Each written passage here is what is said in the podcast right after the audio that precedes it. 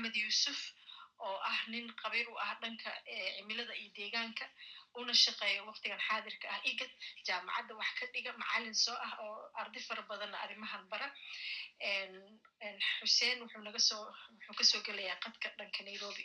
Sidoo kaleeto waxaa halkan caawanala jooga cabdiqani raage barow oo ah isku duwaha barnaamijka wadajir wadajirka ah ee u dhexeeya dowladda federaalka soomaaliya iyo qaramada midoobay ee loogu talagalay yareynta dhuxusha iyo ka hortaga dhirta la jarayo sidoo kale cabdiqani raage barow waa la taliyo sare dhanka isbeddelka cimilada iyo deegaanka xafiiska prime ministerka waxaa kaloo halkan noogu jira oo hadda laakiin hoos nooga dhacay diiriye mascuud oo ah founder director of swell agricultural training center kolley gadaal ayuu ka soo geli doonaa. Waxaa meesha nala joogto booskeyga luul caraweelo kulmiye asaasaha kulmiso dot com iyo maaragtay asaasaha caraweelo kulmiyo oo halkan joogta caawa waxay naga caawinaysaa isku xirka kolley su'aalahana markii la gaaro insha allah waa qaybsan doonaa. Waxaa kaloo kol saaran oo mar dhow aan hoos u dejin doonaa daahir oo isagana bartay arrimaha hadda arday ah ku sugan bangaladesh barto arrimaha dhulka ama geology caasha oo hadaayo aan soo saarno markii aan isa sugaynay oo haddeertaan insha allahu audiensiga aan u dejin doono dib dambana waa idiin soo saari doonaa fadlan noo dulqaata iyo iyo axmed nuur axmed ise naftarkiisa inuu wax weydiiyo rabe kolley waana looga jawaab su'aalihiisii. Marka barnaamijkan bilaabaneynaa assalaamu calaykum waraxmatullahi wabarakaatuhu. Waxaan rabe wax yar oo toba hal hal daqiiqa inaan siiyo martida kor saaran oo isbarasho yaro kooban ah. Xuseenan kaa bilaabay. Walaal shamso waad mahadsan tahay. Magacaygu xuseen maxamed waxaan ka shaqeeyaa arrimaha deegaanka iyo isbeddelka cimilada waxbarashadeedu waa arrimaha isbeddelka cimilada deegaanka beeraha iyo wixii la xidhiidha. Muddo toban sana meelaa toban sana kob iyo toban sana ka shaqeynaya arrimaha isbeddelka cimilada deegaanka iyo wixii la xidhiidha. Intaasaan ku soo koobaya waad mahadsantihin mahadsanid walaalkii cabdiqani ku soco. Waa mahadsantahay shamso waa introductionka adigaa bixiyey waa aniga backgroundkayga waxa waaye environment development.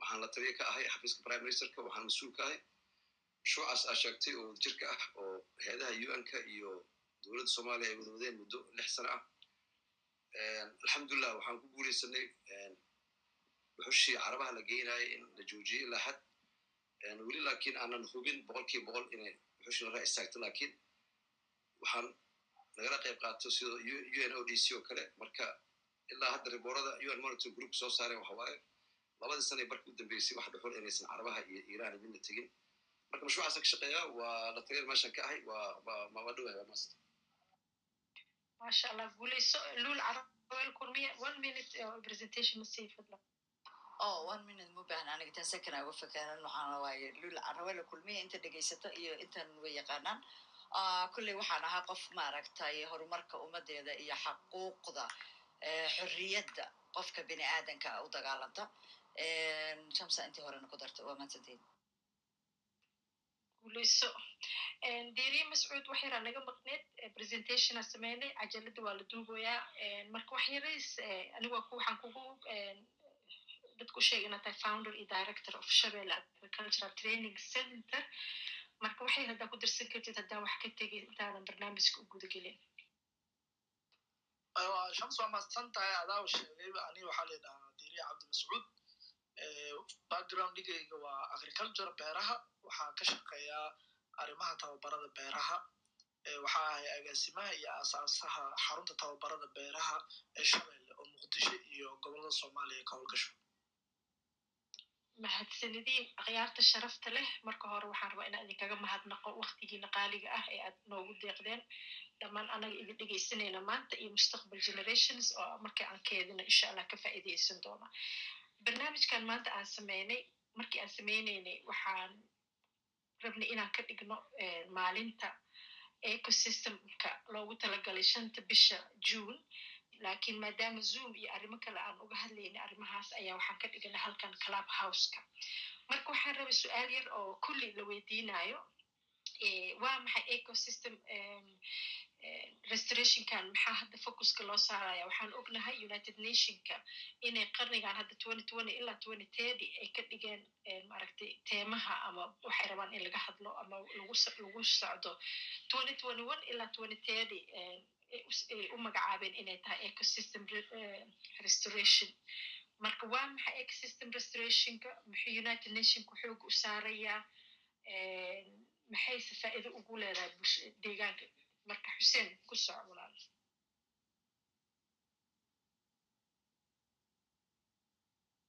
Waad mahadsan tahay? Haddaan ku soo dhawaado su'aashaas na weydiisay dhammaantayo aan soo koobo waxa weeyaan ecosystemku waxa weeyaan ereyga ecosystem laftiisu waxa weeye xiriirka ka dhexeeya noolahan adduunka ku nool iyo deegaanka ku nool yahay biyaada ku nool yahay xiriir ka dhexeeya weye marka ecosystemkaas waa noolaha iyo ma noolahaas meesha ku wada jira. Marka waxaa la odhan karaa haddaan tusaale soo qaatade waxaa ka mid a beerihii waxaa ka mid a dhirtii waxaa ka mid a biyaha kuwa freshka ah ee macnihii iska fadhiya kuwa badda dhuldaaqsimeedka buuraha badaha magaalooyinka iyo meel kasta oo mani adduunyada ka mid a marka xiriirka ka dhexeeya marka la yidhahda ecosystem marka restorationkiina waxay noqonaysaa deegaankii ama biyadii baababa ku yimid ama disaster biniaadanka faragelinta macnaha ay ku hayaan biniaadanku baa saameyn ku yeelatay taasaa markaa ah in laga shaqeeyo restoration muhiimadda loo sinayna waxa weeye marka laga hadlayo isbeddelka cimilada iyo interventionistka biniaadanku ku haya deegaankii iyo biyadii ayaa dhibaato keentay. Waxaa dhacay in khayraadkii ilaahayna siiyey dhulka korkiisa yaalay dhibaata ku timiday uu yaraaday ama uu batayba oo marka la soo qaado markuu barafkii dhalaalaya iyo biyihii dhibaatooyin badan ay ka yimaadeen. Marka waxa focuska loo siiyey waxa weeye in laga wada shaqeeyo ecosystemkaas sidii dib loogu soo celin lahaa macne marka waxaa kale hadhow ka wada hadli doonaa qodobada iyo sida macnihi waxa laga yeelaya iyo sida loo samaynaya waynu discuss garayn doonaa. Laakiin si guud intaasaan ku soo kobaya waad mahadsan tahay. Aad iyo aad ayaa u mahadsan tahay. Isla markaas isla su'aashii iyadana waxaan rabaa inaan weydiiyo walaalkii cabdiqani raage shamsi aada u mahadsanta walaashay waa de xuseen baaba sharxay waxa waaye de waa ecosystem waxa waaye waa falgalka ka dhexeeyo noolaha noolaha iyo de deegaankaas uu ku nool yahay marka in macnaha hadda laga wado ecosystem restoration waxa waaye in recovery lagu sameeyo macnaha ecosystemsadii hore loo kharibay ama dhirtii laga jaray ama overfishing lagu sameeyey kii fiican oo aan dhir laga jarinna conservation sidiisa lagu ilaaliyo macnaha ecosystemka caafimaadka qaba wuxuu faa'iido u yahay biodiversity ama kala duwanaashihii noolaha maaragtay in faa'iido badan u keeno sidii carradii oo fertile ah oo more fertile noqoto haddii agroforestry meesha uu ka jiro ama timber oo kale in timber badan laga helo malay badan in laga helo iyo ugu dambeynta dhirta sidaan sheegnaba waxay storage dhirtu laamaheeda jiridda iyo xididada waxay ku kaydaysaa carbon dioxideka. Marka taasna oo climate changiga iyadana la dagaalamayso marka decadekan tobankan sano waa june fifty maalin wata langegrey waa un ecosystem restoration decadekii ayaa lagu magacaabay. Marka faa'iidadaasuu leeyahay ecosystem restoration waa arrintaas. Meeshii dhulkii dhirtii laga jaray ama overfishing lagu sameeyey ama in dib loogu celiyo sidiisi hore kii caafimaad qabana sidiisa lagu conserve gareeyo waa waa mahadsan tahay aad iyo aad ayaa u mahadsan tahay. Waxaan rabaa the same su'aasha iyadoo kale isla su'aasha inaan weydiidiiriye mascuud shams waa mahadsan tahay waxaa u malaynaha inta u badan ecosystem qeexitaankiis waa la isku raacay. Ani general waxaa rabay inaa ka hadlo reasonka loo sameeyey hadda. Ecosystemka waa la sheegay wuxuu ka kooban yahay qaybta nool ee deegaanka living partiga iyo qaybta aan nooleen ee deegaanka iyo interactionka environmentiga u dhexeeyo.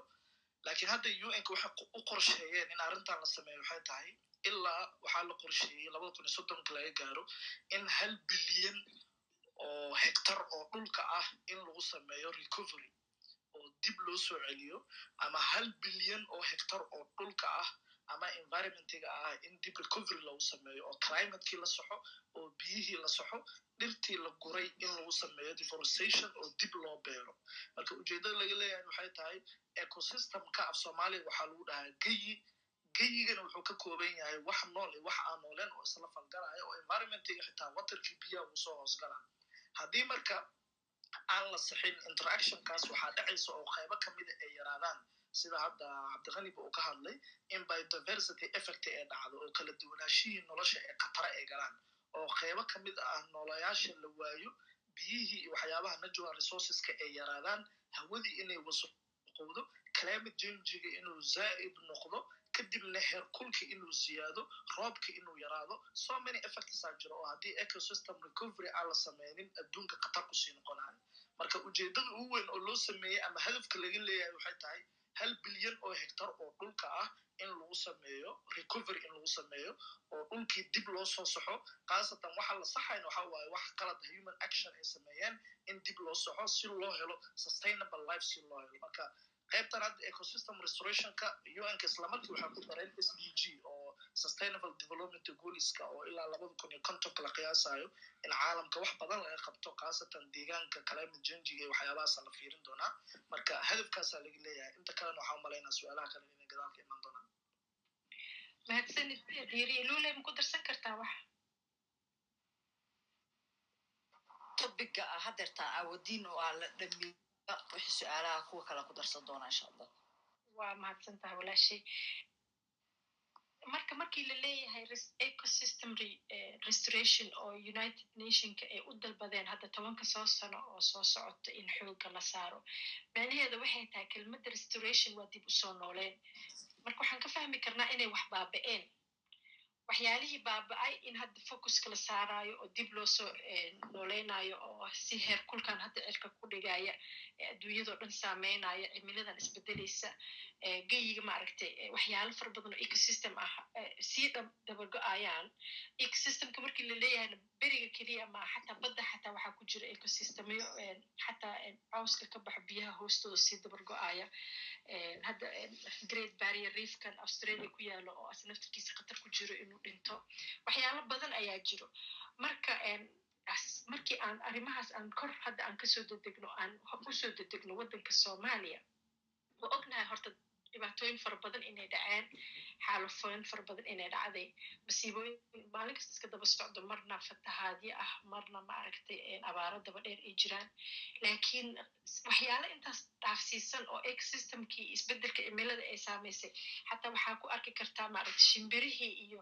Xayawaankii waagii hore markii dhirta faraha badan jirtay la arki jira oo ay ka mid tahay balanbaalistii oo dabargooday marka sideebay soomaaliya arrimahan u saameeyaan maxaana waana maxay maaragtay istraatiijiyada ka taalo hadda tobanka sano soo socda soomaaliya maadaama walaalkay cabdiqani uu dhanka taliyaha xafiiska prime minister uu yahay inaan su'aashaas isaga ku bilaaba jeclaan lahaa shamse waa mahadsan tahay abay sidii aan horeba kuu sheegay dowladdu ama dowladihii kala dambeeyey way dadaalayeen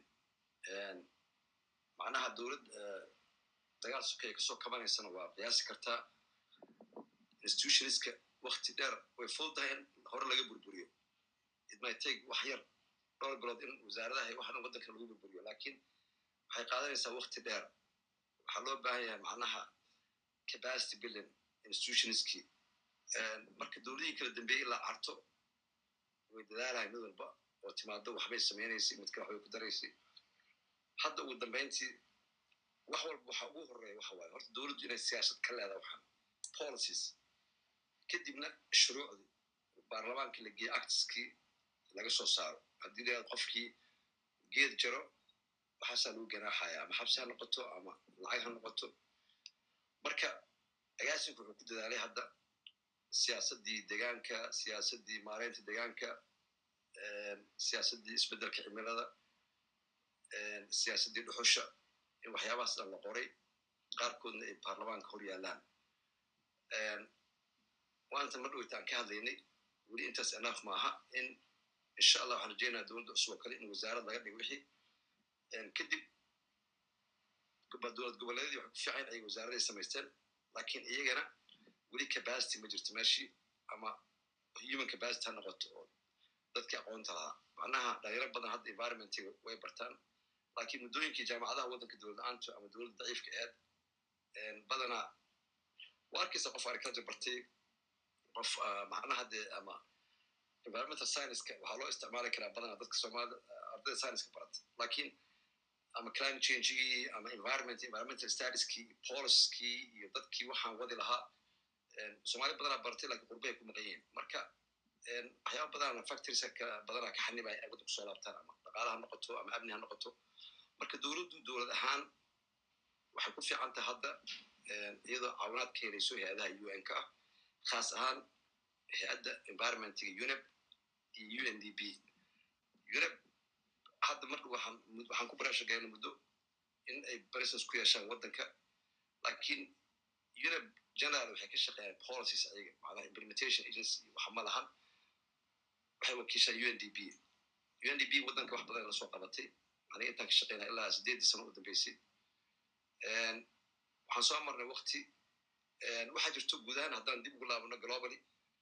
Waxaa hore ugu jiri jira waxa global environmental facilities oo basekooda yahay washington d c. Waxyaabahan koodii hore markii environmentii climate changiga laga hadlaayo doodihii waddamada horumaray iyo kuwa soo koraya dhex maraya ahaa.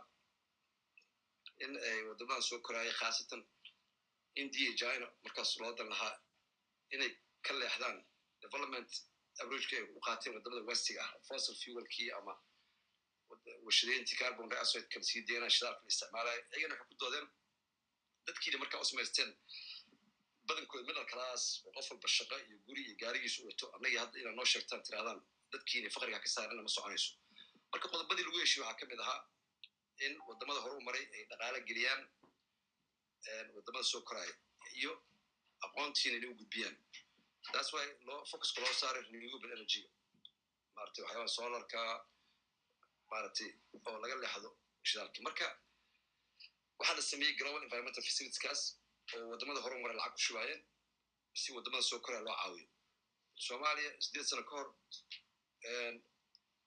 khayr allah u siiyo nin waxaa jiray oo wasiir dowlaha ahaa environmentka markaas uu dhintay loo naxariisto burci la yiraahdo oo ku dadaalay intii waddanka dowladnimada anaga aan ka maqnayn ilaa ninety onekii macnaha conventionistka un-ka ugu muhiimsan oo environmentga rio conventionist aa la dhahaa waa kuwan isbeddelka cimilada kala duwanaanshaha noolaha convention of biodiversity.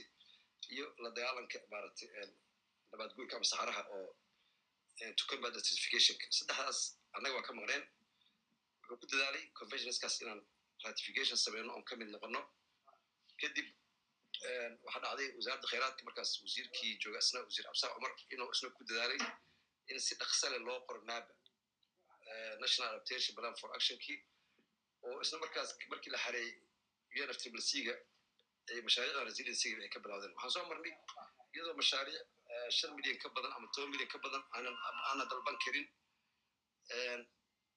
lakiin akhirka hadda macnaha waxyaaba la yihahdo star star alliance.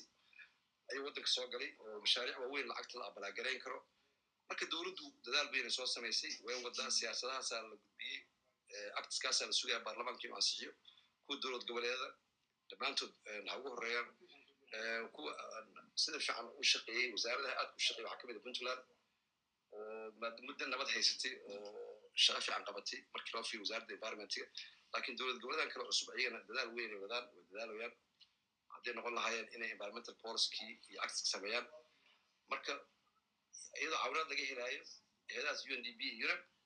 Dowladdu waa u diyaar garoobeysaa ecosystem restorationkaas inay qayb ka noqoto. Hadday noqon lahayd reforestation in la sameeyo ama dib u dhareen hadday noqon in xataa ecosystem restorationka waxaa ka mid magaalooyinka ka mid a wuxuu ku noqon karaa ecosystemka buur buuro waanu noqon karaa maarata marka wasaaradihii kale ayagana line ministerskii la xiriiray ayagana dadaalkeedu waa wadaan. Wasaaraddii biyahoo kale shuruucday samaynayaan kuwii beeraha waa samaynayaan xanada xoolihii waa samaynayaan guud ahaan marka waa waxa umalaya waxaan rajeynaya aniga waa rajadu waa ila fiican tahay. Sanadaas soo socda. Mahadsanid walaalkay aad iyo aada kaaga mahadnaqaya qofkaas hadlaya aaway cabdiqani raage barow oo ah isku dugridaha barnaamijka isku duwaha aan dhehe barnaamijka wadajirka ah ee qaramada midoobey iyo dowladda federaalka soomaaliya ka dhuxusha iyo geedaha oo dhan jaro. Sidoo kale ahna la taliya sare dhanka isbeddelka cimilada iyo deegaanka xafiiska prime ministerka. Marka su'aashaas ayaa hadda aan asaga weydiiyey cabdiqani uu ka jawaabay haddii aan dhinaca diiriya aan ula baxo diiriya adina maxaa kaga maxaa kaga darsan lahayd dhanka khibradaada arrimahan waxaa umalaynaa cabdiqani dhanka governmentiga balaninkeedii waxaas noo diyaariyey oo hadda ka hadlayno. Aniga waxaa ka fiirinaa ecosystem restorationka soomaaliya hadda. Meelaha ugu macquulsan oo saameyn hadda ama dhibaatan haysato oo ecosystem restorationka la dhihi karo haddii la sameeyo oo lagu guulaysta way xalismeen number one waxaa ka mida climate change oo hadda saameyn weyn kule soomaaliya.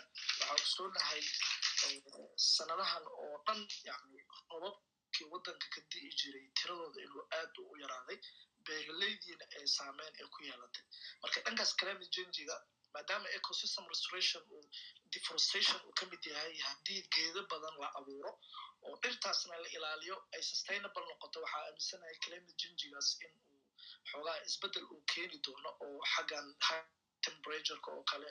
Hadda meelihii geedaha maanta haddii la fiiriyo cimiladooda aad in meeshaas dhir badan ay ka baxdo bio evaporation lossko aad u badan iyo wax lamida iyo biyihii waxay yaraaday roobkii oo meesha ku yaraaday. Marka dhankaas climate changiga waxaa is leeyahay halkaas isbeddel waxaa jiray qodob hadaaya uu ka hadlay cabdiqani oo biodiversity ah.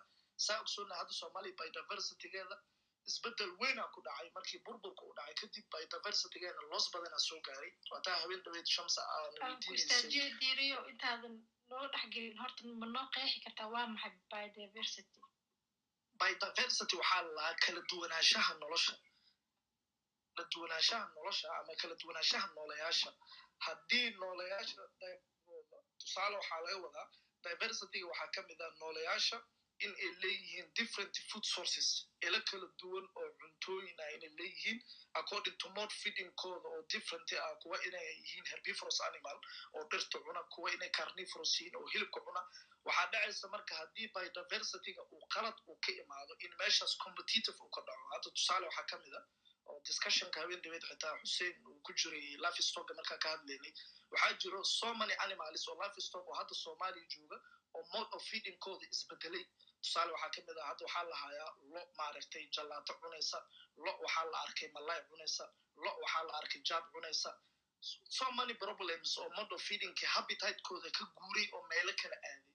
Taas waxay caddeynaya marka biodiversityga inuu isbeddel ku dhacay oo mode of feeding mid ugu weyn waayo maxaa yeelay haddii cuntooyinka ciriiri ay gasho oo food scarcity uu dhaco biodiversityga waxaa ku dhacaya qalad badan ku dhacaya xayawaano badana waxaa laga yaabaa ama noolayaal badan ayraada ama dhir ama xayawaano ha noqdo in meeshaas oo migration uu ku dhaco oo meesha ay ka hajiraan ama isaga guuraan qaarkood inay meesha ay ku dhintaan. Marka biodiversity waxaa lahaa kala duwanaanshaha nolosha. Marka hadda soomaaliya kala duwanaanshaha nolosha runtii saameyn weyn uu ku yeeshay. Maxaa yeelay ecosystemka haddaa waxaan dhahnay ecosystemka waa meel ama environment ka kooban waxyaabo nool iyo waxyaabo aan nooleen hadda waxaa laga yaabaa gobollada jubbooyinka oo kale oo laga gooyo dhirta ugu badan oo dhuxusha maanta hadda haddii la tago probabilityga maroodi lagu soo arki karo ama libaax lagu soo arki karo aaday u yartahay. Waayo soomaaliya meelaha ugu keymaha badan oo xayawaanadaas ay lagu arki jiray loosoo dalxiistagi jiray loosoo dalxiistagi jiray maanta biodiversityga deegaankaas waxaa ka maqan so many animals oo meeshaas caan ay ku ahayd. Meesha waxaa ku soo haray dhir dhirtiina waxaa waaye waa dhuxul in loo isticmaalaa dhacday deegaankaas marka waxaa ku dhacaya succession in deegaankii muuqaalkiisa uu isbedelo oo nooc kaloo isku bedelo. Meeshii oo green ahead in la arko dhulkii oo cad oo haawan aysan wax ka bixinin marka taasna succession waaye. Haddii laakiin biodiversityga equal uu yahay waxaa caddaanaysa food chainkana inuusan isbedelaynin mode feedingkana inaysan isbedelaynin deegaanka iyo noolayaashan in interactionkooda ama relationka ka dhexeeya inuu same yahay. Marka hadda soomaaliya ecosystem restorationka waxaa aaminsanahay haddii sida ugu habboon loo fuliyo waxyaaba badanaa xalismi doona oo climate changing uu ka mid yahay. Biyaha ay ka mid yihiin hadda waa aragteen marna annaga waxa waaye waxaa ka cabaadnaa in biyaha ay soo fatahaan. Marna biyo yaraana laga cabaadaa waa xilliyada roobka uu ma jiro qorsho biyaha roobka loogu faa'iidaysan karo waddanka damis hadda shaqeeya oo xoog badan ma jiro even farmerskeena xitaa ma haystaan sustainable irrigation water. oo berri hadduu webiga go'o beeraha qaarkood ayagoo marxalad oo flowering stage oo geed taran samaynayo ama fruit production ayadoo la maraayo waxaa laga yaabaa webiga inuu go'o oo biyihii wax lagu waraabiin la waayo ceelna uma qodno beertaas inay saas ku khasaartaa laga yaaba rainka oo kale rain storage water ma jiro meel biyihii lagu kaydinayo male halkaas biyaha dhibaato weynaa ka jirta oo hadda ecosystem restorationka waxyaabaha la xallin rabo keliya biotica ma aha. Waxyaabaha nool sida dhirta iyo xayawaanada ma aha. Waxaa la xallin rabaa hawada waxaa la xallin rabaa dhulka waxaa la xallin rabaa biyaha kuwaasna waxay noqonayaan non living part of the environment qaybtii deegaanka aan nooleen marka haddii ecosystem restorationkaas uu si sax u fulo waxaa aaminsanahay in maaragtay soomaaliya runta ay dhaqaaqi doonto dhan walba haddii environment haddii ay tahay haddii beere ay tahay haddii xoole ay tahay. Waxaa rab inaan ku daro hadaayi cabdiqani wuxuu dhahay magaalooyinka kamida waa run. Magaalooyinka hadda urbanizationka hadda wuu ballaarana oo magaalooyin badan oo soomaaliya ku yaalla shan sano ka hor ama lix sano ka hor meesha ay taagnaayeen maanta ma taagno. Magaalo walba waxay samaysay extension way ballaaratay meelaha extensionka ee ku samaynaysa waxaa ka mid a marka environment muhiim ah. Hadda magaalooyinka ballaartay qaybo ka mid ah meelaha ay ku ballaarteen waxaa ka mid ahaa meelo dhir ka bixi jirtay. La jaray meeshii waxaa laga dhigay guryaha laga dhisay dabaqyaa laga taagay. Eridaas dabaqyada laga taagay. Maanta haddii la fiiriyo eridaas temperaturekeeda waa high inay tahay oo temperatureka inuu kulul yahay labo meeshaan xitaa milis weydiinayo dhulkan oo farmland ma yahay magaalooyin badanoo hadda waxaa jirta intee ballaarteen dadkii guryo ay ka dhisteen cara fertile ah meel bacarimisan oo beero ku habboon ah maanta dabaqay ka taagan yihiin oo la jiray oo la beeran jiray taasna waxay khatar ku tahay food securitygeeda marka arrinta magaalooyinka runtii ayaan dhaweydna maraan ka hadlay organizationka ilbaxnimaa ku jirto oo dadka in ay magaalooyinka ay ballaariyaan oo ganacsigii waxbarashadii aqoontii technologygii in rural area u gaaro waa loo baahan yahay. Laakiin waxaa ayadana mudnaanta lah magaalooyinkaas ballaaranaya saameyn noocee ayay food securityga ku leeyihiin saameyn noocee ayay environmentga ku leeyihiin. Marka dhanka magaalooyinkana inkaasa ka dhaha waa maasanta shams aad u mahadsan. Diriye su'aashaaseeto haddaan su'aal kale daba kuti daba dhig intaan u gudbayn xuseen habeen dhexdaas waxaan ani adiga ka hadlaynay arrimahan maaragtay waxaan isweydiinayna cabdullahi xuseen uu nala joogay oo arrinta balanbaalista soomaaliya muqdisho haddeertan ee dhif iyo nadir ay tahay sida lagu arko waxaa aniga waqtigan carruurta ahaa meel kasta ay joogtay oo maaragtay ayagoo kala kalar ah ayagoo kala jaad ah ayagoo qurux badan marka haddana isuushay oo maaragtay dhif dhif eego marka waxaasna waxayna tusaysaa inay tahay dabargo'a cimilada damageka ay gaarsiisay deegaanka soomaaliya. Waxaan ognahay haddii la dhaho maaragtay examples haddii loosoo qaato types of restoration waxyaalaha la sameeyo ama dib loogu soo noolay waxaa ka mid ah habitatkii oo maxaa dhahaa malayga ama kalluunka wildlife serviceka in la sameeyo. National parks iyo waxaas in la sameeyo. State parks haddii la sameyn karo. Xataa waxaa ka mid ah maaragtay meelaha shimbiruhu ay ukunta ku dhalaan in loo sii diyaariyo. Marka hadda maadaama waxyaalo waagan aniga carruurta ahaa waddankeena ku badnaa hadda ay sii dhammaanayaan sidee dib loogu soo nooleyn karaa? Maadaama climate changegi iyo deforestationki iyo ay maaragtay impact weyn ay gaarsiinayso biodiversityga ama kala duwanaanshaha oo saa noo sheegtay waa wax silsilad ah oo haddii mid ka mid ah meesha silsiladii laga bixiyo ay damage gaarsiin karto intii kale ku maaragtay ku xirneed silsilad maxaa ka dhile diiriyow arrinta balanbaalista waxay ka horta balanbaalista waxa waaye waa waxay ka mid tahay cayaanada sameeyo absorptionka cafwan cayaanada dhuuqa waa absorption una cayaanada dhuuqa waxyaabaha nectarka oo ubaxa ku jira. Sidaa daraaddeed marka midda hadda aan ka hadlayna ay ka mid tahay biodiversityga saameynada uu keenay qayb weyn ka tahay. Marka balanbaalistana sidoo kale cayaanada beneficial insectiska lay ka tahay waxa waaye waxaa loo isticmaalaa oo cayaanada beeraha pollunationka u sameeyo waaye waxaa loo yaqaano faxalka ama introduction of reproductionka ah in geedaha taran ay sameeyaan oo reproduction u dhaco. Waxaa ka horeeyo dhaco marka balanbaalista runtii qayb weyn ay deegaanka ka qaadanaysay haddii la fiiriyo dhanka beeraha haddii la fiiriyo quruxda environment waana sidaa sheegtay oo dhowr nooc ay u kala bixayso xagga colorskeeda ah. Ayaana weydna waa ka hadalna haddana waxaa raba inaan ku soo celiyo muqdisho balanbaalista meelaha ugu badan oo lagu arki jiray. Waxaa ka mid ahayd meelaha titiinka uu ka baxo. Titiinka waxay quudan jirtay ubaxyada titiinka ay quudan jirtay khaasatan qaybta fruitka ah intuusan soo dhalanin nectarkiisa ama qaybtiisa macaanka ah iyo waxay ka dhuuqi jiraabaha ku dhex jiro maadaama ayada aysan lahayn af mudac ah oo maaragta ama sida cayaanada kale intay jirida geedka ay galaan ee u soo dhuuqayaan biyihii nafaqada geedka ku jiray. Balanbaalista sidaas uma samaysno ayada waxa waaye xayawaanada ayada iyo qaab leefitaan oo kale waxay u cunaan waxyaabaha nectarka oo macaanka ah. Maadaama marka tiitiinka inta ugu badan magaalada uu ka zuulay balanbaalistiina way zuushay oo waxay raacday geedkaasay hore u raacday. Hadda magaalada geedaha ka baxo geed hindi geed mukay geedahan caadiga ah oo flowrinka aan lahayn ah u badan. Lakiin tiitiinka flowrin weyn u lahaa xaafadaha qaar waxaa lagu abuuran jiro ubaxyo ubaxyadaas waa lagu arki jiray. Dhammaan geedihiyaa meesha ka baxay marka. Waa taa daa ka hadalnay haddii la waayo noole ama ha noqdo dhir ama xayawaan waxaa meesha ka maqan favorable conditionka uu ku noolaan lahaa ama biyo ha waayo ama cunto ha waayo ama climate change ha dhaco oo environmentiga uu ku noolaan lahaa cimiladiisii heerkulka hadduu isbeddel ku yimaado oo xayawaankan uu la qabsaday meel qabow meel kuleel haddii la geeyo ma la qabsan karo. Meel kuleel hadduu la qabsaday meel qabow la geeyna lama qabsan karo. Marka haddii noole la waayo waxaa ka maqnaaday meeshaas noloshiisii wixii ku habboonayd aa meesha ka maqnaaday. Oo foodka iyo biyaha marka taas waaya hadda uu u maqnaatay balanbaalista wax isweydiinaana male hadda ayaan dhaweyd waxa waaya inaan saaxiibanahay asagana villan joogo. Wuxuu ii sheekeeyey in dowladda villan ay qiimaysay in lix bilood oo sannadkii ka mid villan inay baxayaan oo waddan kale ay aadayaan. Shimbiraha marka ayagana waxay ka mid ah xayawaanada pollination sameeya faxalka.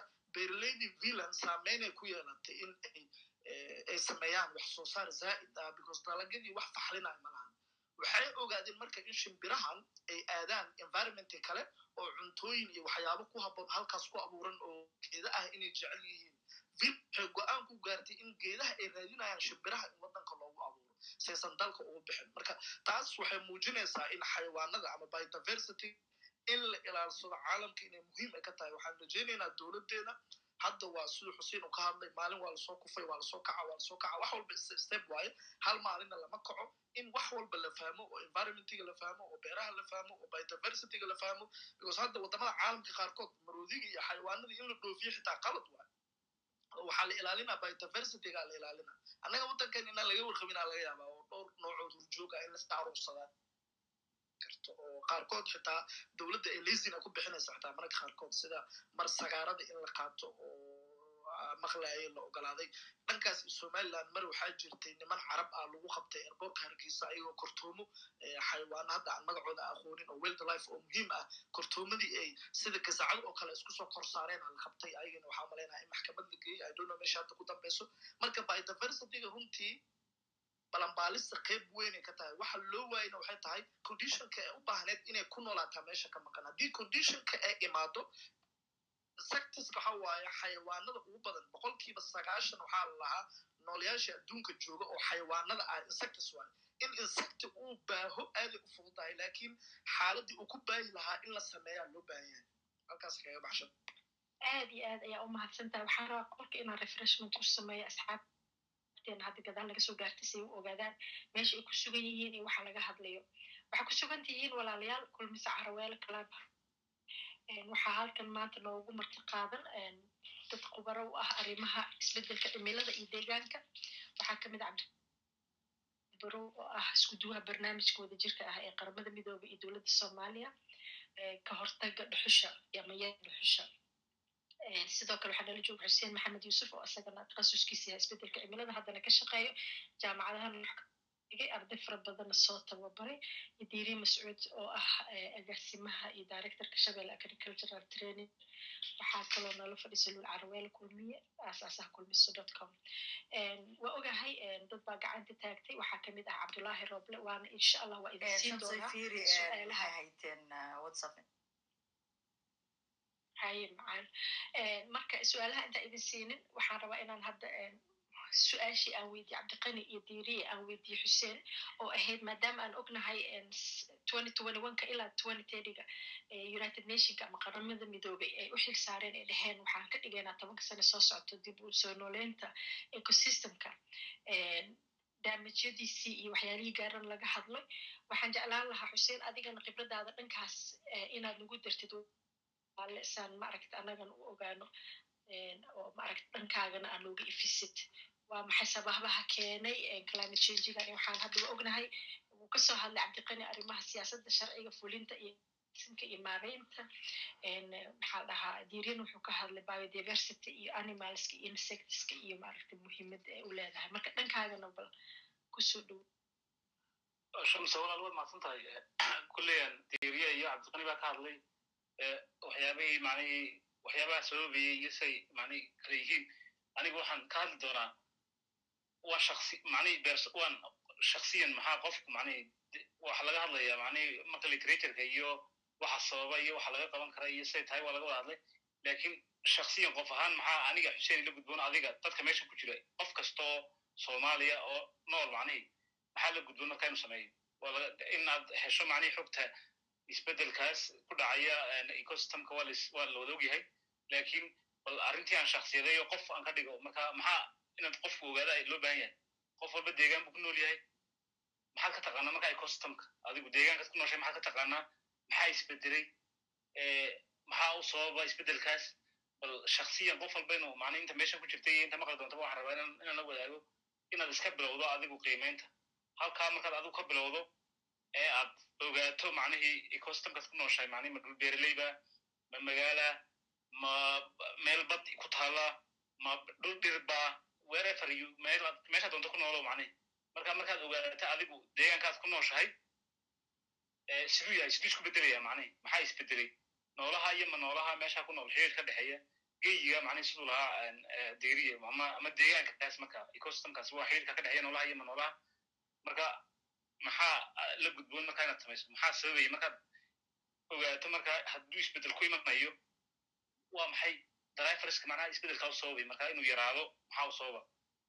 Den jawaabta ogow hel jawaabta adigu maxaad markaa ka samayn kartaa haddana meeshii ayaa taala marka waxaan jecelahay mar kasta oo ama ashiradan gallo ama aan forumya noocana ka qayb qaadano aqoon badan baad ka faa'idaysaa waxaa lagu sheegaya dhibaatada jirta halkay ka taalo in wax laga qabto u baahan yahay siyaasad ahaan maxaa laga aaminsan yahay policy ahaan maxaa in laga qabta ay tahay? Waxaan aaminsanay marka somalia laga hadlayo habeen dhaweyd shirkan ku jirnay arrinta muhiimka laga hadlayo waxa weeye markastana aan ka hadalnaa marka shaqa la qabanayo waxa de haddii systemkii dowladdii aanu si buuxda u jirin aanu dhisnayn oo structureki ilaa heer tuula aanu jirin waxyaabaha inta badan la qaban karaa waa iska yaraanayan laakiin waxaan aaminsanay anigu shaksiyan wacyiga bulshada inuu aad laga bedelo marka inuu qofku qiimeeyo macnahi qof kasta in mas'uuliyadiisa saara isagu oo deegaankii maxaad adigu ku maxaad adigu ku ku soo kordhinaysaa waxaan ka hadlayay maalin dhaweyd caagadda yare biyaheed iibsato markaad iibsato furkaa aad ka jarto bacda yare ku xidan xaggeed geysaa ma isweydiisa adigu shaksiyan maalin kasta oo cadeed soo baxday dhacdo bii'adii maxaad ku soo kordhisaa ma inaad macnihii wasakowga iyo degradation aad ku kordhisaa mise ilaalintiisa ka qayb qaadataa marka inteynaa meesha ku jirta waxaan weydiinaya qof walba macnihii bal ha isku fiirsada marka haddaad macnihii caagad aad biya kacta tuurto ama bacda yarad ka furto caagad iska daa bacda yarad haddaad tuurto waxaad macnihi contribution baad ku leedahay macnihii inaad kharibto biyaadii aad ku noolayd iska daa inaad dad kale wax barto ama wax kaa bartaan marka anigu inta badan waxaan focus ka saaraya inaad macnihi arrintan muhiimadda saarto marka haddana markaad ogaato siduu biyaadii ay tahay isticmaal marka awoodda ilahay ku siiya adiga haddaad shaksiyan qof tahay maxaad ku kordhin kartaa meeshaad ka shaqayso haddaad meel ka shaqayso xafiiskaad gasho inta kula joogta haddaad macallin tahay haddaad sheekh tahay ama imaam masaajid ama aad madrasad macallin ka tahay roolkaad doonto bulshada ka hayd isticmaal markaa influencegaaga iyo dadka kugu xeeran inaad macnihi markaa kala hadasho arrinta deegaanka iyo wixaad ka samayn karto waa arrin qof walba taabanaysa xoolihii biyaadii isbeddelka cimilada laga hadlaya information baa la maanta shir baan ku jiray laga hadlayo arrinta fatahaadda webiga shabeelle wiil baa wuxuu yidhi waxaan samaynaa waxaan aad macnihi way taabatay. Wuxuu yidhi waxaan samaynaa waxaan la hadalnaa degmooyinka kelilka shanaad ku yaalla mustaxiil qalaafa feerfeer biyihiis halkay soo marayaan macnihi ma soo kordheen. Waa arrin aad ka naxaysa macnihi maalin horaan ka hadlayay waxaa laga yaabaa highlandka ethoobia ka yimaada biyuhu ayaa forecastigaas la ogyahay oo idaacadahay ka baxaan waa la ogyahay dadku way ka sii guurayaan.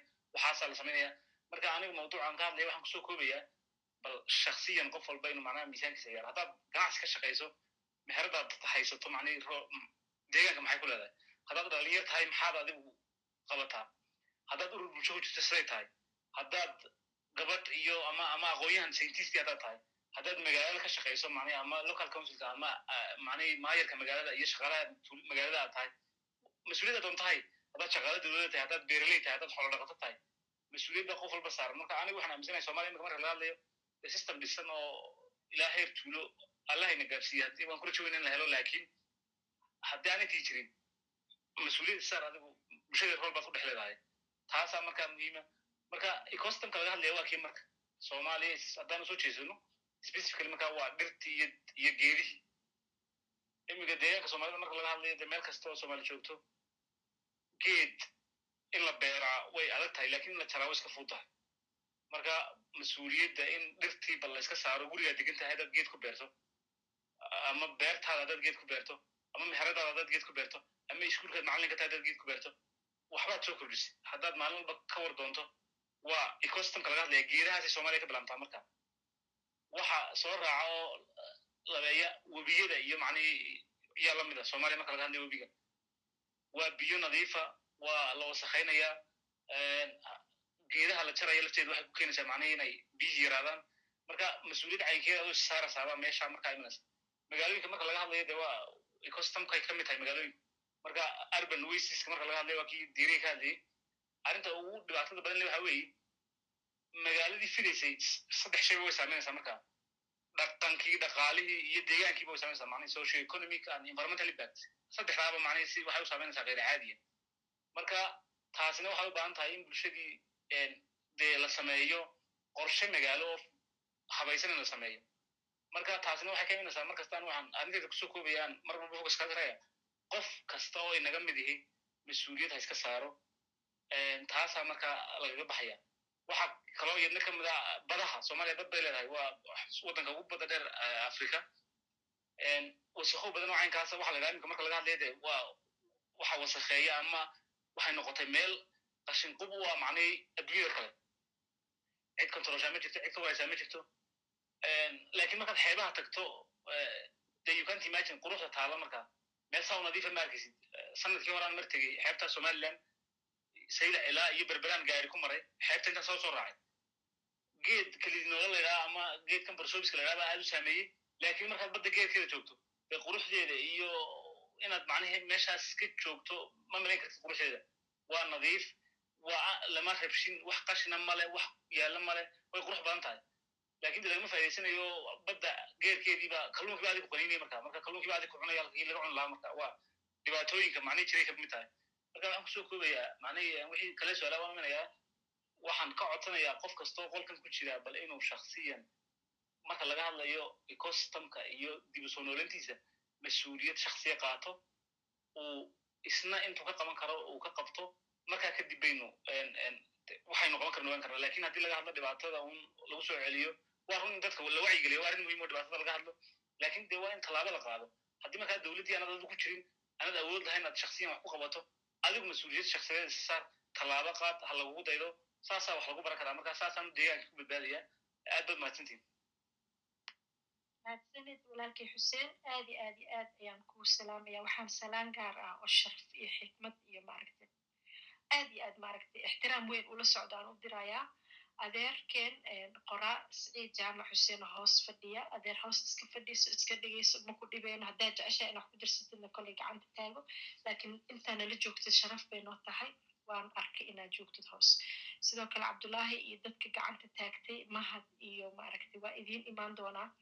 Marka su'aalo badanna waa la iisoo diray oo aniga hoos la iigu soo diray oo qoraal ah oo aan hayo waana idin weydiin doonaa haddii ilaha idmo laakiin hadda luul caraweel manala joogtaa? Yes bos bos waxaa noo haysaa gabay oo la yidhahdo gabayga geriga macaanay mana la qaybsan kartaa? Ha gabaygan meelo badan baan ka akriyay buugan hayuu ku qoran yahay laakiin goob uu kaga wanaagsan yahay in uu raaco maanta maaha. Gabaygan waxaa tiriyey khaalid caliguul warsame allaha u naxariista ku geeriyooday waddanka denmark. Qaalid wuxuu ahaa nin maaragta taarikhyahan ah qoraa ah kontomeya bugna wuu ka tegey uu qoray. Ama dhanka taarikhda ha noqoto ama dhanka dhaqanka ha noqoto ama gabayo ilaa konton oho bug ku jirana wuu leeyahay allah u naxariista geri kan laakiin wuu ka duwan yahay sababtu uga duwan yahay waxay tahay denmark buu joogay carwo xoolaha ayuu tegey geri buu ku arkay geriguu aad uga xumaaday dhulka la keenay iyo meesha uu joogo iyo qabowga iyo cimilada ilaahay ugu talagelin ee gerigan la keenay marka gerigii buu la hadlayaa una hadlayaa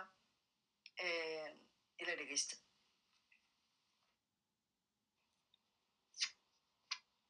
waxyar sameecaddan bedelayaa wax dhib mana macan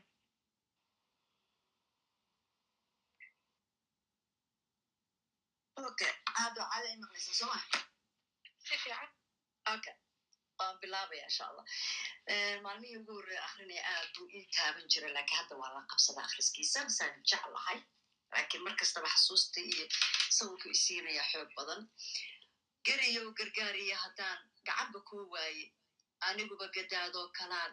Gees wareen ahay. Intaan hoos u guuxaayo hoo giisiyaa badane haddii aan haddii aan wax kale kuu gelayn hadalna goob beelay. Ama aanan kaa goyn karayn xarigan kugu giigsan. Taariikhda tix kuu gashaan kaa gudbinayaaye. Maadaama qaalid uu dhintay taariikhdii geriga taariikhda u gelaysana uu soo gudbiyey anna mas'uuliyad ban iska saaray inaan meel kasta ka aqriyo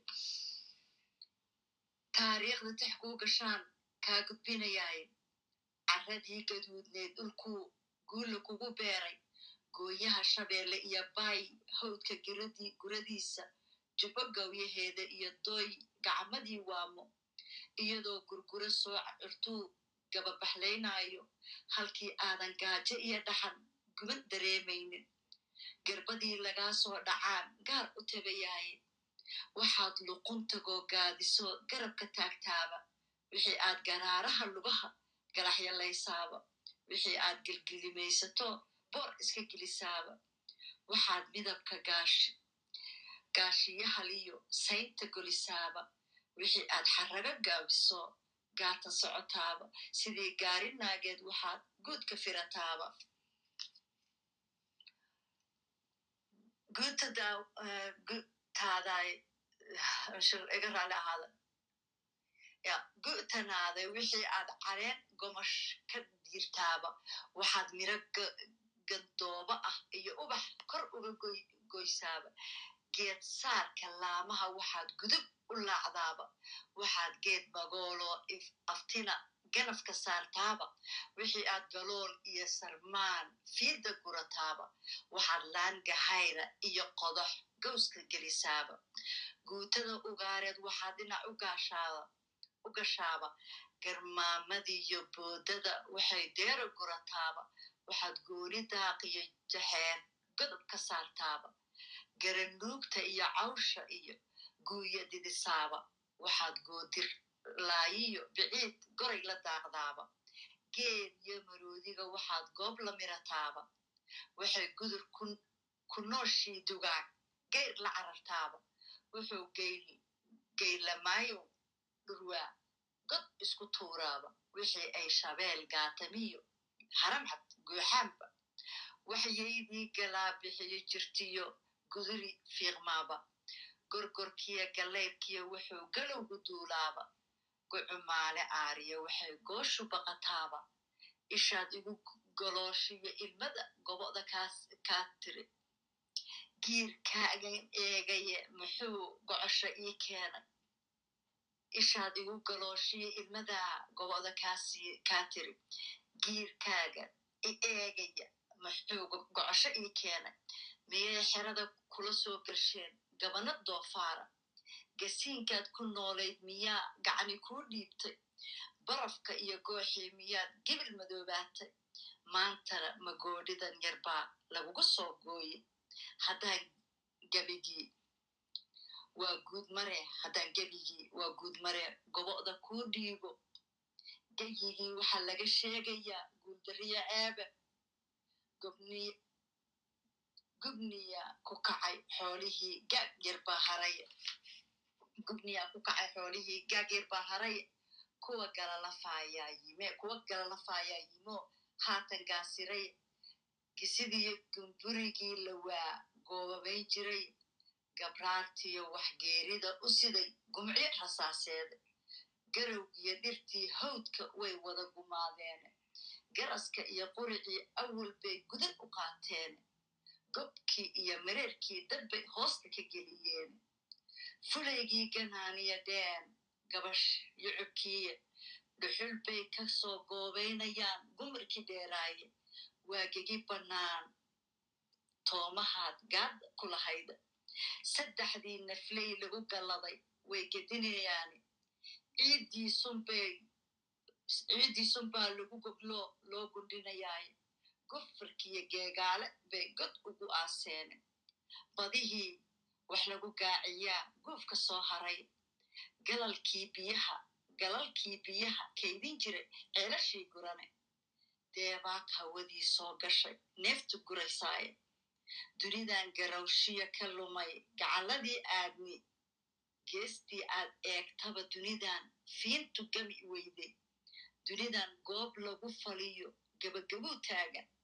Gardarradu midkii tabar yar bay gaar u qabataay dunidan intay guluf baxsheen nabadda goobaysay dunidan guracan ee sirtiyo godabta xoogowda dunidan gadaal iyo horiyo gur iyo taas diiday garan maayo geedigu halkuu gooshka noo wada e iska gaabso kani waa addu gebidhacleyntiisa qaalid allah u naxariisto buu u sheegay maasadiina wuu ka soo gudbiyey waa ka baxay shamso maasha allah tabaaraka allah luul aad iyo aad baan runtii ugu qiirooday gabaygan markaan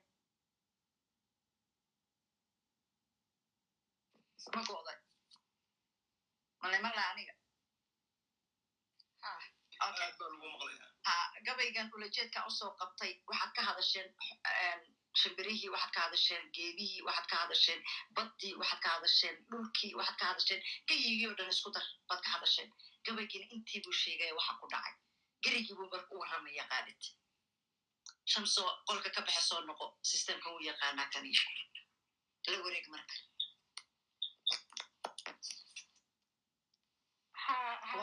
Shamso.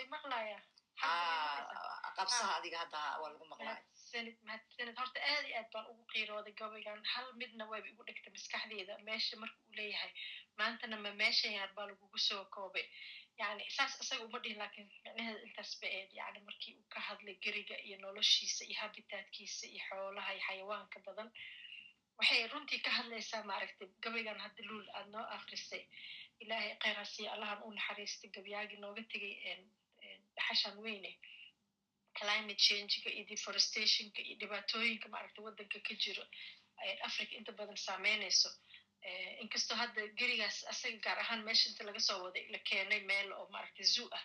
Haddana maaragtay waxay waxay dib u goconayaan dhibaatooyinka waddanka ka jiro.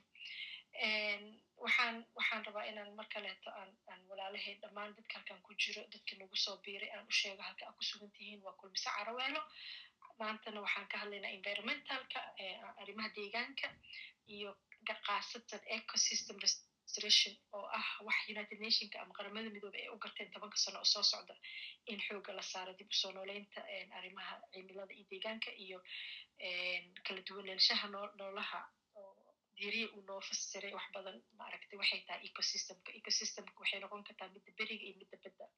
Waxaan kaloo halka salaan gaar ah ugu dirayaa doctor yusuf cumar oo nala soo galay. Ma ku dhibeyna doctor yusuf iska dhegeyso haddaa jeceshahana kolley gacanta u soo taago haddeertaaneeta waxaan u gudagadaynaa dhankii su'aalaha waxaan kor soo saaray walaalo gacanta taagtay intaana walaalaha u dirin u dhiibin waxaan jeclaan lahaa inaan idiin sheego aniga xataa saddex su'aal baan idiin hayaa oo hoosna iga soo qoray kolley waan aqrin doonaa oo baxad weyn marka waxaan ku bilaabayaa walaalkii cabdullaahi rooble oo wax badan maaragta noo dulqaatay cabdullaahi ku soo dhawaa madasha walaal maxaa jeceshaha oo rabta inaad ka hadashid ama dadka weydiisid waa ku salaamo walaal. Adiga iyo akhyaarta iyo iyo dadka khubarada ah oo meesha fadhiya iyo dhegaystayaashii intii meesha ka soo qayb gashay mawduucan. Runtii waa mawduuc aad iyo aad u muhiima waaye. Aniga kulley wax walba waxa ugu horreya dadku inay isbartaan. Aniga cabdullaahi roobla la yidhaahdaa waxyaabahan environmentiga hay'addan la yidhaahdo environment agency. Ee dalkan ingiriiska ka dhisan ayaan muddo ku dhow sideed sano sideed sano ka shaqaynayay oo environmentiga iyo waxyaabahan anthropogenic impactiga inta badan dhibaatadu waxaa ka imaanaysaa waa developmentiga waay dadku horumarka ay ka samaynayaan waxyaabahan ay ka bedelayaan bey'ada ama waxyaabaha natural conditionka xaaladaa ku saabsan. Marka arrintan soomaaliyana ilaa waagii wasaaraduhu tobanka ahaayeenu wasaaradda kheyraadka wax walba ilaa toban wasaaradood isku ahaayeen ilaa maanta xaaladeeda waa la socdaa marka wixii noo hagaagay way noo hagaageen laakiin waxyaabaha muhiimka ah ayaan waxaa rabaa qodobo inaan dul istaago su'aalana ka weydiiyo ragga meesha jooga oo khubarada ah waxyaabahan dul istaagaya waxaa ugu horreeya hay'adda environmentiga nasiib daradan haysata waxay tahay mar haddii la dhisaayo waxyaabahan governance structureka la dhisaayo oo qaab dowliya wixii loo samaynayo hay'addani waxaad muddaa in lagu sameeyey mataqaanaa undermining xoogle in lagu sameeyey yani in aad kaalinteedu loogu hoos loogu dhigay macnihi maahan in dadku ay dadkooda aanay doonayn ama madaxdu aanay doonayn in dadkooda wax u qabtaan laakiin fahamka environmentiga ecologiga iyo forestiga iyo ecosystemkaaba ku yar marka waxay ka dhigeen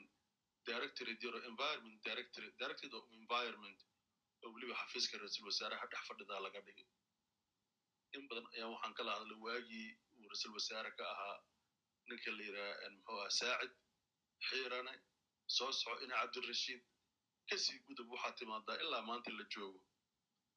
Waxa waaye marka taasu waxayna tusaysaa inaan ku sii dheeraada ma rabo waxayna tusaysaa soomaaliya diyaar uma aha inay environmentigeeda wax ka qabato.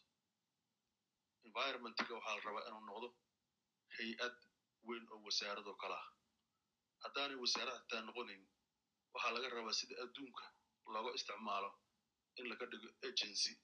Madax bannaan waa barastatal oo madax bannaan tahay. Tan kale magac kalena way leedaha oo nickname ah oo iyada mataqaanaa naynaas u ah. Waxaa la yidhahda the green police ayaa la yidhaha waaba bolice aragtay waaba bolice hadda anigu intaan ka shaqaynaya waddanka ingiriiska dhacdo yaab lahan idiin sheegayaa. Dagaalkii labaad ee dunida markii laga soo laabtay ayaa diyaaradaha diyaaradaha qaarkood waxay lahaayeen maadooyin kamida mataqaanaa nuclear elementiga oo radiation bixiya oo yaryar oo u isticmaalaan saacadaha diyaaradda iyo waxaas ay u isticmaalaan electroniga diyaaradihii ayaa waxaa lagu dhaamgareeyey mxua meel waqooyiga ingiriiska ayaa lagu dhaamgareeyey. Waxay noqotay in mataqaanaa dhulkii uu ka dhashay radiation. Tuulo yaroo meesha ku taalay ayaa radiationkii laga soo sheegay. Environment agencygii meeshii bay tageen. Meeshii markay tageen laboratoriyo iyo baabuur mobile oo xoog badan ay leeyihiin qalab xoog badan. Meeshii yaa la tegey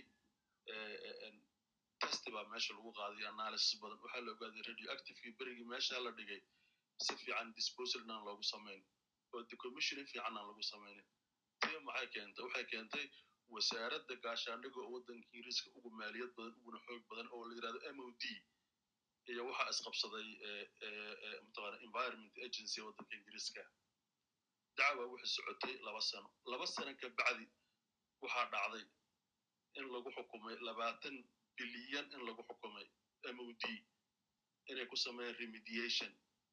Dhulkii ay gaartay radiationka iyo wasaqdii iyo wixii in remediation lagu sameeyo dib loo sifeeyo dib loo hagaajiyo wixii dhuban biodiversity iyo shacabkii wixii gaaray iyo wixii oo dhan xitaa compensation in la siiyo dadkii meeshaa ku soo koray oo hadda daqaan gaaray ama waayelooda ama qaarkood dhinteen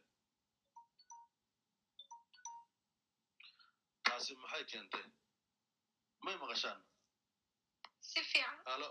ha taasi maxay keentay waxay keentay environment agency inay shaqadeedii ay gudatay maxaa sababa inay gudatay sabab waxaa u ah dowladda way ka madax bannaan tahay shaqadeeda way u madax bannaan tahay ra'iisul wasaaraan xukumi karin madaxweynaan xukumi karin cid kalean xukumi karin environment agency hadday kugu dhegto baxaraad gashay in dembi lagugu waayo iyo in lagugu helo wax ka dhexeeya lama arko marka meesha waxaan uga socdaa waxaasoo dhan waxaa isku keenaya waxaa la yidhaahdo environmental framework directives.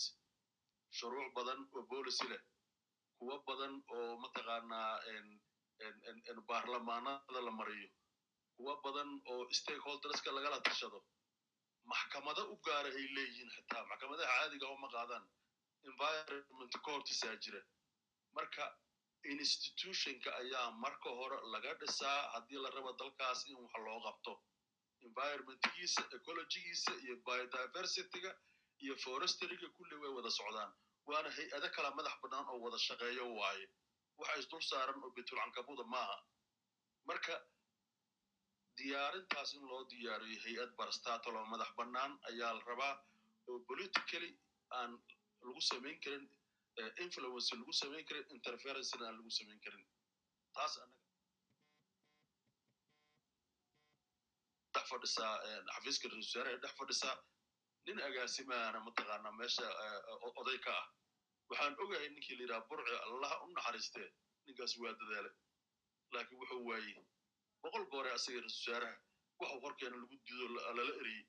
Ninkaasu taariikhda ku tegay intaa loo dhiso u leeyahay waktigiis wuxuu ku dhammaystay intaanu dhiman ka hor sidii soomaaliya. Uu mataqaanaa waxyaabahan conventionska ah oo soomaaliya ay ka maqan tahay inuu balorto geeyo. Taasna waa ku guulaystay juhdi dheero geliya allah u naxariisto wixii ka dambeeyey soomaaliya waxaa laga rabaa in hay'addaas la madax banaaneeyo hay'ad barastaatala oo xoog leh oo cidday ku dhigto aan loogu tegin in laga dhigaa la rabaa. Maxaa dhacay? Waxa dhacaya inta badan. Marka lagu leeyahay waxaa dhacaya ecosystema dhacaya iyo climate changeaa dhacaya iyo waxaasoo dhan waxaa la isku yidhahdaa human in the user development.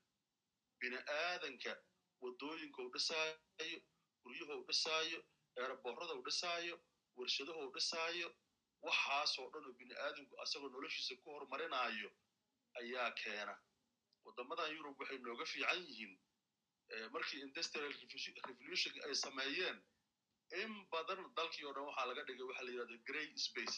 Grey space waxa waa meel walba concrete yaalla laami concrete guri concrete isbartiimo concrete wax walba wada concrete waaye waa la baabi'iyey deegaankii markaasi waxay ogaadeen khasaare xoog leh inay galeen taas waxay keentay marka ilaa dagaalkii baalkii koowaad ilaa hadda in lagu sameeyo restoration wixii hore ay u qarribeen.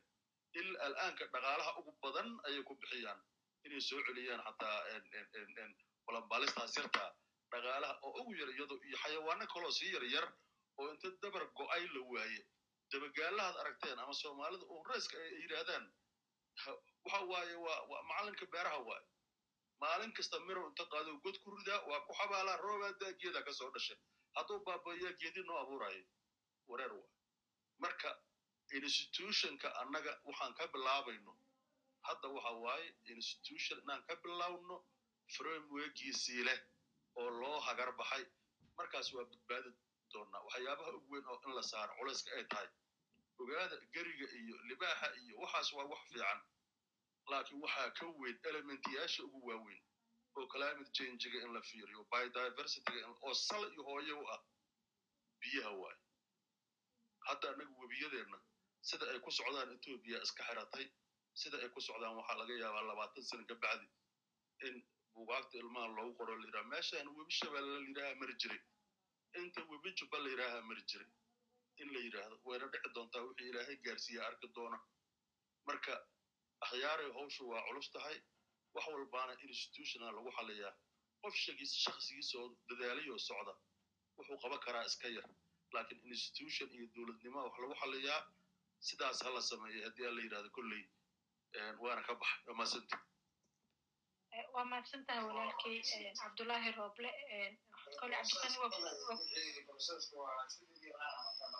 shamso waa mahad ha may waxaa raba keliya inaan dhaho waa mahadsantahay walaalkay cabdullaahi kole codkana waa siin doonaa walaalkay cabdiqani laakiin cabdullaahi inaa gadaal ka soo gaartay in kale ma aqaane waxyaalahan aad ka dhawaajiso dhan waxaa ka dhawaaji cabdiqani oo waxyaalaha yani xooga saara muhiimad inay leedahay in la sameeyo siyaasad iyo sharci dejin iyo fulin iyo agaasin.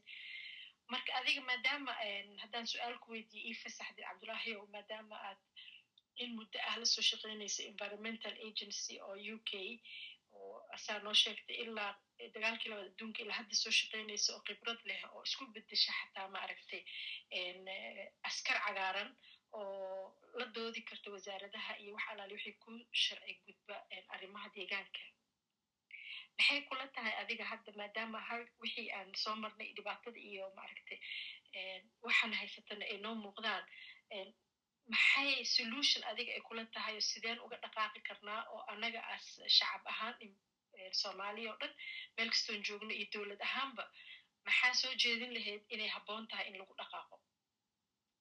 Waxa ugu horreeya oo muhiimsan waxay tahay in la madax banaanayo hay'adda la yidhaahdo directorate of environment oo laga dhigo hay'ad madax bannaan. Directoratena laga dhaafee ugu yaraan waa in laga dhiga agency oo la yidhaha somalia somal somalia environment protection agency. Marka intay hay'ad meel la dhigo hay'ad tahay iyadaa markaas waxay u qumaysaa shuruucdii oo dhan iyo wixii dhan. Ile way madax bannaan tahay miisaaniyad gaarana way leedahay inay adduunku waxay u qaylsan karto. Xataa bilaterala jira way u qaylsan karto wax la qaban karaa tababaraa la siin karaa oo qudhaydiba hataa aan ka kaal kaalmayn karo environment agency oo ku xiri karo. Marka waxaa jira waa in marka hore la madax bannaaneeyaa iyada markii la madax bannaaneeyo miisaaniyad ay raadsataa mis dowladduna wax ku kabtaa markaas shuruucdii waa la yaqaanaa shuruucaha dunidu waa isku wada mid inta badan. Shuruucahaas la soo qaado baarlamaanka la mariyo hay'addanna shaqadaada qabsan la yidhaah oo waxaa jira haddii la dhisaayo xitaa guri iska dhaaf wax kale haddii xataa guri la dhisaayo waa in environment agencyga loo tago oo ay sameeyaan waxa la yidhahdo environment impact assessment oo yidhahdaan go ahead dhismahaaga gurigaaga laamigaaga warshadaada waxaaga waxoo dhan waxay rabaan noqdaan mataqaanaa environmentiga dhibaato ma yeelayaan. Markaasa applicationkaas loo siinaya planning permission oo go ahead la leeyahay. Taas haddaysan dhicin waxa aan sheegno dhan dhaan dabagaalo wa waan ka baxa mahadsanid walaalkay maadaama cabdullaahi uusan su'aalna weydiinin arrimo iyo talabixin sameeyey fellow up waa lagu samayn karaa maaga garaaca haddaartina fellow ku samaysid. Haaluuley ku soco. Aada umahadsantahay umahadsan tahay cabdullaahi marka hore aad iyo aad baan kaaga mahad celinaya waxa waye wixii markay cilmi ku salaysan yihiin horumarkii ayay tilmaamayaan. Tilmaamahaaseeto waxa waaye qaybtan hadda environmentigan joogna ku ekaysanaya. Laakiin meelo badan baa u baahan agency madax bannaan oo u dagaalama waxaas oo bulshada u soo saara barnaamijyo oo wacyigeliya oo sharciga u diyaariya oo wax walba kala haga. Waxaana weli aada taageeraya shamse hadalkeeda cagaarkan ka soo gaara telefona ay qabtay. I don't know inaad ka hadlaysay waxa aan soo wado. Haddaadan ka hadlayna ana hadda bilaaba haddii kale waxaad adiga aan u maliyay inaad ka hadasho waaye. Oon sii xoojinayo taas oo ah marka agencygaas haddii la helo karaa gulloodayaal agencygaas u shaqeeya oo dadka ayaga wacyigeliya oo ka qabta oo bii'ada noo ilaaliya oo ecosystemka moog tahay waa wax isku nool. Midba mid buu ku nool yahay. Haddii midkood dhibaata gaartana intaasoo dhana hallaabaysa noolihii iyo ma noolihii. Marka ani taasaan rabaa inaan xoojiye keliya maadaama cabdulqani nala joogo prime ministerkina uu ka ag dhow yahay inuu naga qaado wacyigaas waana ka baxa. Mahadsanid luul carweel kulmiye abo cabdiqani ku soco haddii aad wax ku darsanayso follow up luul iyo cabdullaahi arrintii ka hadlay waxaan is leeyahay maadaama ma aqaan waa soo jeedin leh. Qaali adeer saciid mahad cabdimalik dadka meesha saaran waxaan dhahaynay ka daranay dhahayaan in la sugo. Haddi waa soo jeedin. In cabdullaahi una soo cabdiqani inuuna soo gelin ayaga su'aalaha dhameeyaan waayah waa war fiican waa war aad iyo aad u fiican. Marka mahad walaala ku soco. Aad iyo aad baad umahadsan tahay shamshe sheego caraweelo iyo weliba walaashay qaaligaa luul iyo groupkan asxaabtan aan halkan ku wadaagnay oo maarata sheeko wadaagga aan wada leenahay aad baan u salaamaya dhammaantiin. Aniga waa laba daqiiqadood igama badanayso hadday ka badatan waxaan jeclaa inaad qabataan oo tirahdaan su'aashii waan fahminay luul aad baad umahadsan tahay waxaan aad ugu mahad celinayaa oon xasuustaa anigu shalambood waxaan ka qayb galnay bacad celintii mar dhexdan oo soo qaaday waxaan aad u isticmaalaynay tiinka hadda mar dhaweyd la carabaabayay iyo ti tiinka waad ogtihiin waddamadan aan joogno nectarka tiinku qaaliga uu ka yahay iyo anagu sidaan u isticmaalin waxaa kaloo la soconnaa geedkii maalintii dhoweyta ceergaabo lagu gooyey ee muganka la yidhaahdo oo ibrahim cawaale uu soo daayey environmentalistiga hargeysa ku nool.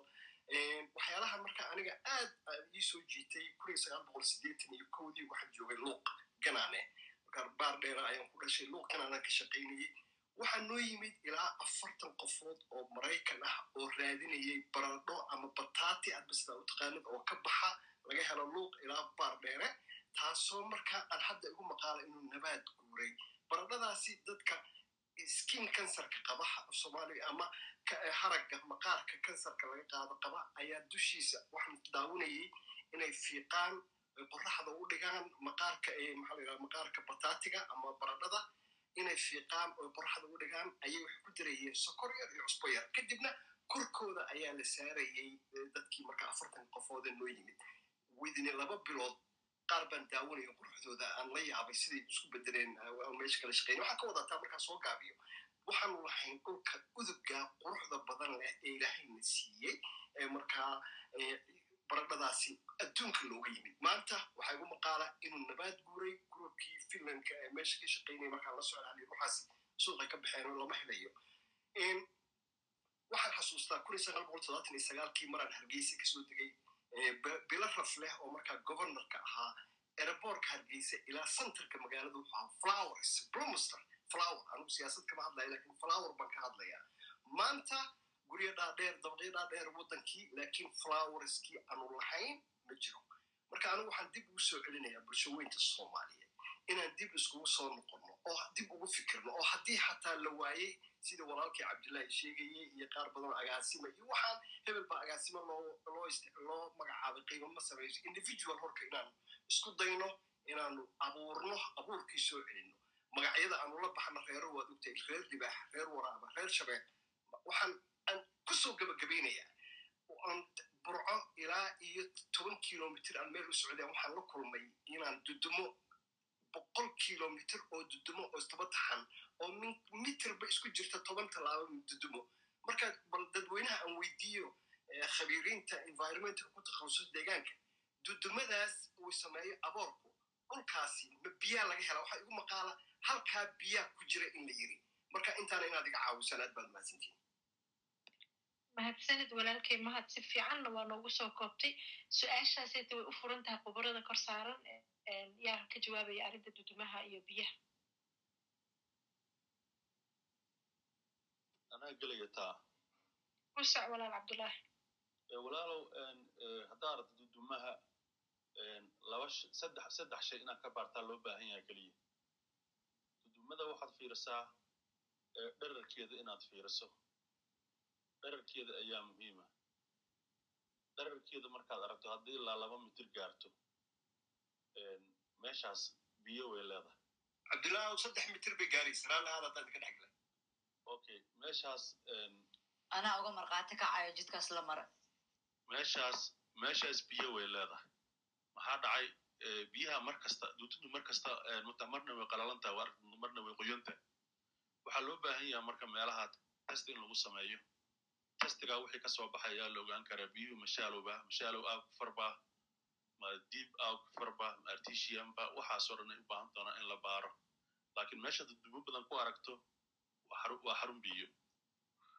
Waad mahadsanta aad iyo aad iyo aad baa u mahadsantahay. Waxaan rabaa inaan hadda siiyo cabdimelik oo wax badan sugayey kadibna adeer saciid. Asalaamu calaykum mimoqshin wacalaykum asalaam waraxmatullaahi wabarakaatuhu si fiican baan ku maqalnaa waa mahadsantihiin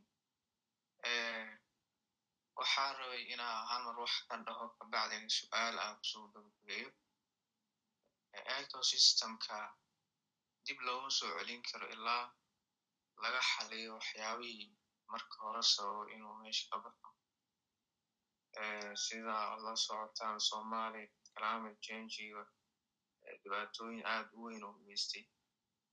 Anaga waddankeena warshado badan ma laha oo carbon dioxide badan u sii deynaya hawada. Laakiin waxayna saameynaya waxay yihiin shirkadihii weynaaya iyo warshadihii weynaaya reer galbeedka iyo asia ku yaal. Maadaama atmosferka uu hal yahay saameyn weyn bay nagu yeelanayaan taas baa sababaysa inuu cimilada isbedelaan tusaale oo kale soomaaliya waa marka ugu horeyso afar sano isku xigta ay ka dhacaan dibad muxuu ahaay biyo baxyo labada kun iyo sideed iyo tobanka laga soo bilaabo sagaal iyo toban laba kun iyo labaatan labada kun labaatan tusaale oo kale laba mar oo isku xigtay dhaceen bilihii may iyo july oo kale iyo laba kun labaatan iyo koodii oo hadda hal mar ay dhaceen inta aysan weli dhammaanin waxaa laga baqayaa mar labaad iyo mar saddexaad inay dhacaan waxaa kaloo oo muhiim ah duufaanada inay tiradooda aad u sii badanayaan laga soo bilaabo kun sagaal boqol sideed iyo afartii oo marka ugu horeyso geeska africa duufaanka dhacda ee berbero. Ilaa hadda waxaa dhacay afar iyo toban duufaan oo hadda sanadkan hadda ku jirno oo sanadka la soo dhaafay laba kun labaatanka duufaan lagu magacaabo gati ah dhacday gobollada puntland bay badanaa ka dhacaan ail gaar ahaan marka marka aan sidoo kalena badda toddoba nooc oo kuwa ayaa waxay qarka u saaran yihiin inay dabar go'aan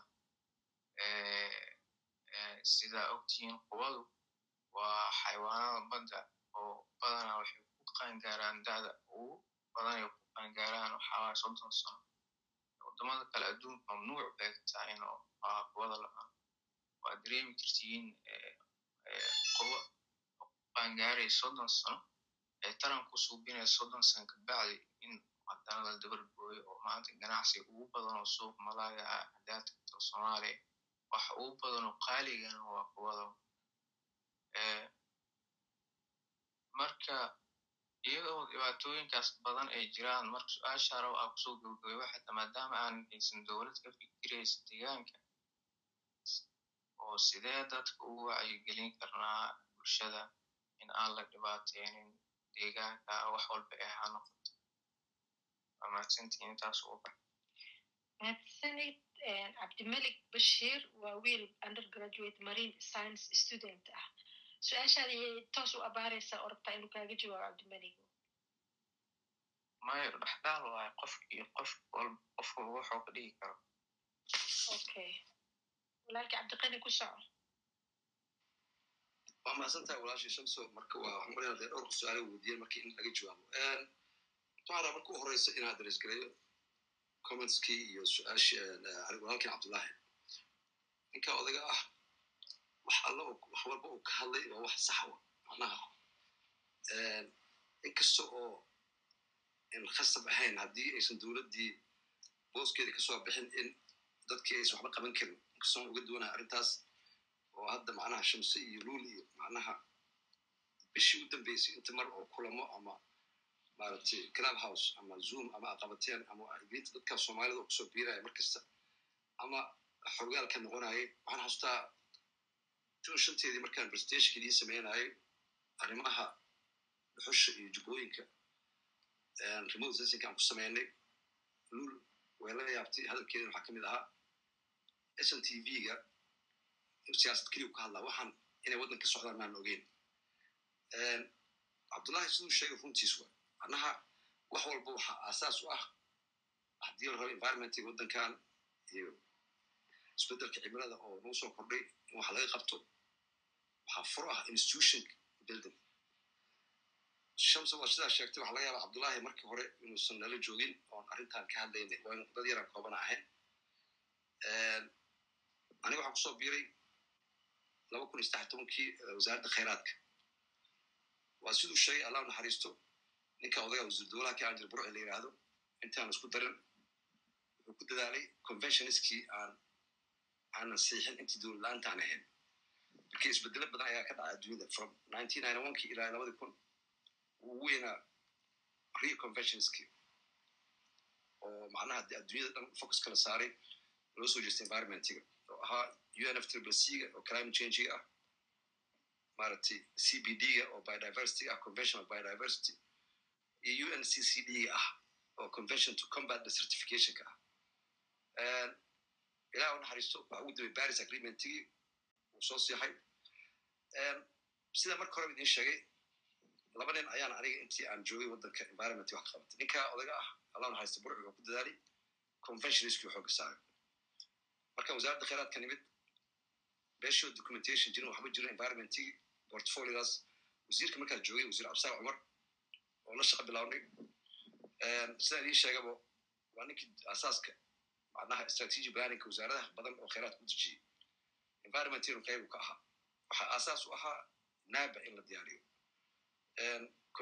Unftrblesiga oo germany secretariatkoodu yahay. Un d b daana caawinaysay. Waxay u soo jeedeen in un d b da ka caawiso soomaaliya.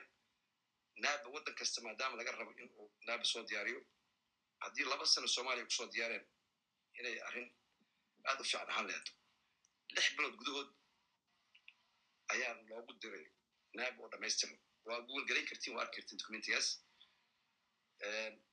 dhankaasna wasiir absaaq wax badan ayuu ka qabtay oo waxaa ka dhashay mashaariicda waddan ka socoto o dhan meeshas ay ka yimaadaan marka si aa access u yeelatid ama aad u access garaysid fundiska waddamada hore u maray ay u qoondeeyeen waddamada soo koraayo haddii loo dhiibi lahaa jeff global environmental facility ama global climate fund g c f oo xaruntoodu tahay korea iyagana oo billions ah waa inaa macnaha dee waddanka naaba diyaariyo wax n d c la yidhahdo national determinant contributions.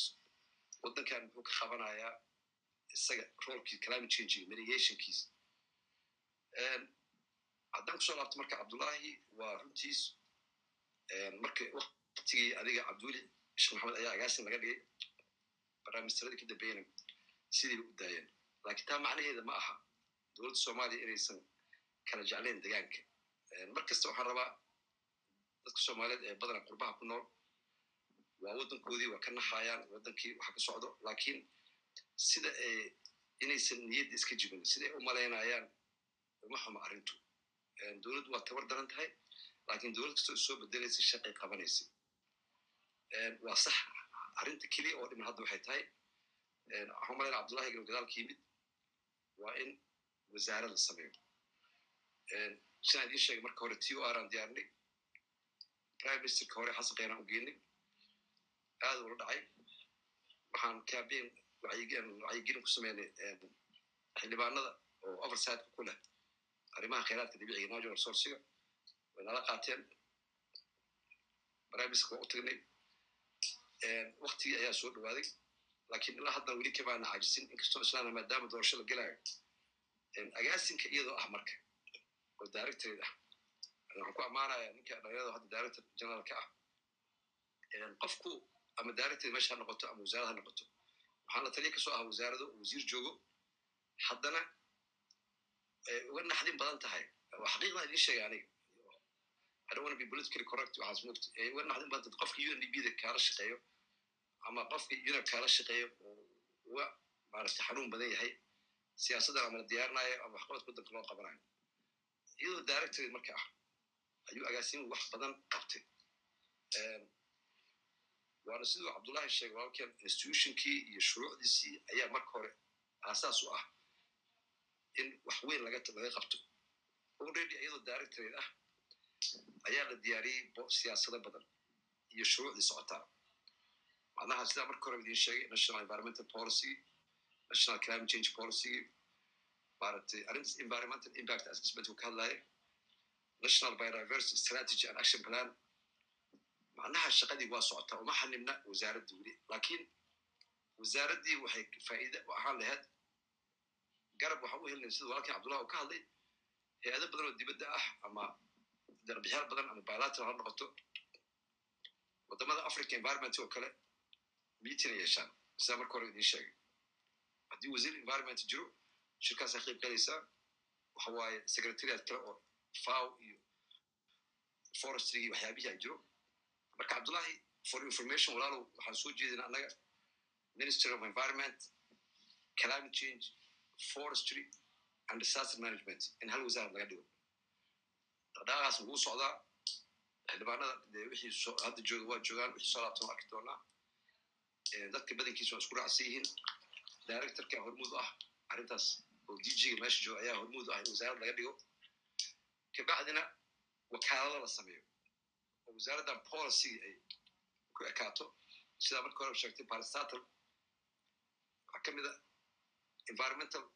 national environmental management agency oo kale nimo kala la sameynaya kan forestryga waxa waaye national forestry agency oo kala la sameynaya waxaa kaloo lagu soo darayaa met officeka national meteorological agency.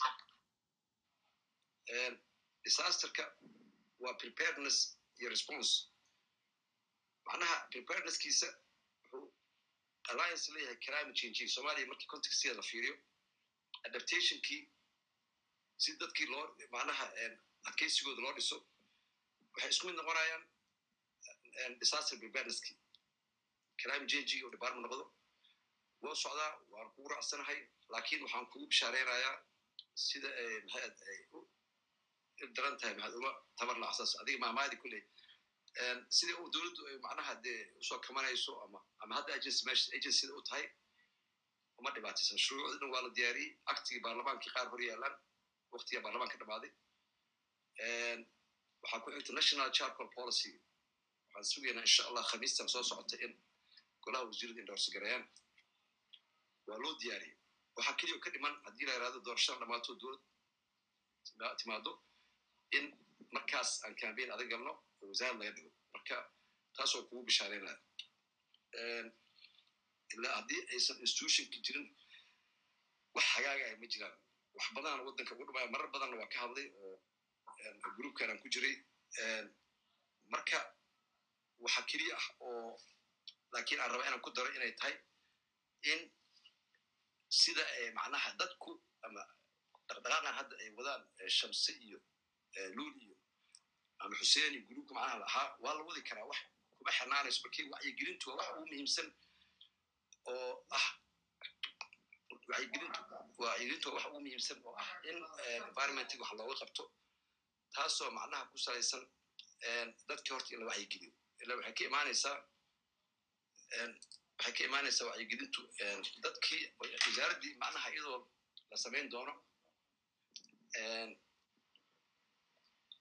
iyadoo macnaha wasaaraddii aan weli la samayn ayay dadkii wacyigelin heli karaan. Wacyigelintu waa wax ugu muhiimsan oo loo baahan yahay in aan la suginin inta laga samaynayo wasaaradda laakiin movementigan environmentig uu socdo oo shacabka dhex socdo ama dibadaha joogaan ama gudaha ha joogaan waa muhiim markee si kastoo dowladdu shuruucdii u samayso ama waxba ku samayso waxba ma tarayso haddii dadkii uusan fahamsanayn muhiimadda environmentigu leeyahay muhiimadda ay waxaana leeyihiin marka waa mahadsanta cabdullahi waa saa sheegtay boqolkii boqol oo ku raacsanahay inta aad sheegto dhanna ama shuruucdii waa diyaarsan yihiin wasaaraddaas in lagu dhawaaq unbaa ka dhiman oo shaqadeeda qabsato laakiin mar kasta waxaan laga maarmayay arrimahan walaalahan shamsiduuli iyo wadaan ama inta la shaqaynaysaba inay aad muhiim u tahay.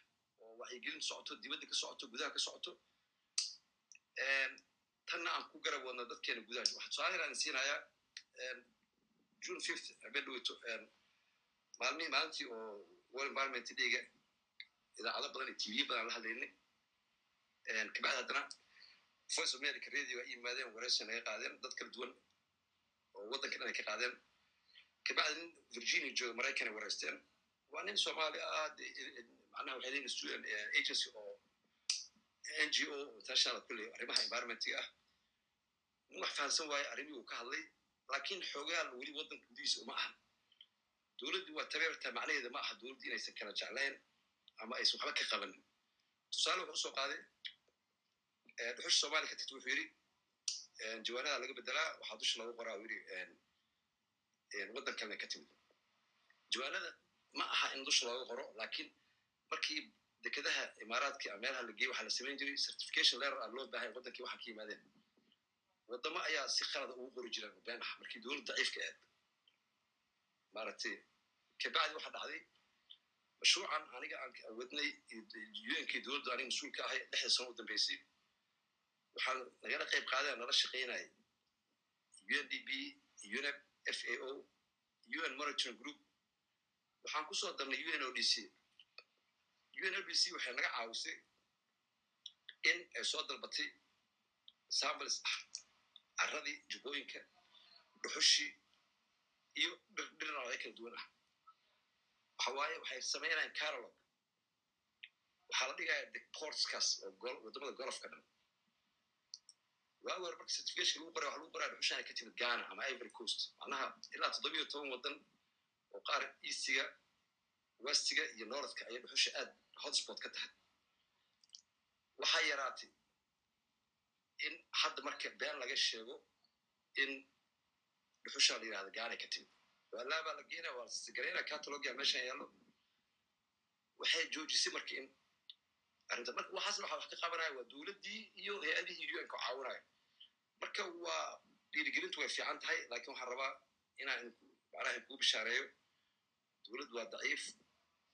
Meesha waa waa agents waa director haddeertaan laakiin weli shaqadii waa socotaa dowladdu shaqo badan ay waddaa environmentii hadday noqon iyadoo kaashanaysa hay'adaha un-ka ah marka saas inaan kuu bishaareeyo. Waa maasantiin waa mahadsan tahay walaalkii cabdiqani waxaana su'aashii cabdilmalik uu la weydiiyey lagama jawaabin kolle xuseenna wuu garaacayay oo midii ahayd maadaama cabdilmalik uu bartay arrimaha marine science undergraduate uu yahay wuxuuna weydiiyey qubada oo wuxuu yidhi qubadii oo hadda sii daba asalba-isa amaba dhamaatay marka maxaa taas sabab u ah xuseenow ma ka jawaabi kartaa iyo diiriya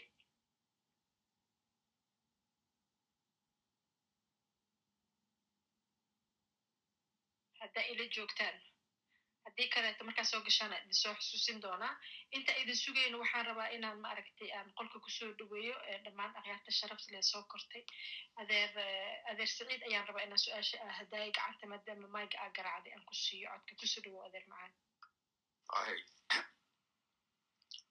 horta sidii ran baan idiin wada salaamaya dhammaantiin assalaamu calaykum waraxmatullahi wabarakaatu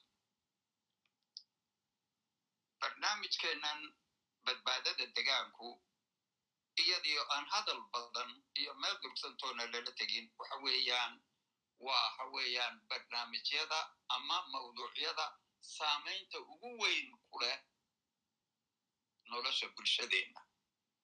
Hadday inta maanta joogto tahay iyo haddii ta soo socotaba ay tahay.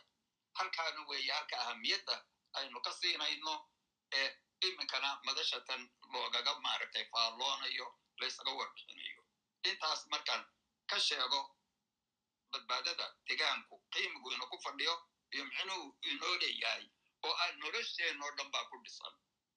Baan u gudbayaa xog warrankii iyo warbixintii iyo talooyinkii ay isaga dambeeyeen oo sida gaarka ahna uu cabdulqani u soo jeediyey aad iyo aad iyo aad buu ugu mahadsan yahay waxaana ka muuqata sida xaqiiqda ah qof intii karaankiis yahay dadaalaya oo intuu gaadhsiin karo iyo meeshuu gaadhsiin karona uu wada gaadhsiinayo taasina waxa weyan isaga iyo cabdillaahi oo ma garatay iyo su'aalihii kale ka dambeeyey anigu uma gelayo tafaasiil hoose oo kolkaa ku saabsan degaanka badbaadadiisa iyo qaybaha kala duwan ee aynu iminka taataabanay qumbadu ka mid tahay ee balambaalistu ka mid tahay cayayaankana ka mid yihiin dhirta iyo xaabadaas iyo dhuxushaas ka mid tahay anigu meel yar oo kale oo ah inta aan anigu un fahmayo oday ahaan ayaan laba erey ka odhanaya waa ka baxaya labada erey waa maxay labada erey waxa weeyaan degaanka badbaadadiisu laba meelood unbay ku tiirsanaan kartaa waxay ku tiirsanaan kartaa dowladda iyo hadba heerka ay ku eg tahay heerka ay ku siman tahay horumarkeeda iskuduubnideeda agaageeda wanaageeda iyo midnimadeeda waxaasoo midhan heer ku gaadhsanya iyo bulshada lafteedu nolosheedu heerka ay iyana gaadhsiisan tahay aqoonteeda ilbacnimadeeda garaadkeeda iyo xidhiidhka dunida lala leeyahay intaasi kolkaa markaan kaga baxo labadaa erey ayaynu isla ognahay hadday dowladda tahayna maanta xaqiiqa ahaan dowlad ahaan heerka aynu ku sugannahay dhibaatooyinka ina wada hor yaalla caqabadaha carqaladaha gudaheenna ka jira gobollada ka jira tadhexe ka jira waa in laysla wada qiraa halka aynu joogno si aynu u garanno waxaynu filayno halkaasoo laga sii dhaqaajiyo mooyaane cirkaynoo kama soo degaya ta labaadna waxa weeye bulshadeenna lafteeda markaad hoos ugu soo daadegtid oo aynu mar walba isbarbar dhigayno bal dunida kale iyo sida ay tahay ayaynu garan karnaa innaka lafteenni wax badan badan badan ba dib u dhacsanaan weyn bayna haysataa oo aan ahayn habaan ee ah mid ku timi nolosheenna iyo duruufihii la soo maray wax badan hankeenna iyo hiyigeennuna heer saruu taagan yahay oo aynu doonayno inaynu wax ka qabanno bal meelaha kale hay joogeen badbaadadii degaanka intaas haddaan intaa ka idhaahdo erey keliyaan kolkaa ku daraya waa kaga baxaya waxa weeye intaanan ka hadlin hay'adaha oo kolkaa u imanaysa wasaaradda wasaaradda iyo hay'adaha kale iyo dadka maaragtay xirfaddaas u hagar baxay iyo inta ay toos u khusaysto ee nolosheeda la xidhiidho oo uu cabdulqani kala dhigdhigay. Ayaan meel yar inoo taabanaya. Waa maxay?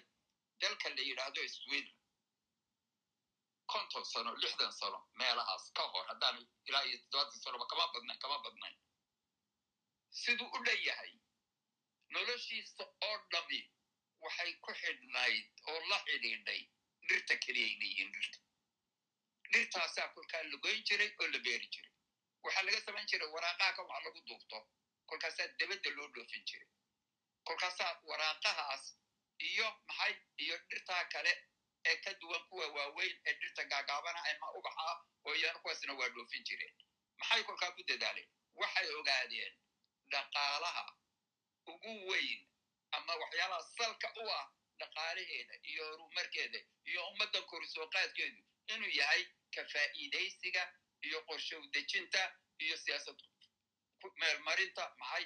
Dhirtaas geedkii la gooyoba geed kale oo markiiba waktigiisa ku soo baxaya ayaa lagu dadaali jiray maxaa kaloo soo raacaya biyihii baa loo eegaya baadkii baa loo eegaya cimiladii baa loo eegaya sharcigii iyo qawaaniintii dalka oo dhan iyo xooggii iyo awooddii iyo aqoontii ay ummaddaasi lahayd oo dhan waxay isugu geysay sidii ay dhirteeda u ilaashan lahayd oo ay u dhoofin lahayd oo wixii ka soo galana ay ugu dhisi lahayd dowladnimadeedii iyo bulshanimadeedii iyo qarannimadeedii hadday jaamacada tahay hadday waddooyin tahay hadday warshada tahay hadday beero tahay hadday waxay doonto ha noqoto waxa ay gaadheen markii dambe muddo aan dheerayn oo ay halkaa culayskoodii oo dhan saareen in ay maxay samaystaan inay iminka noqdaan dowlad warshada leh oo lagu tilmaamo industrial countries oo maxay inoo soo gudbisa waa telefoonada waa raadiyada waa telefishonada waxa weeyaan talaajada halka ayaan ku dheeraan aan kaga baxo innaku kolkaas soomaali ahaan oo aan intayna tanina khusaynayo dhammaanteen oo dhan wada khusaysa waa maxay? Haddaynaan eegin. Maxay sal iyo saas aynu ka dhigan karnaa oo ama dhaqaale eena uu dubdhexaad u noqon karaa? Waxaan leeyahay waxa uu dubdhexaad u ah aynu ku caanamaalnay oo ilaa iminkana aynaan ka maarmi karin. Waa xoolaha aynu leenahay ee nool oo aan ka dhicin betroolka laftiisa.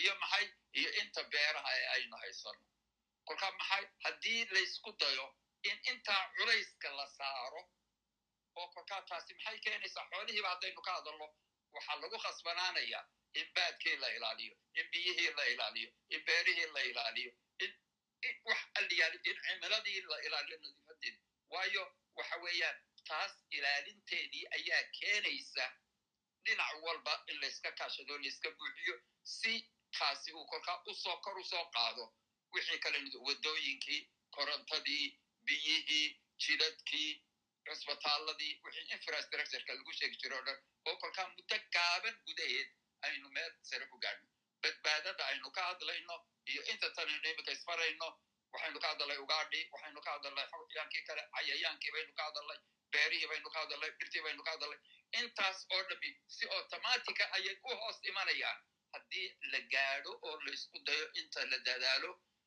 iyadoo aanan ka boodaynin awoodeen inaan doonayn inaan riya idhaahdo cirkayno ka soo dhacaysa mar walba aynu ku talaabsanayno taagteenna laakiin marka boolici caynkaas oo kale a la dejisto oo gees looga wada jeedo oo dowladdii iyo shicbigiina ay isku duubmaan.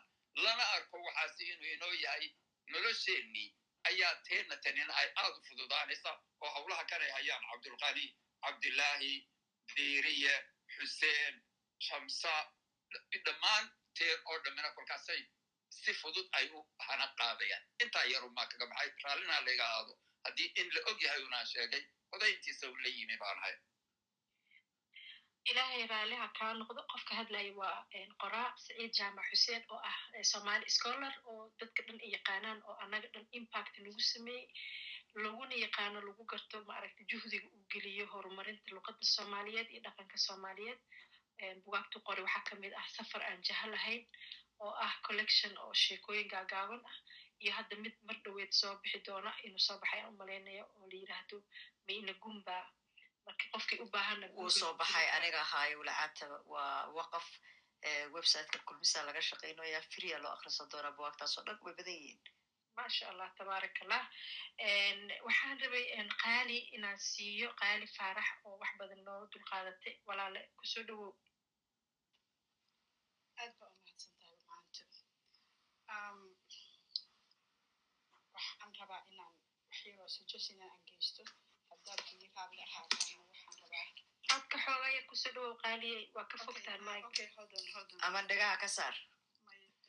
This is the problem okay hadda may maqlaysaan si fiican okay um, maxaan ku idhahdaa waxaan rabay inaan aan soo suggestion yarna aan sameeyo su'aal ku yar dhex jirta iyo haddii aad aad ii dulqaadataan oo raalli ka noqotaan boog halkan aan gacanta aan ku haayo oon ka shaqaynayo weli in aan qoraagii aan la xiriiro si aan maxaan ku idhahdaa kulmiso uu uga qayb galo buuggan oo magaciisa la yidhaahdo magacyada geedaha soomaaliyeed. Gabay yar oo ku jira oo geedaha ku saabsan. Waxa weeye horta noloshu waxay ku jirtaa waa biyaha dhirta iyo xoolaha. Intuba waa isku wada xiran yihiin haddii la waayo biyo geeda la heli maayo geeda haddii la waayona xoolo la heli maayo haddii xoolo la waayana intaasba haddii la waayana bini aadamku nolol uma jirto. Maan maxaan ku idhaahdaa marka innaga soomaali ahaan carigeenna dhibka ku dhacay waxa weeyaan dagaalkii markuu dhacay dadkii qaxay maxaa la galay meelihii duurjoogtu joogi jireen geedihiibaa maxaan ku idhahda dadna ganacsi ha u same ha u gubaan maxaan ku idhahda dadna guryaha ka dhistaan. Marka maxaan ku idhahdaa in wixiiba iswada gureen. Xoolaha marka waxa weeyaan markii dhir ay jirto xooluhu xayawaanka duurjoogta iyo xoolaha aanu ku noolahayba waxay ku nool yihiin waa dhirtaas. Oo mid kastaba u leeyahay daayad gooniya geed gooni ah uu cuno. Balanbaalista iyo shiniduna waxa weeyaan kuwa kala qaada bacriminta u kala qaada ama maxaan ku idhahdaa pollination sameeya. Intiiba hadday wada guuraan waxa weeyaan geedna bixi maayo. Xayawaankii geedkii uu cunay wuu saxaroon. Saxaradaas baa geedkii soo saaraysa oo mirihii sii badinaysa marka waxa weeyaan wacyigelintii si aynu u horumarino geed abuurkii aynu u badino walaalahayga ama ecosystemka kuwa ku takhasusa ha aadana ama inta dowladda ka tirsan ha ahaatee wacyigelintii keliya af wax laga sheegay ma gaaraysa maxaan ku idhahdaa meel fog. Laakiin in lagu daro boorar la dejiyo dadkii meeshay marayanba dariiqa lagu safraayo la arko geed abuur maxaan ku idhaahdaa isheeg dhirta ha ka goynin meeshaas. Wacyigelintaas websaadyada naftirkooda in qolyaha websaadyadana la yidhaahdo maxaan ku idhahdaa masawirke maxaan ka xoogaa yaroo maaragtay ama pub up ha ahaato ama ha ahaato in yar ood ku dhejisid ah wacyigelinta dhirta oo dadkii akhrisanaya sidoo kaleeto ay iyaguna u sameeyaan. Taasi waa iga suggestion ahaan su'aasha yaroon ku daraayana waxay tahay la garay dhiraynta magaalada laga samayna ama webiga jiinkiisa laga samayna ama waxaas laga samayna maxaa loogu talagalay? Muxuu yahay qorshaha ka jira? Dhirta laga jaray gudaha oo ah macnaha ama dhuxusha loo shitay ama maxaan ku idhahdaa furniture laga samaystay ama guryo laga dhistay oo ka baxsan magaalada deegaanka laakiin duur joogtu meeshii ay ku soo hiran lahayd ah maxay tahay qorshaha aan qorshaha laga degay? Ilaan geedo waxaa jira maxaan ku idhahdaa si gooni ah waddanka uga baxa. Laakiin ay adag tahay mirahooda si lagu soo helo. Maxay tahay qorshaha ka jira? Taasi waa iga taas. Marka haddaan ku soo gebagabeeyo taas waa iga su'aasha haddaan ku soo gebagabeeyo cabdifatax cabdullaahi gacma dheere buug uu qoray maxaan ku idhahdaa gaba yar oo ku jira oo geedaha ku saabsan. Markii xoolihii loo wada gebiyey markii maxaan ku idhahdaa waxaas la gebiyey kuwii geedaha manaafacaadkooda cuni jiray gabay ka mid ahaan soo tirinaya marka xagaa bilowdaa ee gugu naga boqoolo ee dadka kale baktiyiyo baabeeyadu hagaagtaa wale ama maanta dayn baxay xaadir intaan ka dawdabay dalo waa geel ka iibsaday ama daalac la ii raac oo beeyaba dib uma guran. Maro waa idlaataa maalna waa dhammaadaa. Mase aan gablamayniyo meyadu meyadii maydii baynu leenahay. Xumay beeyoy xagaagii xagaagii baa xoolo tahoo xud la siistaa xijigan xagaagii dhoweyd xuurta iga gaartay. Xijigan ninkii iga xaqliyo xaaska ku iloobay. Ilaahu ninkii iga xadow aadan xalaal oodan. Wabilaahi towfiq maasha allah tabaarak allah qaali faarax aad iyo aad baad walaale u mahadsan tahay gabayga qiimaha len oo noogu dartayna waa mahadsanid. Inaa la socota in kale ma garan karo qaaliyay laakiin bartaan kulmise caraweelo. Shamso qaali waa tiimka qofka cusube nagu soo biira. Maasha allah marka waa sida dadka hoose joogana say u sii fahmaan. Wax kasta halkan aan sheegno waa la duubaa marka taasna waa noo diiwaan gashay wayna noo keed gashay qaali aad iyo aada u mahadsan tahay gacaliso hadda waxaan rabaa inaan codka siiyo doctor yuusuf cumar yidilo oo wixii uu ku darsan lahaa iyo haddii su'aalo uu la weydiin lahaa. Waxaana khubarada inta kale aan aan rabaa inaan xusuusiyo. Ilaa hadda cabdimelik su'aashiisa lagama jawaabin oo maaragtay dabargo ah qubada ayadana bal ka sii fikir doctor yuusuf aan rabaa wax yar inaad dadka baro aad iyo aada umahadsan tahay doctor yuusuf horta marka ugu horeyso global somali diaspora boorka iskula jirna aas aasiyaashana waa ka wada mid nahay maxaa waa global somali diaspora ma noo sheegi kartaa okay adi naftakaaga waa ku jirtaa ma sheegta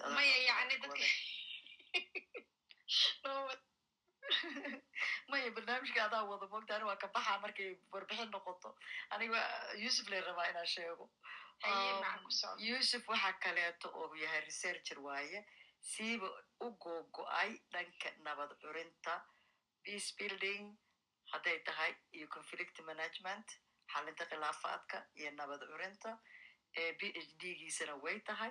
Ma intaasna ma ahay waddankiibu ku laabto xamar buu idinla joogaa raggiina meesha joogow marka si gaara isu barta. Waa ka baxa waxaan rabaa keliya inaan ku daro intaas waxaa u sii dheer inuu aad iyo aad u jecel yahay horumarinta fanka iyo suugaanta especially farshaxanka soomaalida hidaha iyo dhaqanka iyo sawirka cameedyada doctor yuusuf ku soo dhawow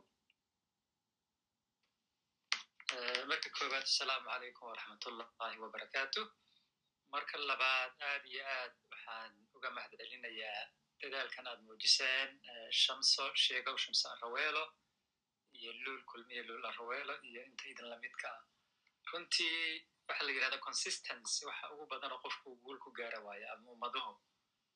Waxaan xasuustaa barnaamijkan walaashin muddo dheer ka hor bay shamso soo bilowday. Hadda laakiin barnaamij wuxuu noqday tayo leh anfac leh meel kastana mataqaanaa lagala socdo. Waxaan u malayn marxaladii ama doorkii hadda waxaa lagu jiraa wacyigelinta. Wax kasta oo la qabanayo ama mashaakil kasta oo adduunka soo food saarana waxay ku xiran tahay isbeddelka dhinaca maskaxda iyo maanka waxay dhinacan mataqaana mindset shift. marka waxaan malayn heerkaasaan ku jiraa soomaalida waxay ku maamaahdaa dad yari kuma disha dad xumaa ku disha oo macnuhu ay tahay dad aan taya lahayn si kasta ha u bataan qiimo male laakiin hadday xitaa yar yihiin tayase ay leeyihiin qiimay leedahay markaa nuxurka markaan dhegaystay waxa ugu badan oo soo baxaya waxa weeye tayada aad inoogu liidata fursad dadku mayan helin tayadu ma aha tayxumidu waxaan ku dhalanay ma ah bini aadamku waa waa wada siman yahay cadaalad buu alla ku abuuray. Lakin kasbashadii cilmigii la kasban lahaa iyo wixii la faa'iidaysan lahaaba aad iyo aad nooga maqanon fursad mataqaana aan loo helin. Marka aad baan idinka mahad celinaya dadaalkiinin iyo aqoon-yahanada kale hadlay. Abwaan saciid hadalkiisa runtii waan ku raaxaysanayay af soomaaligiisa. Soomaaligu marmar waxaan dhahaa ma aha luqa oo mataqaana cilmiyeysan laakiin isagoo kale markaad dhegaysato waxaad fahmaysaa af soomaaligu waa luqad si cilmiyeysan loogu hadli karo qofku hadduu si fiican mataqaana u yaqaano marka anigu su'aalun baan weydiinayaa waxaynu ognahay wax la xiriira deegaanka iyo environmentiga nabadaynta marka laga hadlayo colaadaha adduunka waxyaalaha aasaaska ama ugu muhiimsan oo lagu dagaalamo waxaa ka mid ah waxaa la xiriira deegaanka ama ilaha dhaqaalaha soomaliyan haddaan soo noqono baadiyaha ceelashii iyo daaqsinkii la isku leyn jiray magaalooyinka dekadaha iyo dhuxushi iyo wixii lamidoo la isku laayo iyo wixii mataqaanaa la xiriira deegaanka waa wax irsaaqad la xiriira iyo waddamo kale oo u soo hanqaltaagaya kulba waddamo khayraad leh oo ayagana dee dana kale oo faragelinaya somalia ay ka mid tahay congo ay ka mid tahay sierra leone waddamo badan oo african iyo asia ay mataqaana ka mid yihiin waxaynu ognahay oo kale lana wada sheegay noloshaynu guud ahaanba inay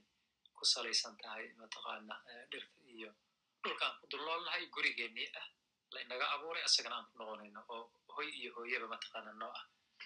Marka su'aashayda waxa weeye arrimahan biiska maadaama iyo nabadaynta iyo aan mashquul ugu ahaa sanadihii ugu dambeeya khaasatan waxa aad iyo aad adduunka uga socda waxa la yidhahda indigenous mataqaana solution ama xal gudaha ka yimaada banaanka waxa ka yimaada waa caawimaad waa kaalmayn. Lakin ummad aan lahayn mashaakilaadkeeda qaabay dhaqan ahaan u xallisa ma jirto. Dhinaca jahliga hadday noqoto qaabay wax u bartaan baa jira. Experiential learning somali ahaan marka la fiiriyo qaabo practicala ee cilmiga laisuu gudbin jiray waxyaalo theory ama ideana waa jiri jireen. Haddii dhinaca caafimaadka aynu mataqaana nidhaahno dhinaca maamulka iyo iyo mataqaana dowladnimadka iyo wixii la xiriira asagoo beelo la aha qaab waxaa jira laisu maamuli jiray. Dhinaca nabadinta sidoo kale xeer somali iyo fiqi islaam oo la socday iyo xeer beegti iyo xigmad iyo murti iyo waxyaalo badan baa jiray oo nabadda lagu dhisi jiray iyadana asaasa. Marka maadaama uu socdo itijaaha ama aragtida ah home mataqaana grome solution ama xal gudaha ka yimid yaa waxaan rabay inaan isweydiiyo dhinaca biiska wixii la xiriira ficlan way jiraan. Qaabo badan oo soomaalidu wax u xallisan jirtay oo haddii ayaga asaas laga dhigo culumta kaleo adduunka laga soo faa'iidaystay iyo khibraadka inala midkaana lagu kabo meel la gaari lahaa laakiin waxaad moodaa ayagiiba intii laga dulbooday yaa kadambayst meelo kale intii wixii laga soo minguuriyey yaa deegaanka meeshii aas aaska wax looga laga soo bilaabi lahaa laga sii dhisi lahaa yaa laga tegey marka dhinaca environmentiga ama deegaanka daryeelka deegaanka maadaama aad wax badan iga ogtihiin runtii aan wax badan kamaan ogin laakiin dhinaca biiska marka laga soo galiyo colaadaha yaa waxaan ogahay inuu asaas yahay deegaanku.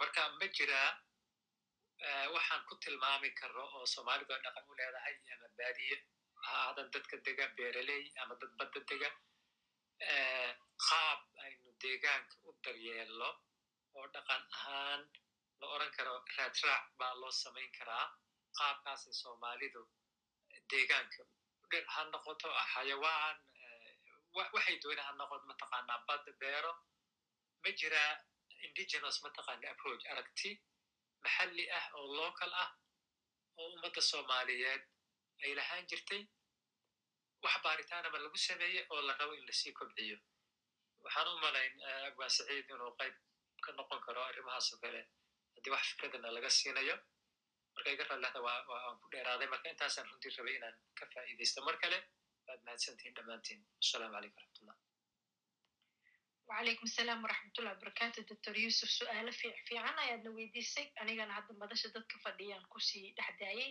kolley maaga qabsada qof kale inu ka jawaab su'aalahaas maasha allah.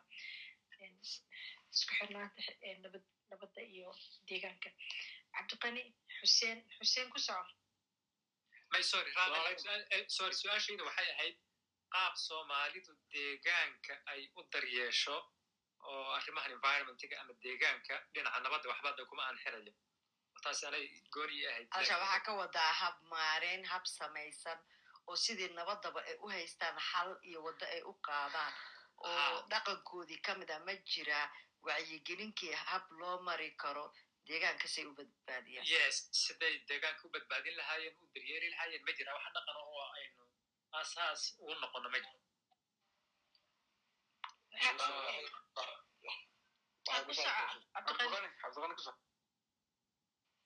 waa mahadsin horta waxaan rabaa walaalkan exclusive oo soo laabanaya horta marka hore oday oday saciid oo meesha oday noo ah iyo walaashan qaali faarax waxay ka hadleen waxyaabaha markasta aniga aan ku doodo oo ugu muhiimsan marka environmentiga laga hadlo annaga wadamadan horu maray waxyaabaha dhibka ku haya dee macnaha ama air pollution ha noqoto ama waxyaabahaas ha noqoto annaga laakiin somalia markii environment la soo qaado sida oo oday sheegay waxa waaye tusaale sweden u soo qaatay waddan walba ama ummad kastoo meel ku nool waxbuu dhaqaalahooda ama noloshooda ku xeran tahay tusaaleeda aan siinayaa idinkana informationkaas inaan la sheergareeyo waa guulgarayn kartaan dadka aqoonyahanka meesha ku wada jiro qofkii macluumaadkaas qabo waxaan qayb ka ahaa aniga waxa la yidhahda somalia s l d s. Somalia livestock development strategy. Oo world banki iyo faw ay naga caawineen laba kun iyo sideed iyo tobankii waddanka waxaa lagu qiyaasay inuu lahaa lix milyan lix boqol afartan toddoba kun boqol lixdan afar neef oo geel ah shan milyan shan boqol iyo soddon kun oo lo ah soddon milyan shan boqol lix iyo toban kun oo ari ah macnaha ari cadka idaha ay ka maqayen idaha waxaa lagu qiyaasay labiyo toban milyan sagaal boqol siddeetan saddex kun almost saddex iyo toban milyan guud ahaan xoolaha soomaaliya waxaa lagu qiyaasay konton iyo shan milyan lix boqol toddobiyo talaatan kun macnaha markii la fiiriye barcabita waa waddanka adduunku lifestyle populationka ugu xoolo badan waa waddanka ugu geel badan waa waddanka lixaad riyaha ugu badan. Africana waa waddanka koowaad riyaha ugu badan. Macnaha waa qiyaasi kartaa marka boqolkiiba almost toddobaatan waxaa lagu qiimeeya dadka ina waxaa lagu qiyaasaa inay dadku soomaalida reemi yihiin. Ama noloshooda ku tiirsan tahay xoolo dhaqato. Dagaalku intuusan dhicin sagaashankii ka hor dowladdii hore jirtay gross domestic productiga xooluhu markaas waxay ka ahayn boqolkiiba soddon iyo soddoba laba kun saddex tobankii ilaa lix iyo tobankii saddexdaa sano boqolkiiba lixdan laba ka g d p. toddobiyo tobankii boqolkiiba afartan iyo saddex macnaha waxaa keenaya kororkaas waaga hore waxaa la dhoofin jiray mooskii waxyaabo kale laakiin sida dagaalada u dhaceen waxa keliya ugu badnaa oo dhoofiyana waxay ahayd xoolo waxa ka soo harna waxay ahayd dhuxushaasi dhirtaas ma jaraayo laba kun shan iyo tobankii waxaa lacag ahaan waddanka laga helay xoolaha la dhoofiyo toddoba boqol oo milyan oo dollar. Lix iyo tobankii waxaa laga helay lix boqol afartan iyo afar milyan oo dollar. Macnaha laba kun shan iyo tobankii boqolkiiba toddobaatan iyo sideed waxyaabaha aan dhoofin xoole ahayd markii loo barbar dhigo dagaaladii ka hor oo ahaa boqolkiiba konton iyo saddex. Macnaha arrintaas waxaan u raisgareeyey arrinta oday saciid iyo walaashan qaali ay ka hadashay macnaha muhiimadda xooluhu ay noo leeyihiin xoolihiin waa siday sheegeen ayaa ka hadlan biyo iyo ayaa loo baahan yahay haddiise biyo daaq lahayn xoolo ma jirayaan? In oo xamar la joogo oo ama wasiiro ama maarayaal ama minister ama tayl la xirto iyo jaakadana macna ma samaynayso. Dadkaas dhan macnaha waxyaabihii mashruucan dhuxushi loo develop gareeyey wasaaraddii khayraadka markay jirtay waxay daba socotay. Laba kun iyo labiyo tobankii ayaa waxaa soo baxay qaraar golaha qaramada soo saareen oo la yidhahda twenty thirty six oo mamnuucaye maadaama uninkii ay arkeen waddankiina dowladdiisii ay tabar daran tahay adduunyadii kale consciouski macnaha marmarka qaarkood waa fiican tahay wax walba inay maxalli noqdaan annaga oo indigenous laakiin marka qaarkood environment oo kale marka laga hadlaayo waa wax aan xuduud lahayn dadkii baa ka naxay unkii ahee waddamadii kalea ka naxay dhibaatada loo geysanayo deforestation ku socda waddankan oo dhuxusha laga shidayo carabaha la geenayo markaa baa laga hadlay iyo dowladdii markaa joogto ayadana dee wacyigelin dad lagu wacyigeliyey marka qaraar layadaa la soo saaray. Qeyr allah siiyo wasiirka markaa jooga khayraadka hore waxaa laga bilaabaya mashruuca marka. Oo dhuxusha lagula dagaalamaayo oo lagu joojinayo oo wadajirka ah eedihii unkii dowladda way qabaan. Marka taas waxaan u dan leeyahay waxaa muhiimadda wadisciid iyo walaashan qaali ay ka hadleen ee xoolaha noo leeyihiin. Environmentiga markii laga hadlaayo ama impactiga kalaama gnga macnaha dadku waxa u wara taabanayo waa dadkii xoolo dhaqatada ah waa dadkii nolosha waddankan waday waa injinka wada haddaa fiirisana waddankii waa isbedelay federaal noqday dowlad goboleeduu noqday institutionka waa in dib loo soo dhisa macnaha wasaaradda xanaanada xoolaha sidii ahaan jirta waagi hadda ma aha roolkeedu wuu kala duwanya waxay ku soo ekaanaysaa policy oo national inay dejiso ama ha noqoto certificationkii xoolihii la dhoofinayo roolkii waa isbedelaya roolki markuu isbedelay institutionka isbedelaan institution bilanka waqti u qaadanaya marka arrintaas waxaan ku adkeynayay arrinta oo saciid iyo walaashan qaali ka hadleen oo ah muhiimadda xoolaha noo leeyahay walaashan qaali su'aala weydiisay oo ah dhulkii dhuxusha laga jaray geedaha laga jaray waxaa jira annaga mashruucan naga wadnay oo khubaro kan nala shaqeynaysay laakiin dhirta markay timaado alaa naxariisto dr axmed mumin warfa ayaa si voluntary ah la tashi aan la samayn jiray markaan dib u dhareen sameeyano markii dib u dhareen markaa sameynayo waa in laga fogaadaa dhir oo alien species in waddankii la keeno ama invasive. Sida ee dhacday waktigii intays dowladda dhicin nineteen ninetygii ayaa geedkan la yiraahdo garanwaaga ama caligaroobka ama geejiniga soomaalida yirahdaan si deforestationka ama saxaare ee loola dagaalamo ayaa la keenay faa'iido wuu leeyahay lakiin dhibtiisaa badan marka annaga waxaan ka daalaynay in aan dib ugu babeerno dhirtii waddanku lahaa ama quracii ama qansaxii ama galoolkii ama waxaan kugu dadaalnay. Waxaa jira combany kenya laga sameeyey oo macnaha haddaa fiir dhulkan soomaalida degto dhan waa isku degaan ahaan markaa fiirisa ama rf d ama inta. Waxay sameyen waxa la yihahda seed bolis amidda wata waxaan dhegeysanayay nin oday ah oo lagu wareysanayo oo ka hadlayay dhulkii la xaalfiyo annaga baadiyii maana tegin lakiin remote sensina ku sameynay. Maaldhaweytana barstationkii waa idin samey waa tusay. Mar aan barstationka sameynaya waxaa idin sheegay haddii la zoom garayo erida banaan oo arkaysaana cadcad oo macnaha wuxuu ku leeyahay afartan kilomitr baa soconaysaa waa banaan uu ku leeyahay.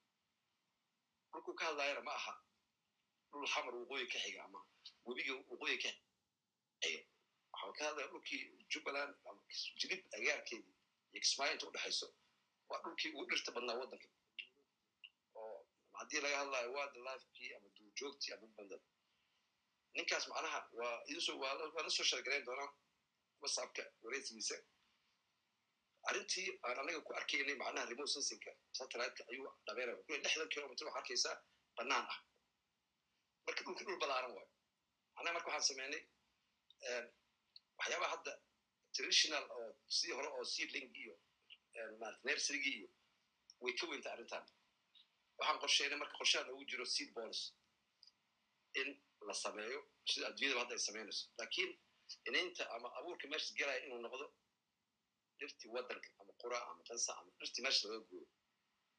Taas waxay ku masaamixaysaa meelaha qaarkood amnigii ma tegi kartid nimanka odayaasha joogo marka in la isticmaalo diyaaradahan oo macnaha maaragtay usos ama amisom ama drones la isticmaalo dronto kale hadda waxaan bilaabanay pilot project mou amaan dhowto aan diyaarinayna inaan kala siixano nimanka usos yihahdo waxaa lagu bilaabay airbortka beydhaba agaarkiisa ilaa labaatan kilomitr ayay drone tegaysaa seed bolisks ayay daadinaysaa waxaa si fiican discussion muddo aan u hakilaynay in aan hubino in dhirta reforestationka lagu sameynaya indigenous inay tahay oo wax invasive laga ilaaliyo marka walaashan qaali su'aasheeda waxa waaye sida ugu fiican hadda oo mass reforestation loo samayn karo waa inaan seed boliska isticmaalno dhulkii nabad ah amni ahna already puntland oo kale iyo waa laga bilaabay in ama dhulkii la xero dhulka qaarkiis wuxuu ku soo laaban karaa dhulka qaarkiis haddii la xero kelisaarayaashii oo la taaban roob muddo muddo uu xirnaado la daaqin si natural ama dabiici ku soo laaban karaa laakiin dhulkii aan amniga ahayn oo la tegi karin inaan drontaas iyo diyaaradaas amisom isticmaalno walaalkeen dr. Yusuf oo ka hadlay soomaalidu mar kasta wax walba dhaqanay u lahayd. Macnaha waxyaabaha oo miyiga laga helan waxyaabaha oo waxyaabaha maxalliga lagu xalinaa ama haddii colaad la xalina ha noqoto waxyaabaha factorieska dadejiyey ama caawinaadda weyn ka geystay in dhulka la xaalufiyo wuxuu laga jiro waxaa ka mid a iyadoon tixgelin la siin ama aan sidii hore loo tixgelin odayaashii dhaqanka ama shuyuukhdii de soomaaliya waa qabaa'il qabaa'il kastoo meel degan dhaqanku awood weyn u lahaa markii dowladnimadu jirto dowladda markay burburtay tii baa meesha ka baxday midda kale waxaa ogaanaysaa markaad dhulka fiirisid dhulka uu hal qabiil u badan yahay wuu yar yahay environmental damageka laga sameeye ama dhuxusha laakiin dhulka qabaa'ilo kala duwan uu concentration ku yihiin. Waxaa arkaysaa ownershipkii inuu meesha ka maqna dhulkii qaarkood gobollada qaarkood waxaa jiro haddii xataa zoom ama google aa ku fiirisid google earth aa ku fiirisid. Qeybaha hiiraan ka mida qeyba galmudug ka mida waxaa arkaysaa ama qeyba geda ka mida ama odayaasha markaan shirarka workshopada isugu nimaano oo dhaqanka weli uu ka jiro waxay heshiis ku yihiin inaan geed la jiri karin qofkii jiro waxa waaye ayaga wuxuu dhankooda dilo ka yahay oday marka kismaayaan workshop ku qabanay odayaasha geda kimida noo sheekeynaya waxay dhahaan markii staar la bilaabay nimankii waxay bilaabeen in ay geedkii musbaar ku mudaan ama sumeeyaan si geedka u qalalo markee waxyaabahay ku maanajiraysa waxaa ka mid a waxaa la jaraya keliya geedka qalala geed qoyan lama ogola in la taabto dadka area degan waa dhaqan ay leeyihiin isku raacsan yihiin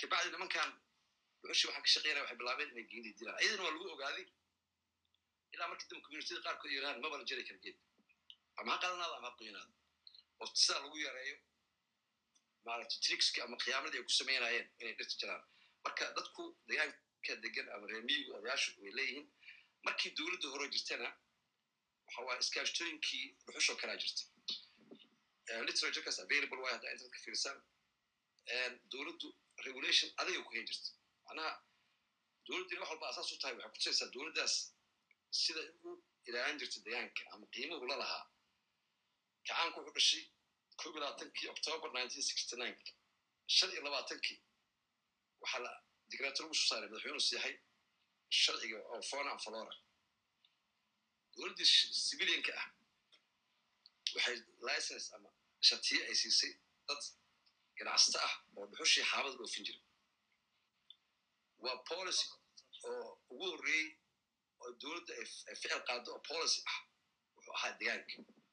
Digreetaasu soo saaray madaxweynuhu siixay shan iyo labaatanki october kun sagaal boqol lixdan sagaalkii laysimadii waa laga soo celiyey dhowr sano kadibna waxaa la sameeyey wakaaladda qaranka kabacdi iskaashtooyinka dhuxusha magaalada xamar oo kale tusaale dadka haddaa weydiisa dhuxushooda meesha ka timaada ma yaqaanin laakiin gobolka macnaha sabaraagelinaya muddo dheer waa gobolka bio oo domestic markii localka la fiiriyo tan jubbooyinka waxay noqotay tii dibadda loo dhoofinayo gobolka bay tii dibaddana qeyb waa looga daray laakiin muddo ayay xamar sabaraagelinaysa hadda ayaa markii la soo dhameeyey waxaa loo soo dhaaqay xuduudda bay hiiraan iyo shabeellaha dhexe leeyihiin marka iskaashtada waxay ahayd sharcigu in geedaha qaarkood aysan gooyin karin geedaha qaara loo asteeyey in la gooyo isla markiina geedaha la beeri jiro marka soomaalidu dhaqan ahaan way leeyihiin midda kale for information hadda agaasinka environmentiga iyo waxaa laga shaqeynaya iyo uneb oo kale waxay wada wadaan maaragtay climate change security nexus. Macnaha dee waxyaabahan hadda ceelashan isku dilaa kale tusaale waxa u ah arrinta ugu dambeysay ee ka dhacday laasacana agteeda waqti aan dheereen oo dad badan isku laayeen. Dad badan iska laayeen. Meelaha hotspotska waxaa ka mida xuduudda hiiraan iyo galguduud udhexayso ama galmudug iyo hirshabeel udhexayso oo soo noqnoqoto oo isku dagaalamaayo daaqii iyo barkada meelaha laga qoday. Marka soomaalidu way jiraan dhaqan ahaan way ayaga ay ku manage garayaan environmentigooda laakiin dhibka jira waxa waaye markaa wareystid kismaayo markaan joogno kale dadka wareystid waxay ku leeyihiin dadka dhuxusha ka jaraya mashiinada wato oo jubbooyinka soo galay gobolka maba deganaba waxawaa ganacsada ay u shaqeynayaan ganacsada deegaanka degan ma aha marka dadka waxyaabaa lagu dhiirigelina hadda waxaa ka mid a ownership ila land policy ama land generalkii dowladda markay jirtay dhulka daaqa dowladdaa lahayd xilliyo kala duwan ay soo mareen gumaysigii ka hor waqtigii gumaysiga waqtigii dowladnimada. Macnaha hadda marka waxyaabaha ugu muhiimsan hadda laga hadlaya waxay tahay land generalki ama sharcigii macnaha oo dhulkii in horta dowlad goboleedadii iyo federaalkii isku raaco. Yani dhulka hadda qabiilo gacanta ugu jiraa soomaaliduna daaqa ma kala lahan tusaale haddaan siiyo abaartii laba kun toddobiyo tobankii dhul waxaa jiray bariga beelaha agaarkeeda ah oo la xiray roobku waa daay biyaa galay daaq fiicana ka yimid oon la taabanin. Abaarta markay timid xoolihii ka yimid burco iyo xoolihii ka yimid cadaado meesha isugu tageen. Manaa waxay sheega tusaale waxay u tahay soomaalidu ma kala hadaan. Laakiin mar kasta waxa wii loo baahan yahay land generalkii dowlad gobol haddii aan leed ama federaalkii dowladnimadii in la adkeeyo oo sharcigii macnaha dhulka. Marka taasna waa walaalkii doctor yusuf arrintiisii soomaalidu way leedahay dhaqan ay ku maamushaan wuxooda wuxuuna u baahay in la sii adkeeyo isaga ayagii oo macnaha haddii noqon lahayd si cilmiyeysan in looga ilaaliyo waxyaaba barkadahoo kale ama tuulooyinka badan inay samaysmaan waqti dowladda waa laga ilaalin jiray marka markay tuula samaysantaba barkadada yimaadaan baxaalufkaa badanayo marka in la control oo macnaha urban bla ama maamulida dhulka wixii lagala taliyo laakiin xalka uu noqdo kii ayaga ay ku wada noolaayeen soomaalida weligooda wada noolaayeen. Dhibaatadan hadda deforestationkan socdana ma socon jirin.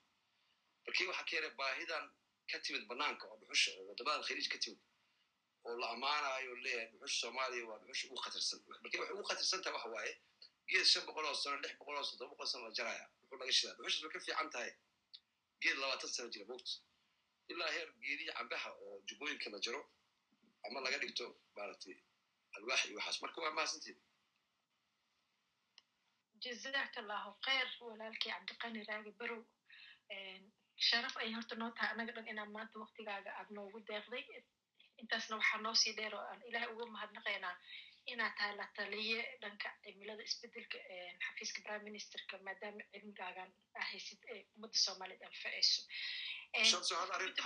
hal arrin yaran ku daraaba waxa keliya oo wax kale midda kale dowladdu macnaha wacyigelinta walaasha qaali ka hadasho waxa waaye wacyigelinta waa wadnaa insha allah sidaa la socotiin waddanka bidin u dambeysay waxa waaye dee siyaas markii doorashii la galo waxyaaba dibdhac badan imaanayo ama isqabsi ama kale laakiin arrintai ka hadasho runteedu waa wacyigelintu waa waxyaabaha ugu muhiimsan waxyaabaha aan mar kastana dee aan abaalin kaga hayo walaaleen shamse iyo luur iyo dadka la shaqeeya waxa waaye dowladda in la sugo keliya aysan ahayn laakiin shacbiga ay ka timaado wacyigelintu markii qofku markuu midaan ku ammaanayo soomaalidu waxay tahay.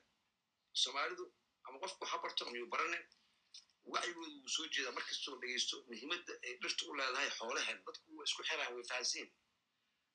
Marka arrinta wacyigelinta waa wadnaa walaalay waxaan rabnaa inaan sameyno boorar ama magaalada gudaha ha noqoto. Waxaan diyaarinaynaa oo hadda niman communication experts oo kamberi ah. Haddii noqon lahayd social mediaha ama dadka magaalada jooga oo lagu dhiiri gelinayo alternative energyga ama l b g ga waxyaaba xamar u aragtan hadda dabaqyo badanaa ka dhismaayo. Waxaa kor u kacay kamberiyaashii gaaska awal warka hor waa iska yaraayeen waxa waaye hormuud iyo niman la yirahda haas keliya ahayn lakiin hadda ilaa toddoba toddoba sideed kamberi marayaan ayaa dhowto bishii december iyo january waxaan ka qaybnay dowlad goboleedada caasimadooda oo pilot project aan u geynay ilaa lix boqol oo unit oo gaaskii l b g ga iswato macnaha silindarkii saddex tobanka kiilo ah iyo stofkiisii oo labada godle ay dadka ku karsanayaan macnaha waad yaabaysaa wacyiga dadka galmudug oo kalaan geynay dhusmareeb wasiirka environmentka galmudug waxuu noo sheegay in tuulooyinka ay soo wada waceen ay dalbanayaan in loo keeno. Waa dadkii macnaha tuulooyin ku noolaa iska dhaaf magaalooyinka waaweyn oo ama dhusmareeb ama caawudwaaq ama cadaado ama gaalkacyo puntland sidoo kale waa ka qaybinay. Marka wacyigelintan waxaan rabnaa inaan ku sameyno magaalooyinka gaaskaas inuu jiro oo stofkaas dadka inay isticmaalaan miyigana waxaan rabnaa iyadii oo weliba maxaa tiri imaaye maxaa tiri luuqad ahaan la isticmaalayo raadiyaasha inaan u isticmaalno in raadiyaasha aan ka wacyigelino maaragtay dadka baadiyaha ku nool dhirta meesha laga soo jiro gobolka bayo kale raadiyaasha inaan ku gaarsiino magaalooyinkana boorarkii lagu dejiyo maaragtay social media la isticmaalo waxyaabahaas marka wacyigelintana way socotaa dad kale alternative energygana lagu dhiirigeliyo hadday noqon lahayd macnaha electrification. hadday noqon lahayd solar energy. cabdiqaan aan ku bistada kaftan ba ha ahaatee markii hadda coronaha dhacay waa tii reality ba ha ahaatee waa shaqada ku soo faraha dhaqada iyo waxaas in la geliyo dhir geed abuur ama geed ha goynina markii telefonku u soo dhaco markii ilaahay naga qaada corona waa sax waa qeybay nooga tahay hormuud oo kale inaan la galno contract oo telefonada isticmaalno. Msm waa qeyb ka mida waa wacyigelinta. Iyo social mediaha boorarkii raadiyaashii wax dhan waan rabnaa telefishinada inaan isticmaalno insha allah. Maasha allah tabaaraka allah qaaliya waa ra'yi aad iyo aad iyo aad u fiican walaalkii cabdiqani waxaan raba inaan kuu sheego arrimaha hadda aad ka dhawaajisay. Waxaan ogahay laba qofood oo qolkan ila joogto inay si taag si gaar ah ugu farxayaan. Qofina waa xuseen oo mar kasta ka hadlo arrimaha wacyigelinta isagoo mar kasta isweydiiyo sababaha maaragtay weriyayaasha soomaaliyeed aysan arrintan xoog u saarin. Qofka kaloo ku farxi doona hadalkaagana waa luul carawaala kulmiya waan ogahay inay aad iyo aad maaragtay u horumariso afka maayga jecelna in meel la gaarsiiyo marka way ku farxaysaa markii wacyigelintu labada luqadba ay ka soo baxayaan labada lahjadood waxaan kaloo ugu darayaa xuseenna wiigii hore ururka ugu weyn oo wariyaasha waddanka macnaha nusoj la yiraahdo ilaa soddomeeyo wariyaal ah ayaan waxaan u qabanay workshop. ah climate change. Iyo environment. Ku saabsan iyo environmental reporting. sida wariyaasha muhiim ay u tahay inay soo gudbiyaan arrintan macnaha environmentiga intay ka hadlahayaan siyaasad keli ah macnaha iyo isqabsi iyo waxyaaba aan loo jeedo muhiimadda. Marka workshopkaas wuu socdaa waa la sii wadaayaa. Horena waa u qabanay oo unib naga caawisay. Marka wariyaashina in wariyaashina markii ay ogaadeen aad ay u xiiseyna hadda qaarkood badan waxay niyadda ku hayan inayba environmentiga bartaan. Marka tii wariyaashina wacyigelinta waa lagu wadaa. Tan oo maay maxaati luuqadii kala duwanaa in lagu sameeyo in smska oo hormuud oo kale sidii corona oo kale walaashan sheegto oo kale in lagu dhiirigeliyo inaysan dadku dhirta dhir beeraan waa mahadsantiin adiga aad iyo aad u mahadsan wakti fara badan ayaan soo soconay waana rabaa inaan soo afjaro. Marka waxaan jeclaan lahaa inaan isku xiro jeyo af i hope inaan si fiican ugu dhawaaqay magacaas iyo cabdullaahi guutaalo hadda gadaal naga soo gaaray su'aalaha ay qabaan anool ku lifaaqaya su'aashii una weydiiyey cabdimelik codkana waxaan siinayaa maanta hadda waktigan xaadirka xuseenaana dhaha anaa ka jawaaba ha marka xuseenaan rabaa inaan ku furo oon siiyo codka hadda mayga markay su'aalahana weydiiyaan marka jeyo ku soco walaale kadibna waxaa kugu xiga cabdullaahi kadibna xuseen baa jawaabta qaadan doona insha allah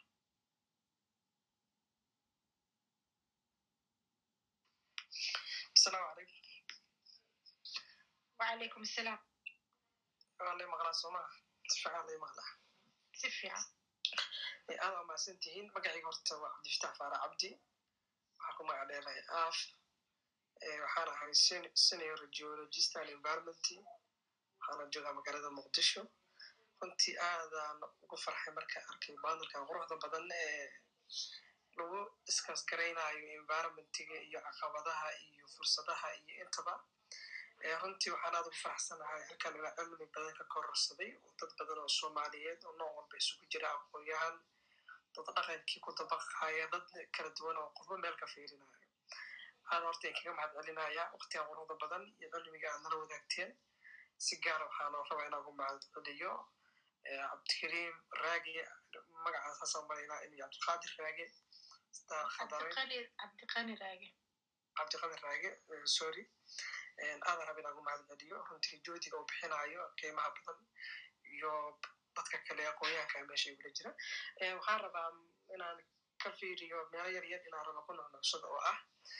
Kadibna aan su'aal si publica dadka u weydiiyo horta environmentiga marka laga hadlayo dunida waxaa sidaad ogtihiin hadda waddamadan maraykan iyo waddamadan reer yurub intooda badan waxaa jira program ay focuska saarayaan oo dowladdii hore oo xukuumaddii obama ay waday. Kadibna waxa waaye ay dowladdii ka dambeysa oo trump ay boosgaraysay oo ah ecosystemkii iyo sidii waxa waaye climate changiga dunida waxa looga qaban lahaa. Marka laga fiirsho dadaalka halkaas marayo oo dunidu ay intaasoo bilyan ku bixinayso. Soomaaliya waxaa ka socda dadaalkaas yani barbar socda oo ah in geedihii la jaro in dhulkii la xaarufiyo in deegaankii aan la daryeelin in waxaa wax dhilbeerida aan la samaynin. Iska in wax la beeri kuwii ku yaalla la xaarufinaayo dhuxul laga dhigaayo. Yacni caqabad oo dadka saas ay uga fikirayaan in deegaankii restore lagu sameeyo oo green lagu soo laabto environmentii soomaalina waxay u socotaa in desert environment la yacni wax uu istaagay oo runtii wax la taaban karo oo yacni dowlad ahaana ka hadlaya ma ka hadlayo intii shaksi iyo qof ama community gaar oo isxilqaamay sida organizationo badan oo hadda magaalada muqdisho ka shaqeeya soomaaliyana kuwa ka jira kuwa dadkan aqooyaanka ay ka socdaan intoo marka laga reebo yacni effort iyo juhdi dowlad iyo community wada socda bulshada soomaaliyeed ay u dhan tahay oo loogu arrinkaasi loogu istaagi ma jirin. Waxaan samaynay muddo badan aan aan samaynaynay annagoo organizationo badan oo isu tegtegay ah oo qalaba ay meel joogto. Aan samaynaynay inaan samayno wacyigelin awareness badan inaan dadka siino oo dadka xaarufintii samaynaya aan wacyigelin samayno inaan meeli xusho laga soo qodayo xitaa aan tagnay oo gobolka galguduud ugu badnaa. Isla markaasina aan ka soo samaynay wacyigelin ka soo samaynay dadkii wareysanay oo waxa ka soo qaadnay xogo badan oo yacni saas dadka geedaha ay u jarayaan maxay tahay yaa ku dhiirigelinaya waxyaalahaas oo dhan. Magaalada muqdisho oo aan joogana waxaan ka samaynay urur ka shaqeeya arrimaha deegaanka isla markaasina wacyigelin badan ka sameeyo oo seminaaro badan qabta isla markaasina dadka wacyigeliya intii tabarteena. Dabcan organization heer caalamiya ma ahan laakiin waa organization aan ugu talagelin dad oo senior aad isugu imaadeen isla markaasina ay ugu talagelin environmentka inay wax un karaankooda ay ka geystaan dadkiina ay ku wacyigeliyaan juhdigaasi waa juhdi caalami ah oo soomaaliyana ka socdo dadka aqooyaanka ah oo siiba dadka environmentga bartay ay samaynayaan marka caqabadu badan yihiin soomaaliya marka laga hadlaayo ku gudban dhanka deegaanka waxaa ugu horreeya ammaankii waa ugu horreeya oo dadkii soo jarayay yani si aad u wacyigeliso meelaha qaar ma tegi kartid. Waxyaalaha kale layaabka oo la kulanay waxaa ka mid ahay in marka laga hadlaayo hadda soomaaliya waxaan ognahay qiimo badan oo ka mid a inay nimankan ayaga ah ay maamulaan. Markaad fiiriso deegaanka dadka meelaha laga jarana waxa u badan meelaha nimankan ay degan yihiin.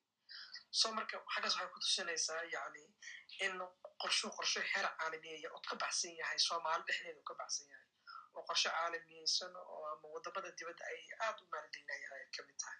Tusaalo kale xitaa lama dhihi karo xitaa dhuxusha laga jarayo soomaaliya. Markaan waxyaalo badan ka qiimeynay yani keliya ma aha ujeedku in uu noqdo macnaha ganacsi oo waddadaas ama xulka ay waddamadaasi rabaan keliya lama oran karo.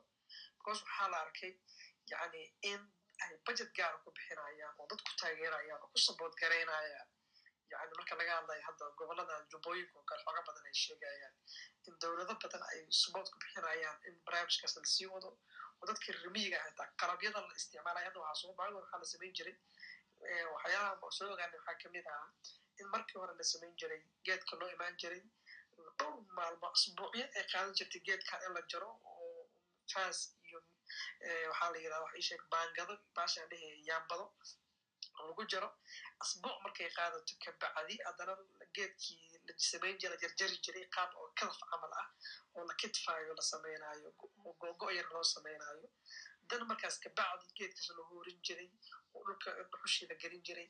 Taas process ay qaadan jirtay geedkan in la gubo hal bil ku dhawaad ay qaadan jirtay. Hadda waxaa soo baxay mashino geedkii ku jaraya wax hal saca ka yar waxa weliba hal sac ka yar geedkii dhan madhigaya sal ilaa baar dhammaan jarjaraya diyaarinaayo oo mishino ah oo ku shaqaynayo waxa waaye qaar koronto ku shaqaynayo oo qaar ku shaqaynayo waxa waaye isheg qalabyo kale ku shaqsiya oo electric ah ku shaqaynaya qaab camal oo kale u shaqaynayo ma fahanta markaas waxaa kaaga tusaysa inuu wax aweer caalameysiya qalabka xitaa qaar la isticmaalayo xitaa. Yani soomaali inteeda badan mostly lagama helo marka magaalooyinka weyn laga imaa haddana meel walbaa lagu haystaa qalabka. So marka waxaad dareemaysaa waxa juutiga iyo evertiga cidda gelinaysa xitaa inay ka weyn tahay xitaa dadka baahan ee geedaha jaranayo waxyaalaha ugu weyn dadka ay ku doodayaan geedaha jarayo waxaa ka mid ah su'aasha ugu horreya ku weydiinayaan. Anay dad reemiya aan nahay dowlad ma hayso maamul oo na taageera ma jiro. So marka geedka waxaan ka samaynayna lacaga ka samayna waa jaraynaa laakiin taas dood ma noqonayso markay noqoto environmentalka protectionka marka laga hadlayo wax dooda ma ahan. Dowlad runtii la xisaabtanto oo yani dadkaas waxa waaye la xisaabtan la samaysana ma jirto. Maamulada kale aad markaa fiiriso annaga hadda meelaha aad u fiirna waxaa ka mid ahaa dhankan puntland iyo galmudug maadaama xoogaa amnigu uu yahay mid iska normal oo isla markaasna lagu dhex safri karo oo waxyaalo badan aad dalaasiin kartid.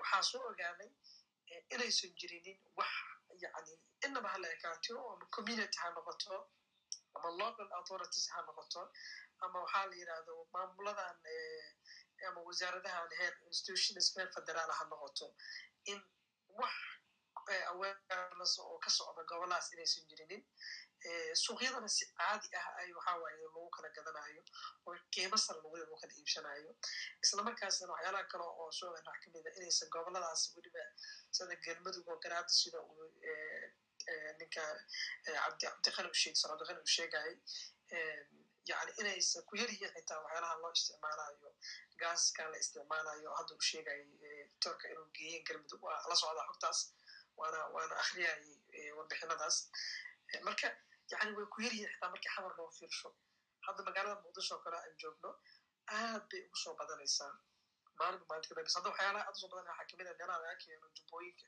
waaga hore sidii toorku sheegay dhankan baydhabiya u banaan jirtay hadda waxaa suuqyada aad ugu soo badanaya kuwa toos uga imaanaya jubbooyinka irono si transportationka intaas leegso loo soo mariyey iyo waddada si loo soo mariyey waxaan ognahay nimankan ayay sheegaan inay dhuxusha dad badan ay ka gubeen laakiin taas bedelkeeda waa wax uu siyaasad lagu dabarayo mooyaane sidaas leeyahay because waxaa la arkay dhuxul laga soo qaaday ilaa bu-aala laga keenay xamar la soo geliya la arko intaas oo tana ala marka taas waxaa kutusinaysaa in laftarkeeda ay ka jirto waxyaalaha loo yaqaano business sharing ama corporation oo ka jiro marka fursadahan in laga hortago arrintan horta waxay u tahay dadaal caalami ah.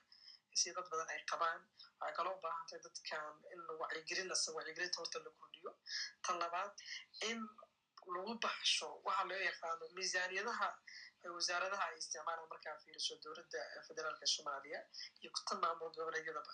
Wasaaradda deegaanka wasaaradda tabartii biyaha waa kuwa ugu miisaaniyad yar ama ugu budget yar taas waxay kutusinaysaa in laga hordo ama aan focuska la saaraynin waxaa loo yaqaano environment protectionkii iyo waxa waaye sidii installation loogu samayn lahaa oo waddanka cadiyad meelo badan oo waddanka ahaan jirtay waddan meelo oo kayma ahaan jirtay hadda waa maran tahay waa dhulka lahad siiba ugu daran dhulkan galguduuda ugu daran galguduud hadda hadaad socoto marka daa soconaysa waa adagtahay inaad hesho dhul oo jaf ah ama kayma ah way adagtahay inaad hesho waa dhif yaraayeen haddaad socoto boqolkii kilomitr waxaa laga yaabaa inaad hesho wax yar oo aan badnayn weliba hadda gobolkan galguduud oo ogaan aad ugu safarnay aad baa loo nadiifiyey wax dhuxusha hadda waxay maraysaa dhuxusha waxaa laga keenaya xitaa hadda degmooyinkan matabaan iyo oo buuro burte buurti aan dhihi hiiraan magaalada beledweyne xuduudda ayay ka yimaadaan dhankaas hadda beledweyne aad loogu maqan yahay gobolkan galguduud waxaa moodaa in aad loo nadiifiyey oo dhuxushii iyo geedihii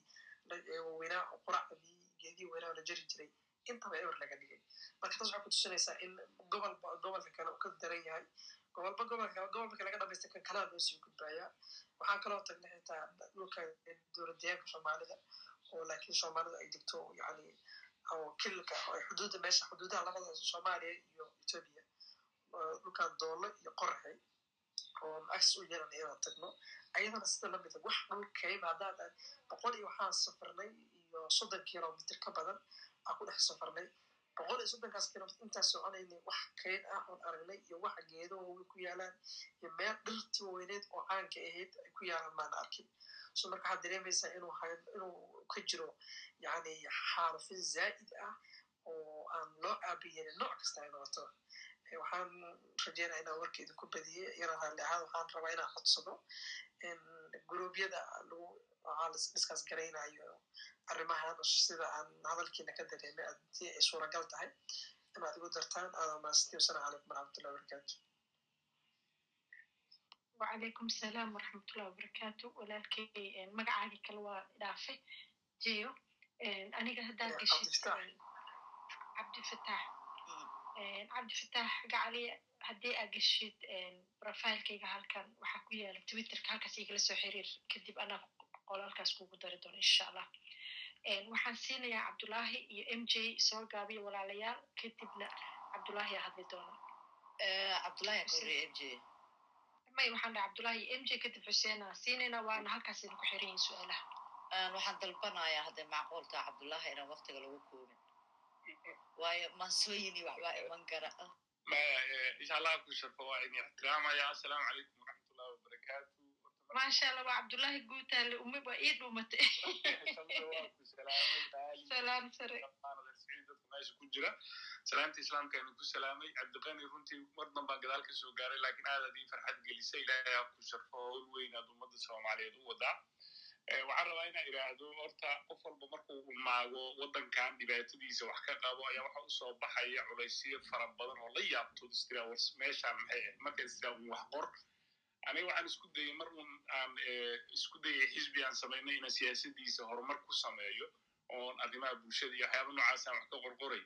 Ayaa waxay ii soo baxda waddanka soomaaliya qofka dhashay inaan la qorin qofka dhintana aan la qorin oo ilaa welidaas wax loo diiwaan gasho dadku waa iska dhintaan waa iska dhashaan dee waxaana ku filan hal buugoo masaajidka la dhigo qofka in la diiwaan gelsho inuu markuu dhintana la diiwaan gelshana sidoo kale masaajidka xaafadda ku yaal in laga diiwaan gelsho marka runtii horta waxaad moodaa inaan caalamka aad uga harsannahay dhibaatadan hadda walaalahay aa ka wada dhawaajiseenna waa dhibaato dhab ah oo soomaaliya ka jirta matalan geedkan hadda walaalkay cabdiqani uu sheegay oo xamar aad ugu faafay oo magacyada badan leh oo garawaa iyo caligaroob iyo magacyada faraha badan leh wuu iska faafaya waxa waaye waa geed aanan dhulkan u habboonayn oo kolley loo keenay sida cabdiqani noo sheegay in maaragtay xaalufintii ama bacaad celintii maaragtay looga hortago arrimahaas marka way habboon tahay walaalkay waan ku ammaanan yahay in lagu foojigan yahay geedka la keenayo dalka ama la beerayo inuu yahay geed u qalma ama geedaheennii hore ah.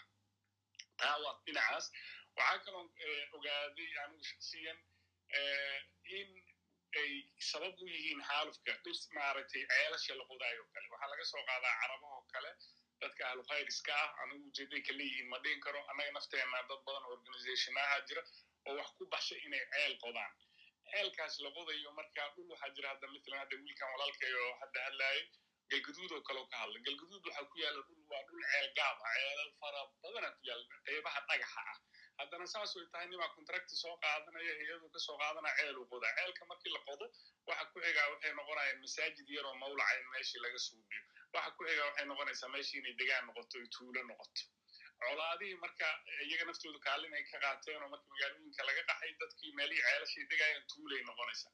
Marka arrimahaas oo dhan waxay qayb ka qaadanayaan in dhirtii la xaalufiyo oo ay meeshii baabac noqoto.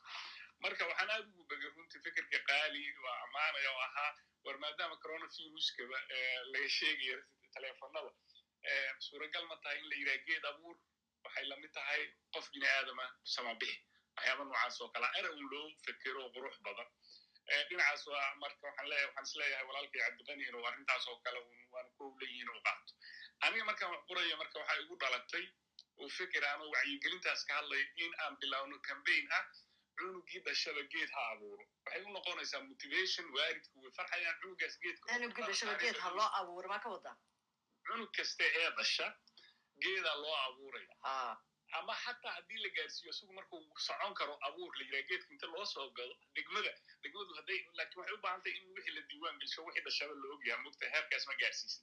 Laakiin waxaan is leeyahay in dhayragelin ah war carruurtu cunug kasta geed ha abuuro. Geedkaas wuu aqoonsanaya geedkaad adiga mudday eed abuurtay geedaha waa kaaga duwan yahay. Hataa ari hadduu kaa cuno waad dimqaysa kolley annaga carruuraan soo marnay gebigeen ana waxaan xasuustaa geed cambaaon hadda hadda ka hor abuuray oo riyaari cambaada iga cuntay xanuunkii qabtaan hawgaa marka iga goosata marka geedahaas in la yidhaahdo waxaan islahaa waxay u noqon doontaa dhiiragelin in ubadka la yidhaahdo geed ha ha abuuraan waxaa kaloo la samayn karaa iskuulaadka dadka ardada dhigata hal maalin oo sanadka kamida in ayagana la yidhaahdo maarata sida qashinka hala qaado geed hala abuuro waxyaaba noocaas oo lagu kordhinayo oo dadka wacyigooda lagu wacyigelinayo aragtidoodana iyo fikirkoodana ballaarinaayo marka arrintaas waxaan is leeyahay cabdiqaniyow haddii un maarata degmooyinka ragga heesta degmooyinka hadda matalan xamar oo kale nafteeda waxaad iska moodaa geedaha lagu abuuraa inaysan aysan sidii la raba ahayn inkastoo hadda markaa xamartega kor haddaad fuusha ad arkayso geeda aad u fara badan midda aan raba marka intaas waa iska waxay ahaday aragtidayda midda aan raba cabdiqani inaan weydiiya waxay tahay cabdiow meesha geedihii quraca iyo qansixi iyo geedihii waaweynaa dhisaqa iyo waxyaaba noocaasa laga abuurayo suuragal ma tahay in loo la abuuro geed miroodyadii geed soomaaliga ah oo markaas geedahaas dhalan doona haddii ilaahay ay noqdaan geed qof kaste ama shimbirta ama xayawaanka ay miro ka helaan. Oo suuragal ma tahay arrintaas in focuska loo jiheeyo geed mirood mase bii'aday dhib ku keenayaan maadaama aduga qof aqoon ula taha arrintaas. Waa ka baxay raalli ado shamsoy iyo cabdiqani marka geed abuur soomaaligii baa iska tira badan moog tahay soomaaliguna markii aad halhays samaynaysid waa inuu xaraf raac waa inuu yeesho. Marka waxaa igu dhasha calasha geed abuur waa geyi gumaad la'a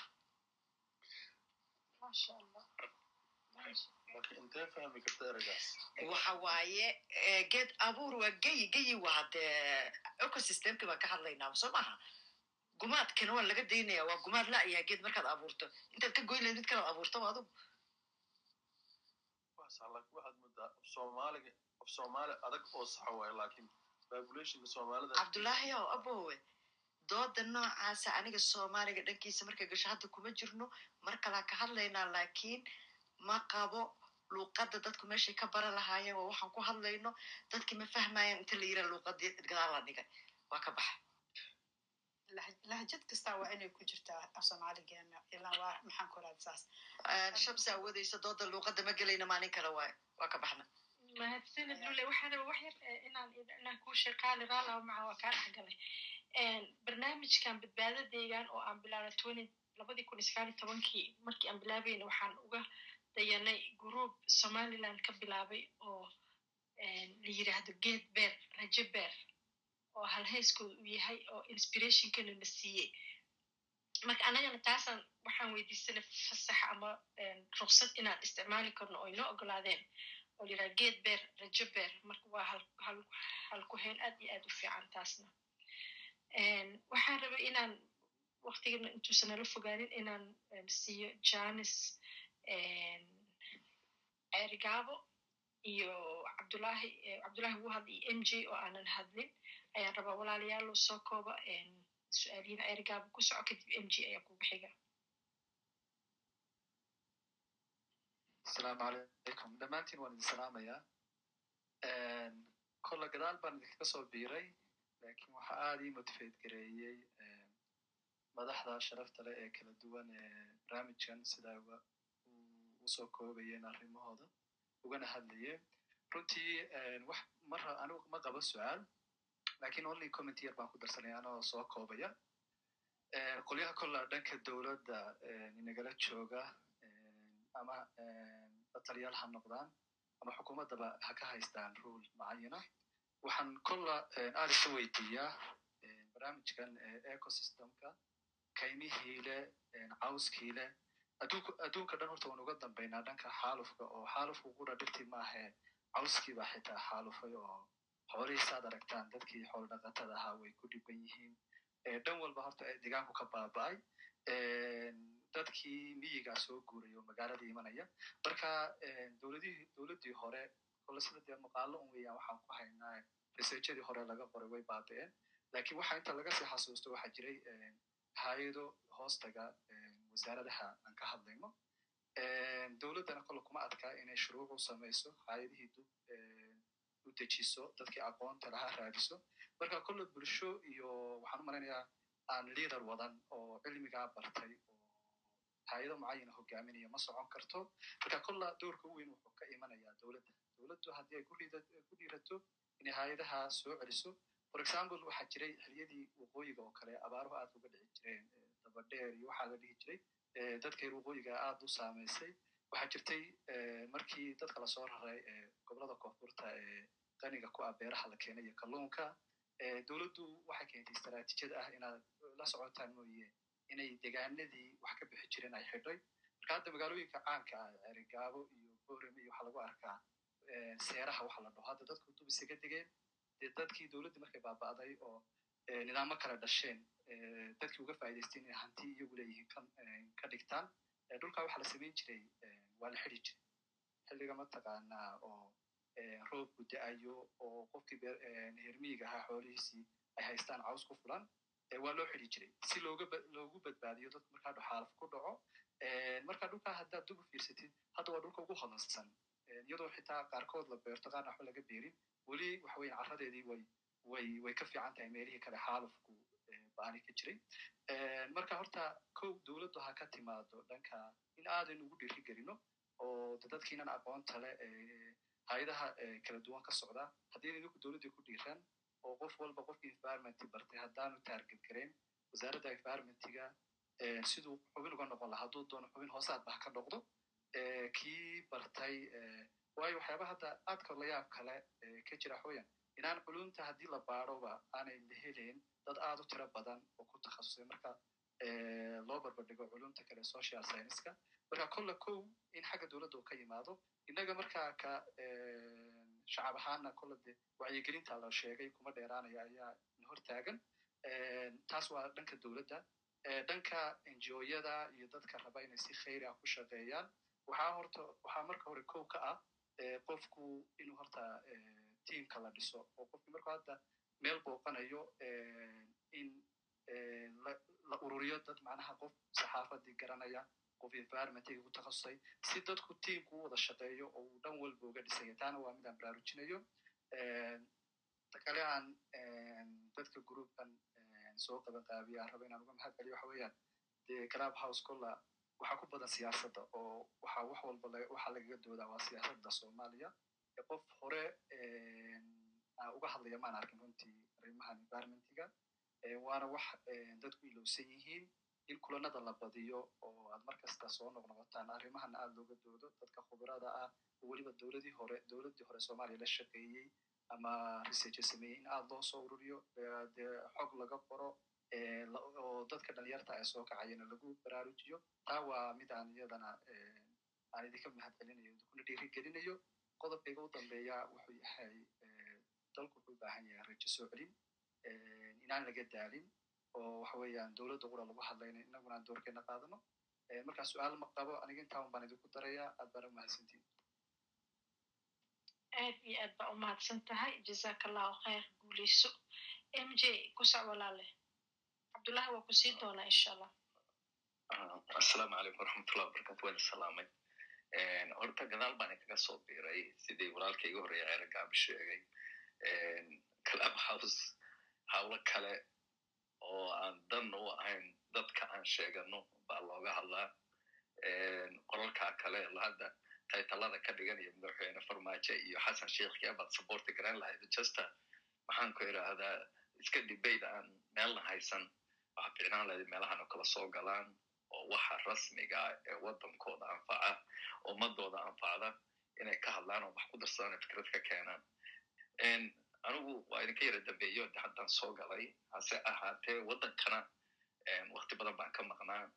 Inkastoon two thousand eight aan wax yar soo joogay oo maxaan ku idhaahdaa inta diyaaradan kor maray maahe inta lugta aan ku maray ay yarayd hase ahaatee was visible in waddan nabaad gure uu noqday.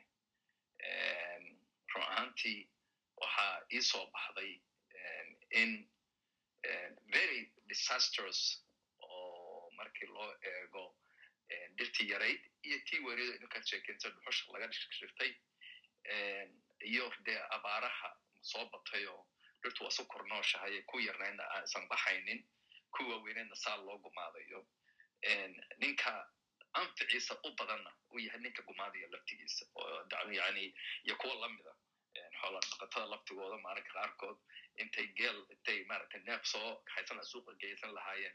Geedku hartanaya inuu jaro dhuxul ka laga yaaba inkastoo taa sheegteen u badan yihiin dad business iyo hawlo kale u soo aaday oo dee group dhan oo organize ay u badan yihiin. Waxaan kale anugu u badnaa inaan xoogaa ka hadlo meelo badankeeda research ka sameeyo wax ka akriyey xaalufinta badda.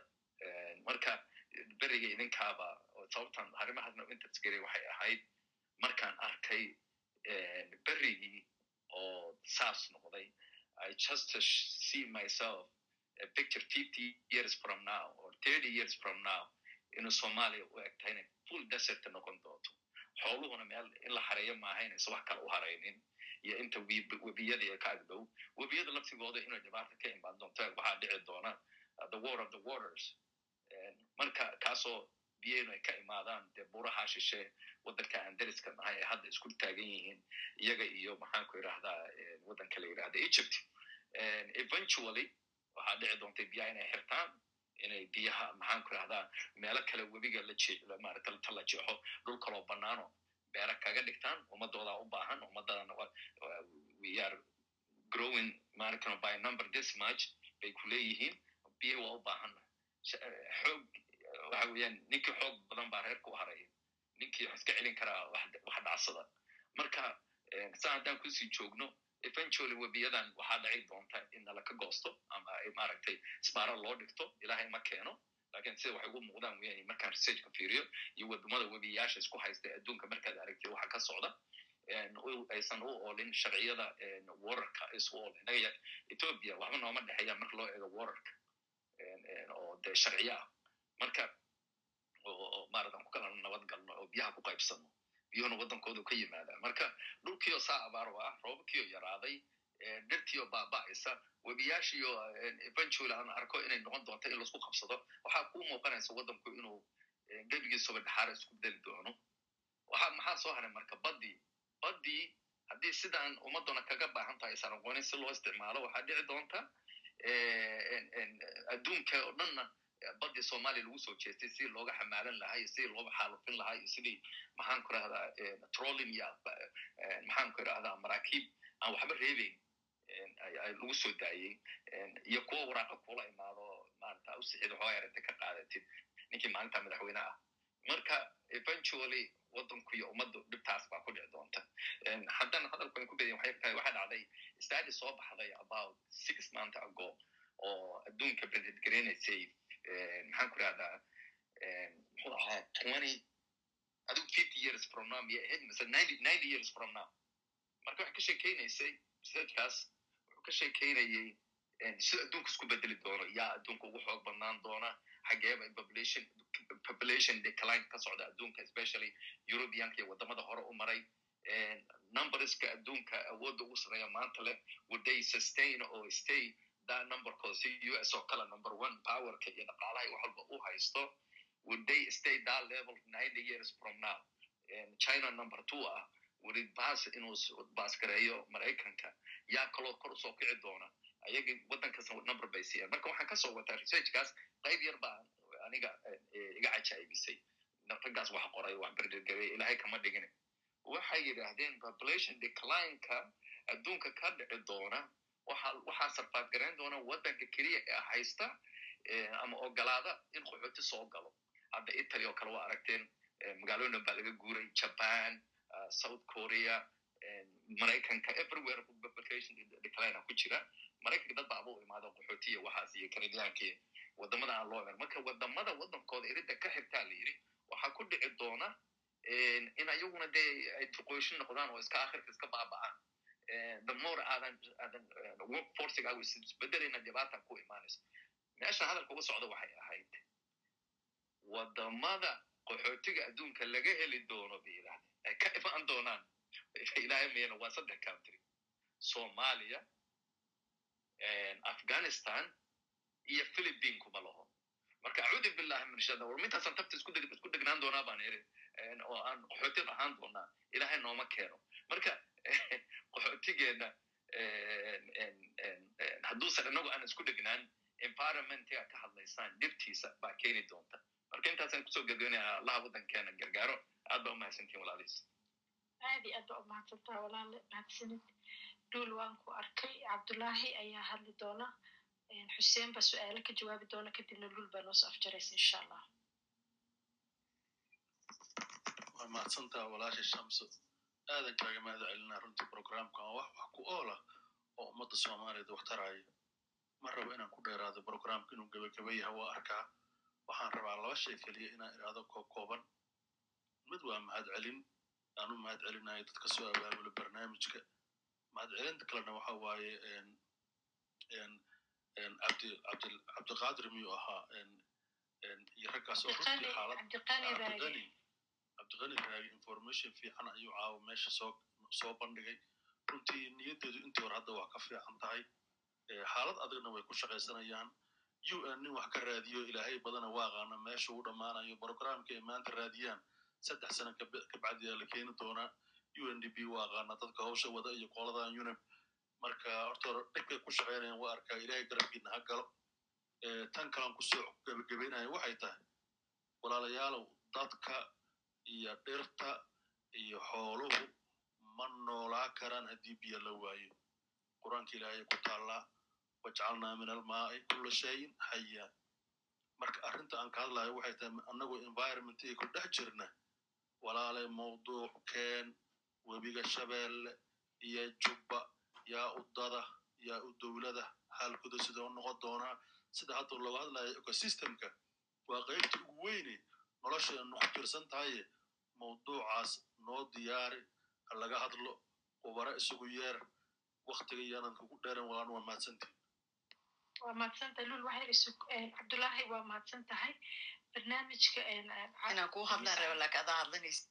Thank you xabiibti kulmisa caraweelo axad kasta oo bisha ugu dambeysa ayaan rabnaa inaan ayaan barnaamijkan oo arrimaha eh, bey'ada iyo deegaanka ku saabsan insha allahu tacaala aan ku soo qaadaynaa waxay noqonaysaa silsilad xiriirsan mawduucan aad sheegtayna waa ku soo jiri doonaa insha allahu tacaala waa ku mahadsantaa fikraddaas aan ugu soo biirisay walaali waxaan jeclaan lahaa hadday kuu suurtoobayso inaa maaragta profilekayga geshid twitterka igala soo baaqdid kaaga waan eega meel lagaala soo hadla ma jirto waxyaalo badan baa rabay inaan isla weydaarsano luli Shamso. ku soo xuseen May- may- may- may- may. intaa dhihi lahaa adigaa yiri ani kuma jiro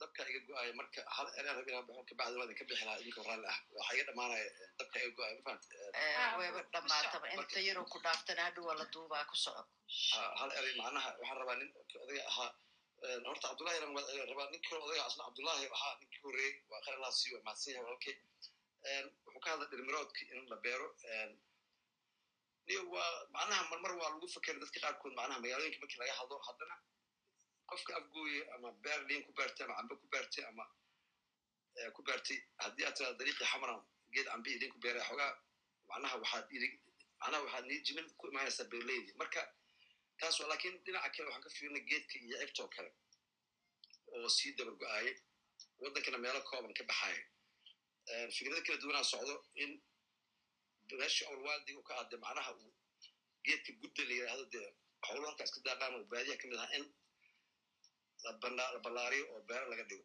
Macnaha dad shaksiyaad ay beero ka dhigtaan. Markay faa'iidooyin badan oo leeyahay waxyaabaha sii dabar go'ayan ugu badnaa. Marka taas unbaa hadda muhiimadda la saaraya waxaa kaloo raba inaan shams kuu sheego insha allah walaalkii cabdullahi uu ka dhawaajiyey biyaha waa runtiis.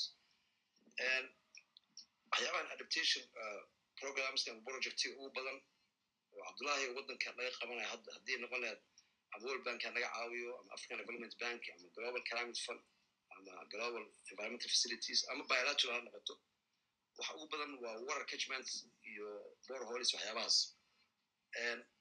oo biyihii muhiimadda la saarayo wasaaradda biyuhuna shuruucdii biyaha iyo wixii dhan way soo dhammaystirtay waxaan rabaa inaan idiin sheego shamso waxaan rabaa inaan idin cazumo nin la yidhahdo doctor cabdullahi cilmi oo sweden ka yimid expert biyaha ah khaasatan transboundary wa- water issueska macnaha arrintan webigana ka tirsan guddi dowladda ku jiro.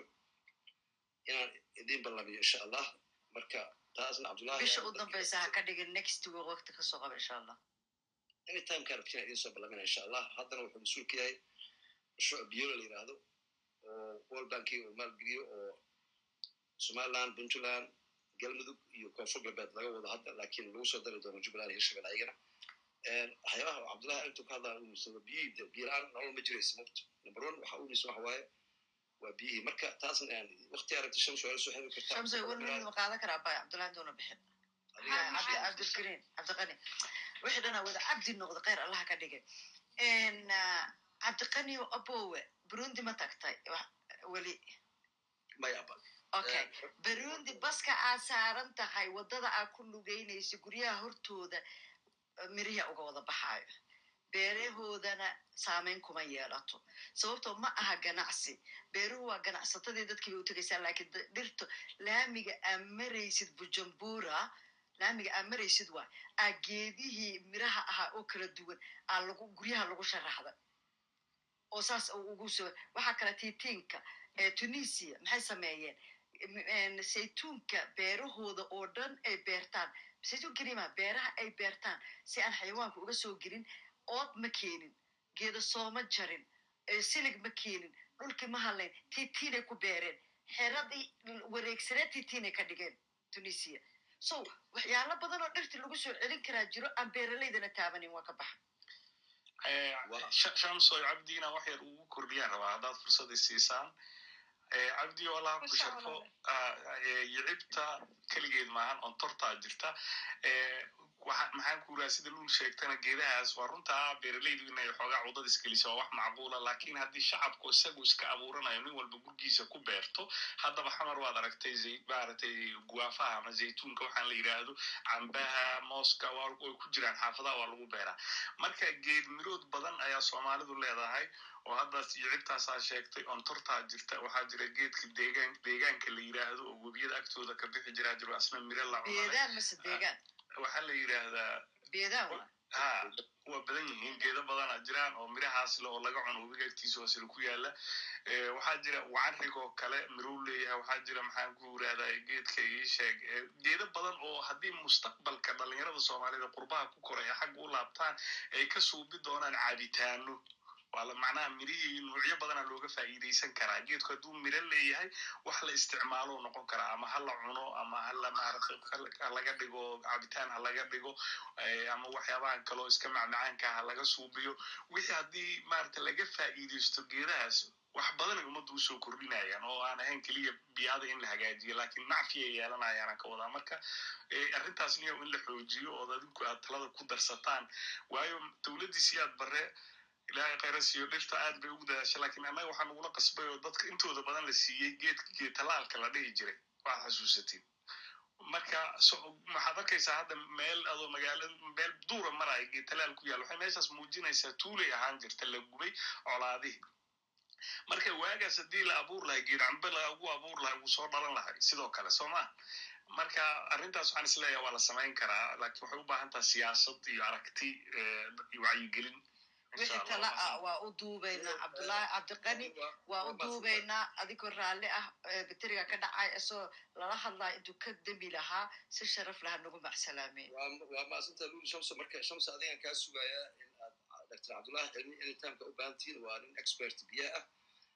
Guddi oo xafiiska madaxweynahana ka tirsan oo qaabilsan arrimaha arrimaha transboundary war issueska ah marka waktiga idinkaa iisoo sheegi doona idin ballaminayo cabdullahi waa nin waa mahadsan tahay waxaa sidaa u hadlaysid waxay u eg tahay nin arrimahan restorationka laga hadlaayo ecosystem restorationka markay timaado arrimaha dhiraynta waxyaabaha macnaha aniga shirarkii last yearka aan tagaayo oo south africa iyo waxyaabaha la dhiirigelinaa bufaw ama unka waxawaaye geed value macnaha waxaa qayb ka ah povertyga in la yareeyo. Waa sidaa sheegaysa geed iska beer macnihiisa ma ahan laakiin geed value u leh oo dadkii nolol u samaynayo oo dhaqaale ka heli karaan oo noloshooda bedelayo inuu noqdo reforestationkii marka waa talo fiican walaalo waana saa sheegtay wax walba siyaasad iyo waxay rabaan deganaansho waddankana. Dad badan wax si fiican qof kasta oo hadlay arrin jirto oo muhiim u ka hadlay. Laakiin midda talada ku dara waddankii amnigiisi ma wada sugnaa waddankii dowladdii iyada dhaqaalaheeda programmadeeda iyada ma finance garaynayso waxay ku xiran tahay waddamo dibadda ah inay finance gareeyaan ama hay'ada loo soo marsiiyo shan sano lix sano ka hor toddoba sano ka hor qof hal doolar laguma aaminayn dowladda dhib ma laha cabdiqaniyo shamsaa u dhalatay dadka dadkaa loo sii dira marka saasaa loo balana waa mahadsantihiin idinka idinka horsugaa shamsi iluul waqtiga u baahan Allah. walaalkii cabdullahi ku dhawaajiyey midda kale walaalkii cabdullahi ku dhiirigela waxay tahay walaal institutionka iyagoo sidooda ah dadkii inaad la shaqaynaya hay'ada environmentiga ah oo waddamadaas dibadaha ah waxaa la xiriiri kartiin jaamacadihii waxaa la aadin kartiin hay'adahan information markasta caawinaada waddanka waa caawin kartaan maxanibayso wasaarad keliya laga dhigo taas waada ku dhiirigelacabdiqaniyow qaali cabdullaahi shamso aniga adeer saciid oo hadaaya hadlay mahad intaba tiim kulmisa sideed labaatankii ahaa qayb ka mid ahoo joogta waay bes waa dhamaat way waa waa maadsantiin asalaamu calaykum calaykum salaam waraxmatullahi wabarakaatu marka hadda su'aalihii kama dambeynta ah xuseen ayaan ka jawaabi doona kadibna luul caraweelo kulmiyaa noo soo afjaraysa aad iyo aad u mahadsantihiin runtii shamso aad aad baa umahadsan tahay waan u mahad celinayaa akhyaarta hadashay. Labada cabdullaahi iyo doctor yusuf ba oo aan ka xasuusto dad ka hadlay. Doctor yusuf aad baan salaamayaa oon december jijiga kula kulmay shir somali studies conference oo xalka ka socday. Adeer siciid jaamac baxay baan malaynaya dhammaan akhyaarta kulley wax badan baan ka bartay in badan baan dhegeysanayay caawa oo dhan hal su'aalo awina weydiye baa jirtay cabdi malik baan filayaa. Oo uu ka hadlay macnihii exactly hadan xasuusto badda iyo nabaad guuriyo wax ku dhacay qiyaastii uu ka hadlay baan filaya hadday tahay?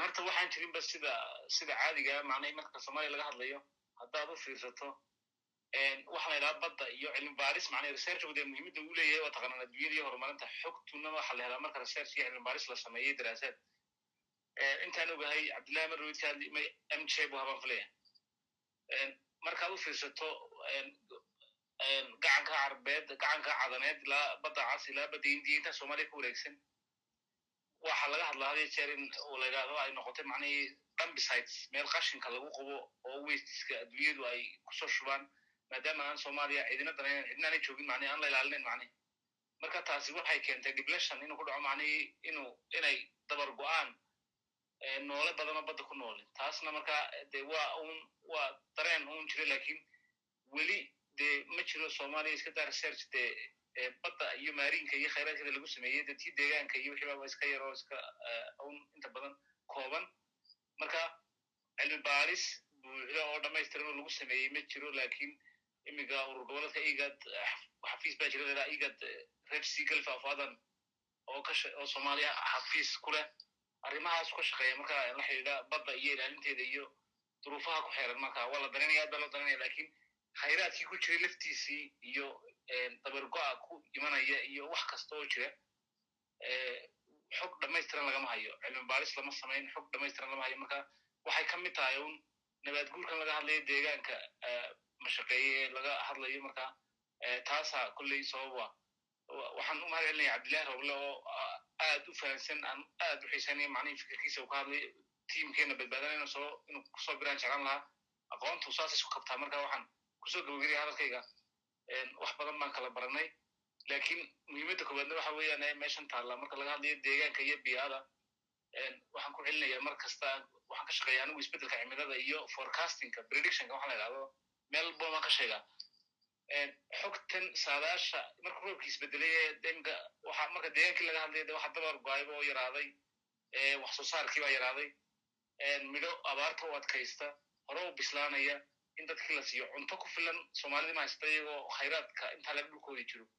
Marka mar walba waan ku celiyaa waxaan messagekeygu waxa weeye aan ka wada shaqayno imiga adduunyadii casri bay noqotay waddamadan jaarkan ka shaqeeya anigu waxaan ka shaqeeya egad miber ka shaqeeya xogta isbeddelka cimilada iyo saadaasha isticmaalaan mar walba iyagoo macnihi dad beerleydii iyo xoola dhaqatadii la gaadhsiinayo beerleydi wax wax ku beertaa saadaashaas saadaashu marka waa ninety percent waxa weeyaan sax bay noqon kartaa. Waa satellite based marka forecast google roobku intuu intay helayaan waa la yaqaanaa. Lakin arrinta jirta soomaaliya ka taagan baa de ma jirto waa ka hadlayay ninka odagee naga baxay cabdiqani meteorological agency ma jirto ama wasaaradda deegaanku ma jirto marka dhibaatadaasi intay de laga baxayo lagama musnaan karo marka waxaan u baahannahay inaan ka wada shaqeyno iminka wiigii tagay waxaan qabanay somalia national climate outlook forum. Aan isla wadaagnay xogtii gugii tagay roobku siduu ahaa. Bilaha saddexa bilood soo socda siduu noqon doono maxaa qorshay laga samaynaya tvga laga sii daayey websaytada lagu qoray waa la sheergareeyey xogtaasi inay bulshadii gaadhaan loo baahan yahay. Marka waa xog si scientifica loo soo saaray modellaa la isticmaalaya adduunyada macnihii sida ay u loo shaqaynaya xogtiiba markaa taala xogtii inay bulshadii ku hawl gasho hadday fatahaadi soo socoto lagaga hortago. Haddii biirani ay dhacdo in dadkii ay kaystaan calafka iyo wixii ay haystaan resourceka ay haystaan mar dee inaynu khaladaadka dhacaya inaan wax ka baranaa muhiima haddii sanad kasta abaar baa dhacday fatahaad baa dhacday waa macnahi maxaa la samayn karaa dee? Adduunyadii la sidii hore maaha aqoon iyo cilmi iyo science baa adduunyadii yaalla. Wadamada jaarka ka faa'idaystay aan ka aanu ka shaqeeya ka faa'iidaysto markaan taga aan dareema macnihi jiriricayo kacda wallahi been idin sheegi maayo dee soomaali ahay waxaan dareemayaa dhibka soomaalida haysta deegaanada aan ka shaqeeya ee waddamada igad member stateska macnihi waa isku duruuf baan nahay. Baahi isku miday qabaan xoola dhaqata beerleydeenu iyo kuwoodu laakiin waxay helaan wax aan qiimo badan ku fadhiin oo aan cost badan u baahnayn oo iska fudud oo xog ah xog simbal marka waad garan kartaan dee xogtu qiimaha ay leedahay. Marka anigoo qiiraysan yaanan isku dheerayn waxaan jeclaan lahaa inaan ka wada shaqayno qof wal oo inaga mid ihi waxa uu samayn karo contributiona. Anigu macnihi imka intaan gacanta intaan ogahay macnihi haddaan idinka idin sheego idinkuna aad cid kale u sii sheegtaan waxa inoo waxa inoo wax suurtagala marka waxaan qiimo badanna ku fadhiin anfacayana bulshadii marka imiga anigu inaan macnihii hayru shaqeeyo ama nairobi fadhiya macnihi ma samaynayso haddii aanan macnihi waxaan hayey aanan ku contribute garin bulshadii soomaaliyeed. Xoola dhaqatay beerleyda ku nool galmudug hirshabeelle boosaaso hargeysa wherever meeshay doonaha joogaana jooga. Xogta aan haye ee fudud ee noloshooda wax ka bedeli karta haddii lala wadaago ee aan u baahnayn kharash iyo lacag laakiin u baahan in la gudbiyo ayaa muhiima inaan ka wada shaqeyno.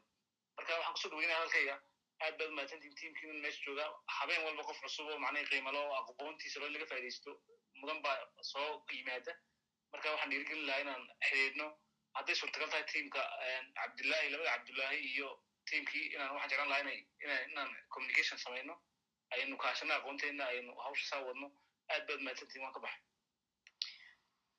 aad iyo aad aa mahadsan tahay shamso aad baan kaaga mahad maaragtay waayo shamso waxaan isdaba soconnaa ilaa laba kun iyo afar iyo tobankii. Waxaan isku baranay aas aaskii global somaly diaspora.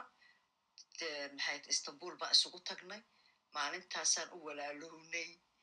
Maskaxdaan ka walaalownay. Ayaan isu daba soconnaa waxay noqotay waxa aan qaban lahayna tirada inay ka badatay. Inaan iskala qaybinno. Annagoo isla soconno haddana qofiba xooga meel saarto marka badbaado degaan allaha u naxariistay professor warfa iyo shamso iyo cabdinuur maxamed. Aa runtii aas aaska fekerka ugu weyn iyo dad kaloo badan shamso sheegi doonto. Alla allah u naxariistay gacalyahiga cabdiraxmaan xoosh ayaa maaragta xooga xooga xooga saaray. Aniguna waxaan ahaa kow qofka aragtay. Professor warfa meel baan ka arkay. Cabdiraxmaan xoosh meel baan ka arkay. Shamso meel baan ka arkay cabdinuur sidoo kale waxaan ahaa liinti maaragtay xanjadii isku dhejisay oo tiri wareeraa kaalay isma ogidin miya mis maad hawsha aa wadiin meel isugu geysiin. Kadibna shamsu saasay u wadaa ilaahay horta hanoo raajiyo. Anigu waxaan ahaa un markay deegaanka noqoto runta marka laga hadlo libinta qofka lahaa la siiyaa. Shamso taageeraan u ah waa ayada waxa maskaxda wadda. Waxyaalo kale ayaan anigu wadaa iyaduna aniga taageera i telefona isoo galay raalli ahaada waxaa kaleeto se idiin sheegtay axad walba ugu dambaysa waa wax cayiman oo ah waxaa loo qoodeeyo qolkan badbaado degaan. Wax kasta oo degaankii soo gelayo laakiin micnaheedu ma aha waa halkaas maalin oo keliya bisha.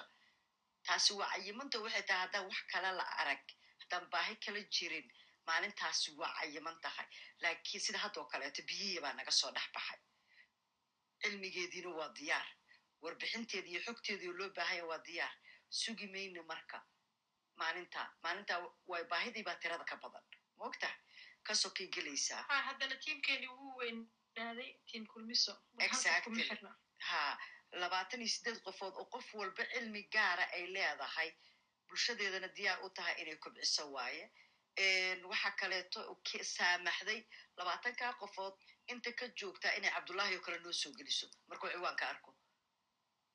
Oo cabdullaahi oo kale ay noo keento maanta. Aad baan ugu faraxsanaa cabdullaahi rooblo inaad nagu soo biirtid. Fadlan bifadlan adiga iyo maaragtay shamse waa inaad u dirtaan warbixintiina si aan idinla soo xiriirno. Qolol baa jira si gaara aan ugu xiriirno. Oo kala duwan mabduuc walba la iskuma qaso taas waa in haddaay luuqadda u istaajinaya abaye linkid linkid inkeyga haddaad gasho. Wax dambe oo igu kaalaaban warbixina ma arkaysta halkaa maya bu meesha kuguma qorra. Waa waa ku soo qoraya marka ayadu anaga profiladeena haddaa geshid laakiin kuweeni baa ku qoran twitterada taabanaysa meeshaasaad noogu soo diraysaa meel aan kaala soo xarin oo ku helaynaa kadib. sorry cabdullahi walaal. Ninkaagu ma cabdullahi robla ya sorry sorry walaalan sawirkaas ii saaran iyo magacaas meesha igu yaal waayo. Twitterka iyo linkedinka labadaba. Dhib mala haddaad noo soo dirtana annagaa waxna isku xirayna qol ay ku wada jiraan aad ugu tegaysaa insha allah.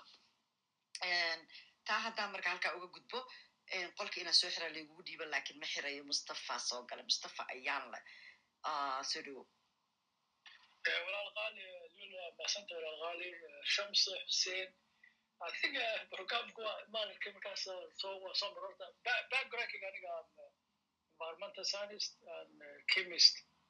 That's my background but that's not what I do now. But that's what I used to do before.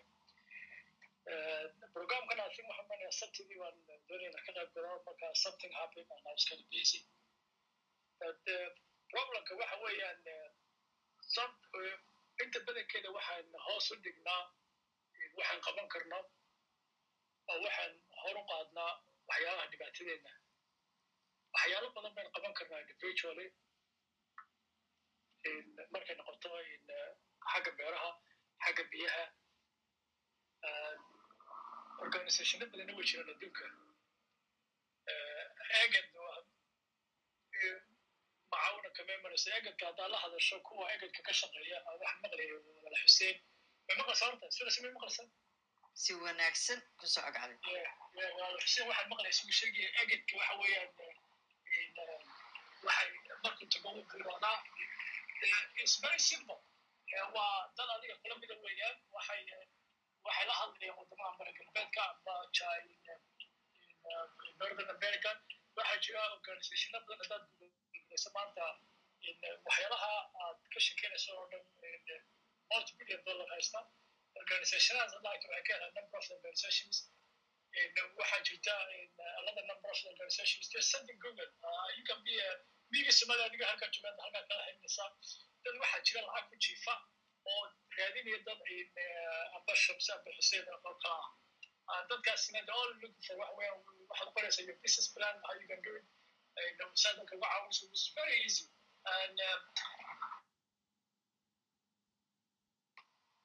discuss with Melania money wise, also they give you expertise and they, uh, they will do anything to help you out. And that's what you see when you see those uh, Kenya, Mahanakotam, uh, Tanzania, Egan can come in the car because that's the connection that you have. So it's have you have to make that connection. I mean, waa shaqada the way waayo guuxa guuxa aad noogu batay I'm sorry. I just want to make a quick, you know, make that connection. Hussein iyo Shamsa, uh, make the connection. Makariya organization. It's a bunch of organizations. Lacag la siinaya, resources siinaya, oo aad ina caawinaya. In, uh, in Somalia, in, uh, in, waa wadan barwaaqaa weeyaan, but we have to get to know how to uh, utilize our resources. Uh, intaasaan ku soo gabagabeynaya walaalaqaali waa mahadsantihiin. Adduunka bedel, adduunkana bedelay. aad iyo aad baa u mahadsan tahay kelmaddaa waa sugay adduunka bedela adigiyo idin bedelina aad iyo aad baa u mahadsan tahay kelmad ka macaanon ku dhamaystiri lahayn barnaamijkan ma jirto? Waxa waaye aad baad u tihiin. Meeshan mar kasta waa la yska helaa. Qof walbo soo gelaysana ciwaankay u socotaa dad waa horaa isu baranay dad hadda isbaranaynaa mustaf waa qof aan dareemay inuu isku maskax aan nahay isku meel aan ka soconno. Inkastoo aan title aan diido uu dusha iga saaro. Haddaan diida xataa uu dagaalamo laakiin waan ka aamusaya hadda soo bixin oo ku barya.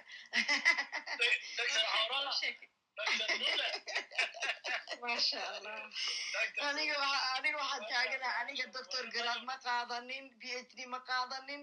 Qofka u shaqaystaa xaq u leh asiga wuxuu leeyahay b h d ga maxaa u taqaanaa marka waxa waaye yes caalamka maaragtay aqoonta way jirtaa wax horma la isku siiyo oo ah hawshay markaad qabanaysa practical aad u barato.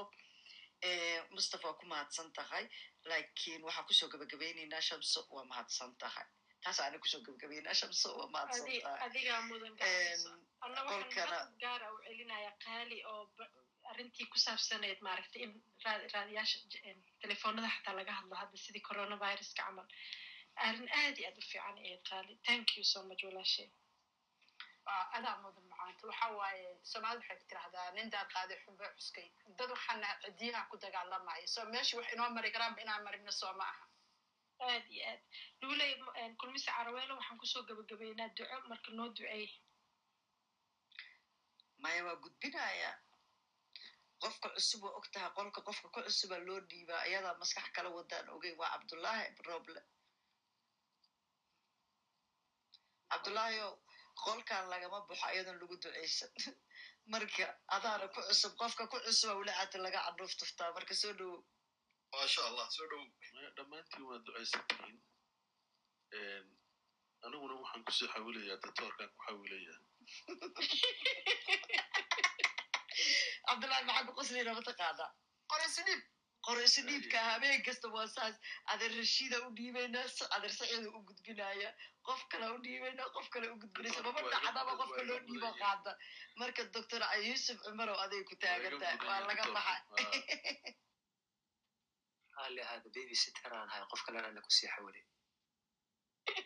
mustafa ku xawilayna isagaa garaacaye waxaan just qasli aniga okay okay insha allahu tacaala aad waa mahadsantihiin horta ilahay dembigeena ha dhaafo qalbiyadeennana ha isu furo sababto waxaad moodaa in maaragtay xoolaha sida xeraha xeraha qolo walba xoolaheeda ay xero u gashato ayaa qalbiyadeena xero loo kala gashtay. Ilaahay kuwa xerooyinkaas ka soo baxo oo banaanka barxadda isugu soo baxa oo ayagu is arka isna kaashada allaha naga dhigo waddankeennii waxaa ku rogaata colaad waxaa ku rogaata cabsi. Cabsida allah ka bixiya dadka. Cabsidu hadday naga baxdo colaadu way naga baxaysaa. Waayo kan xumaanta samaynaya maanta haddii aan awood u leenaha aan sheegi karno. Hadda awood u leenaha waa nagala qaban lahaa. Laakiin ma sheegi karno cabsi baana haysa. Marka ilaahay subxaanau watacaala qalbiyadeena cabsida ha ka gooyo. Hal maalin unbaa la dhimanayaa haddii bulshadu hal mar shacabku wada kaco waayo quraansho aruurta bac bay jiidaa layiri dad kaa badan iyo biyo kaa badanna way ku hafiyaan. Waxaan rajaynayaa oo ilaahayna ka baryayaa in ilaahay ummadeena qalbigooda furo damiirkooda kiciyo tusana waxa xumaha agtooda yaalla ee hal mar ay ku wada jeestaan insha allahu tacaala. Khayr iyo bashbashaana idin rajaynaa habeen iyo maalin iyo galab meel ay ku tahaba allaha nagu dhowro meelaan joognaba wasalaamu calaykum waraxmat ullahi wabarakaatu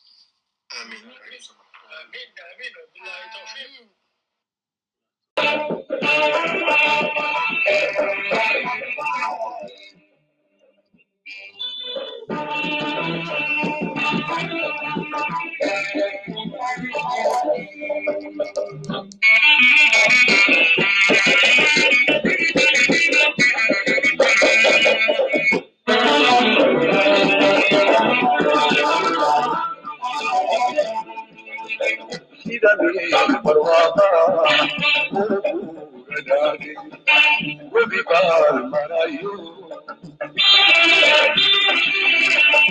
آمين وبالله توفيق عايز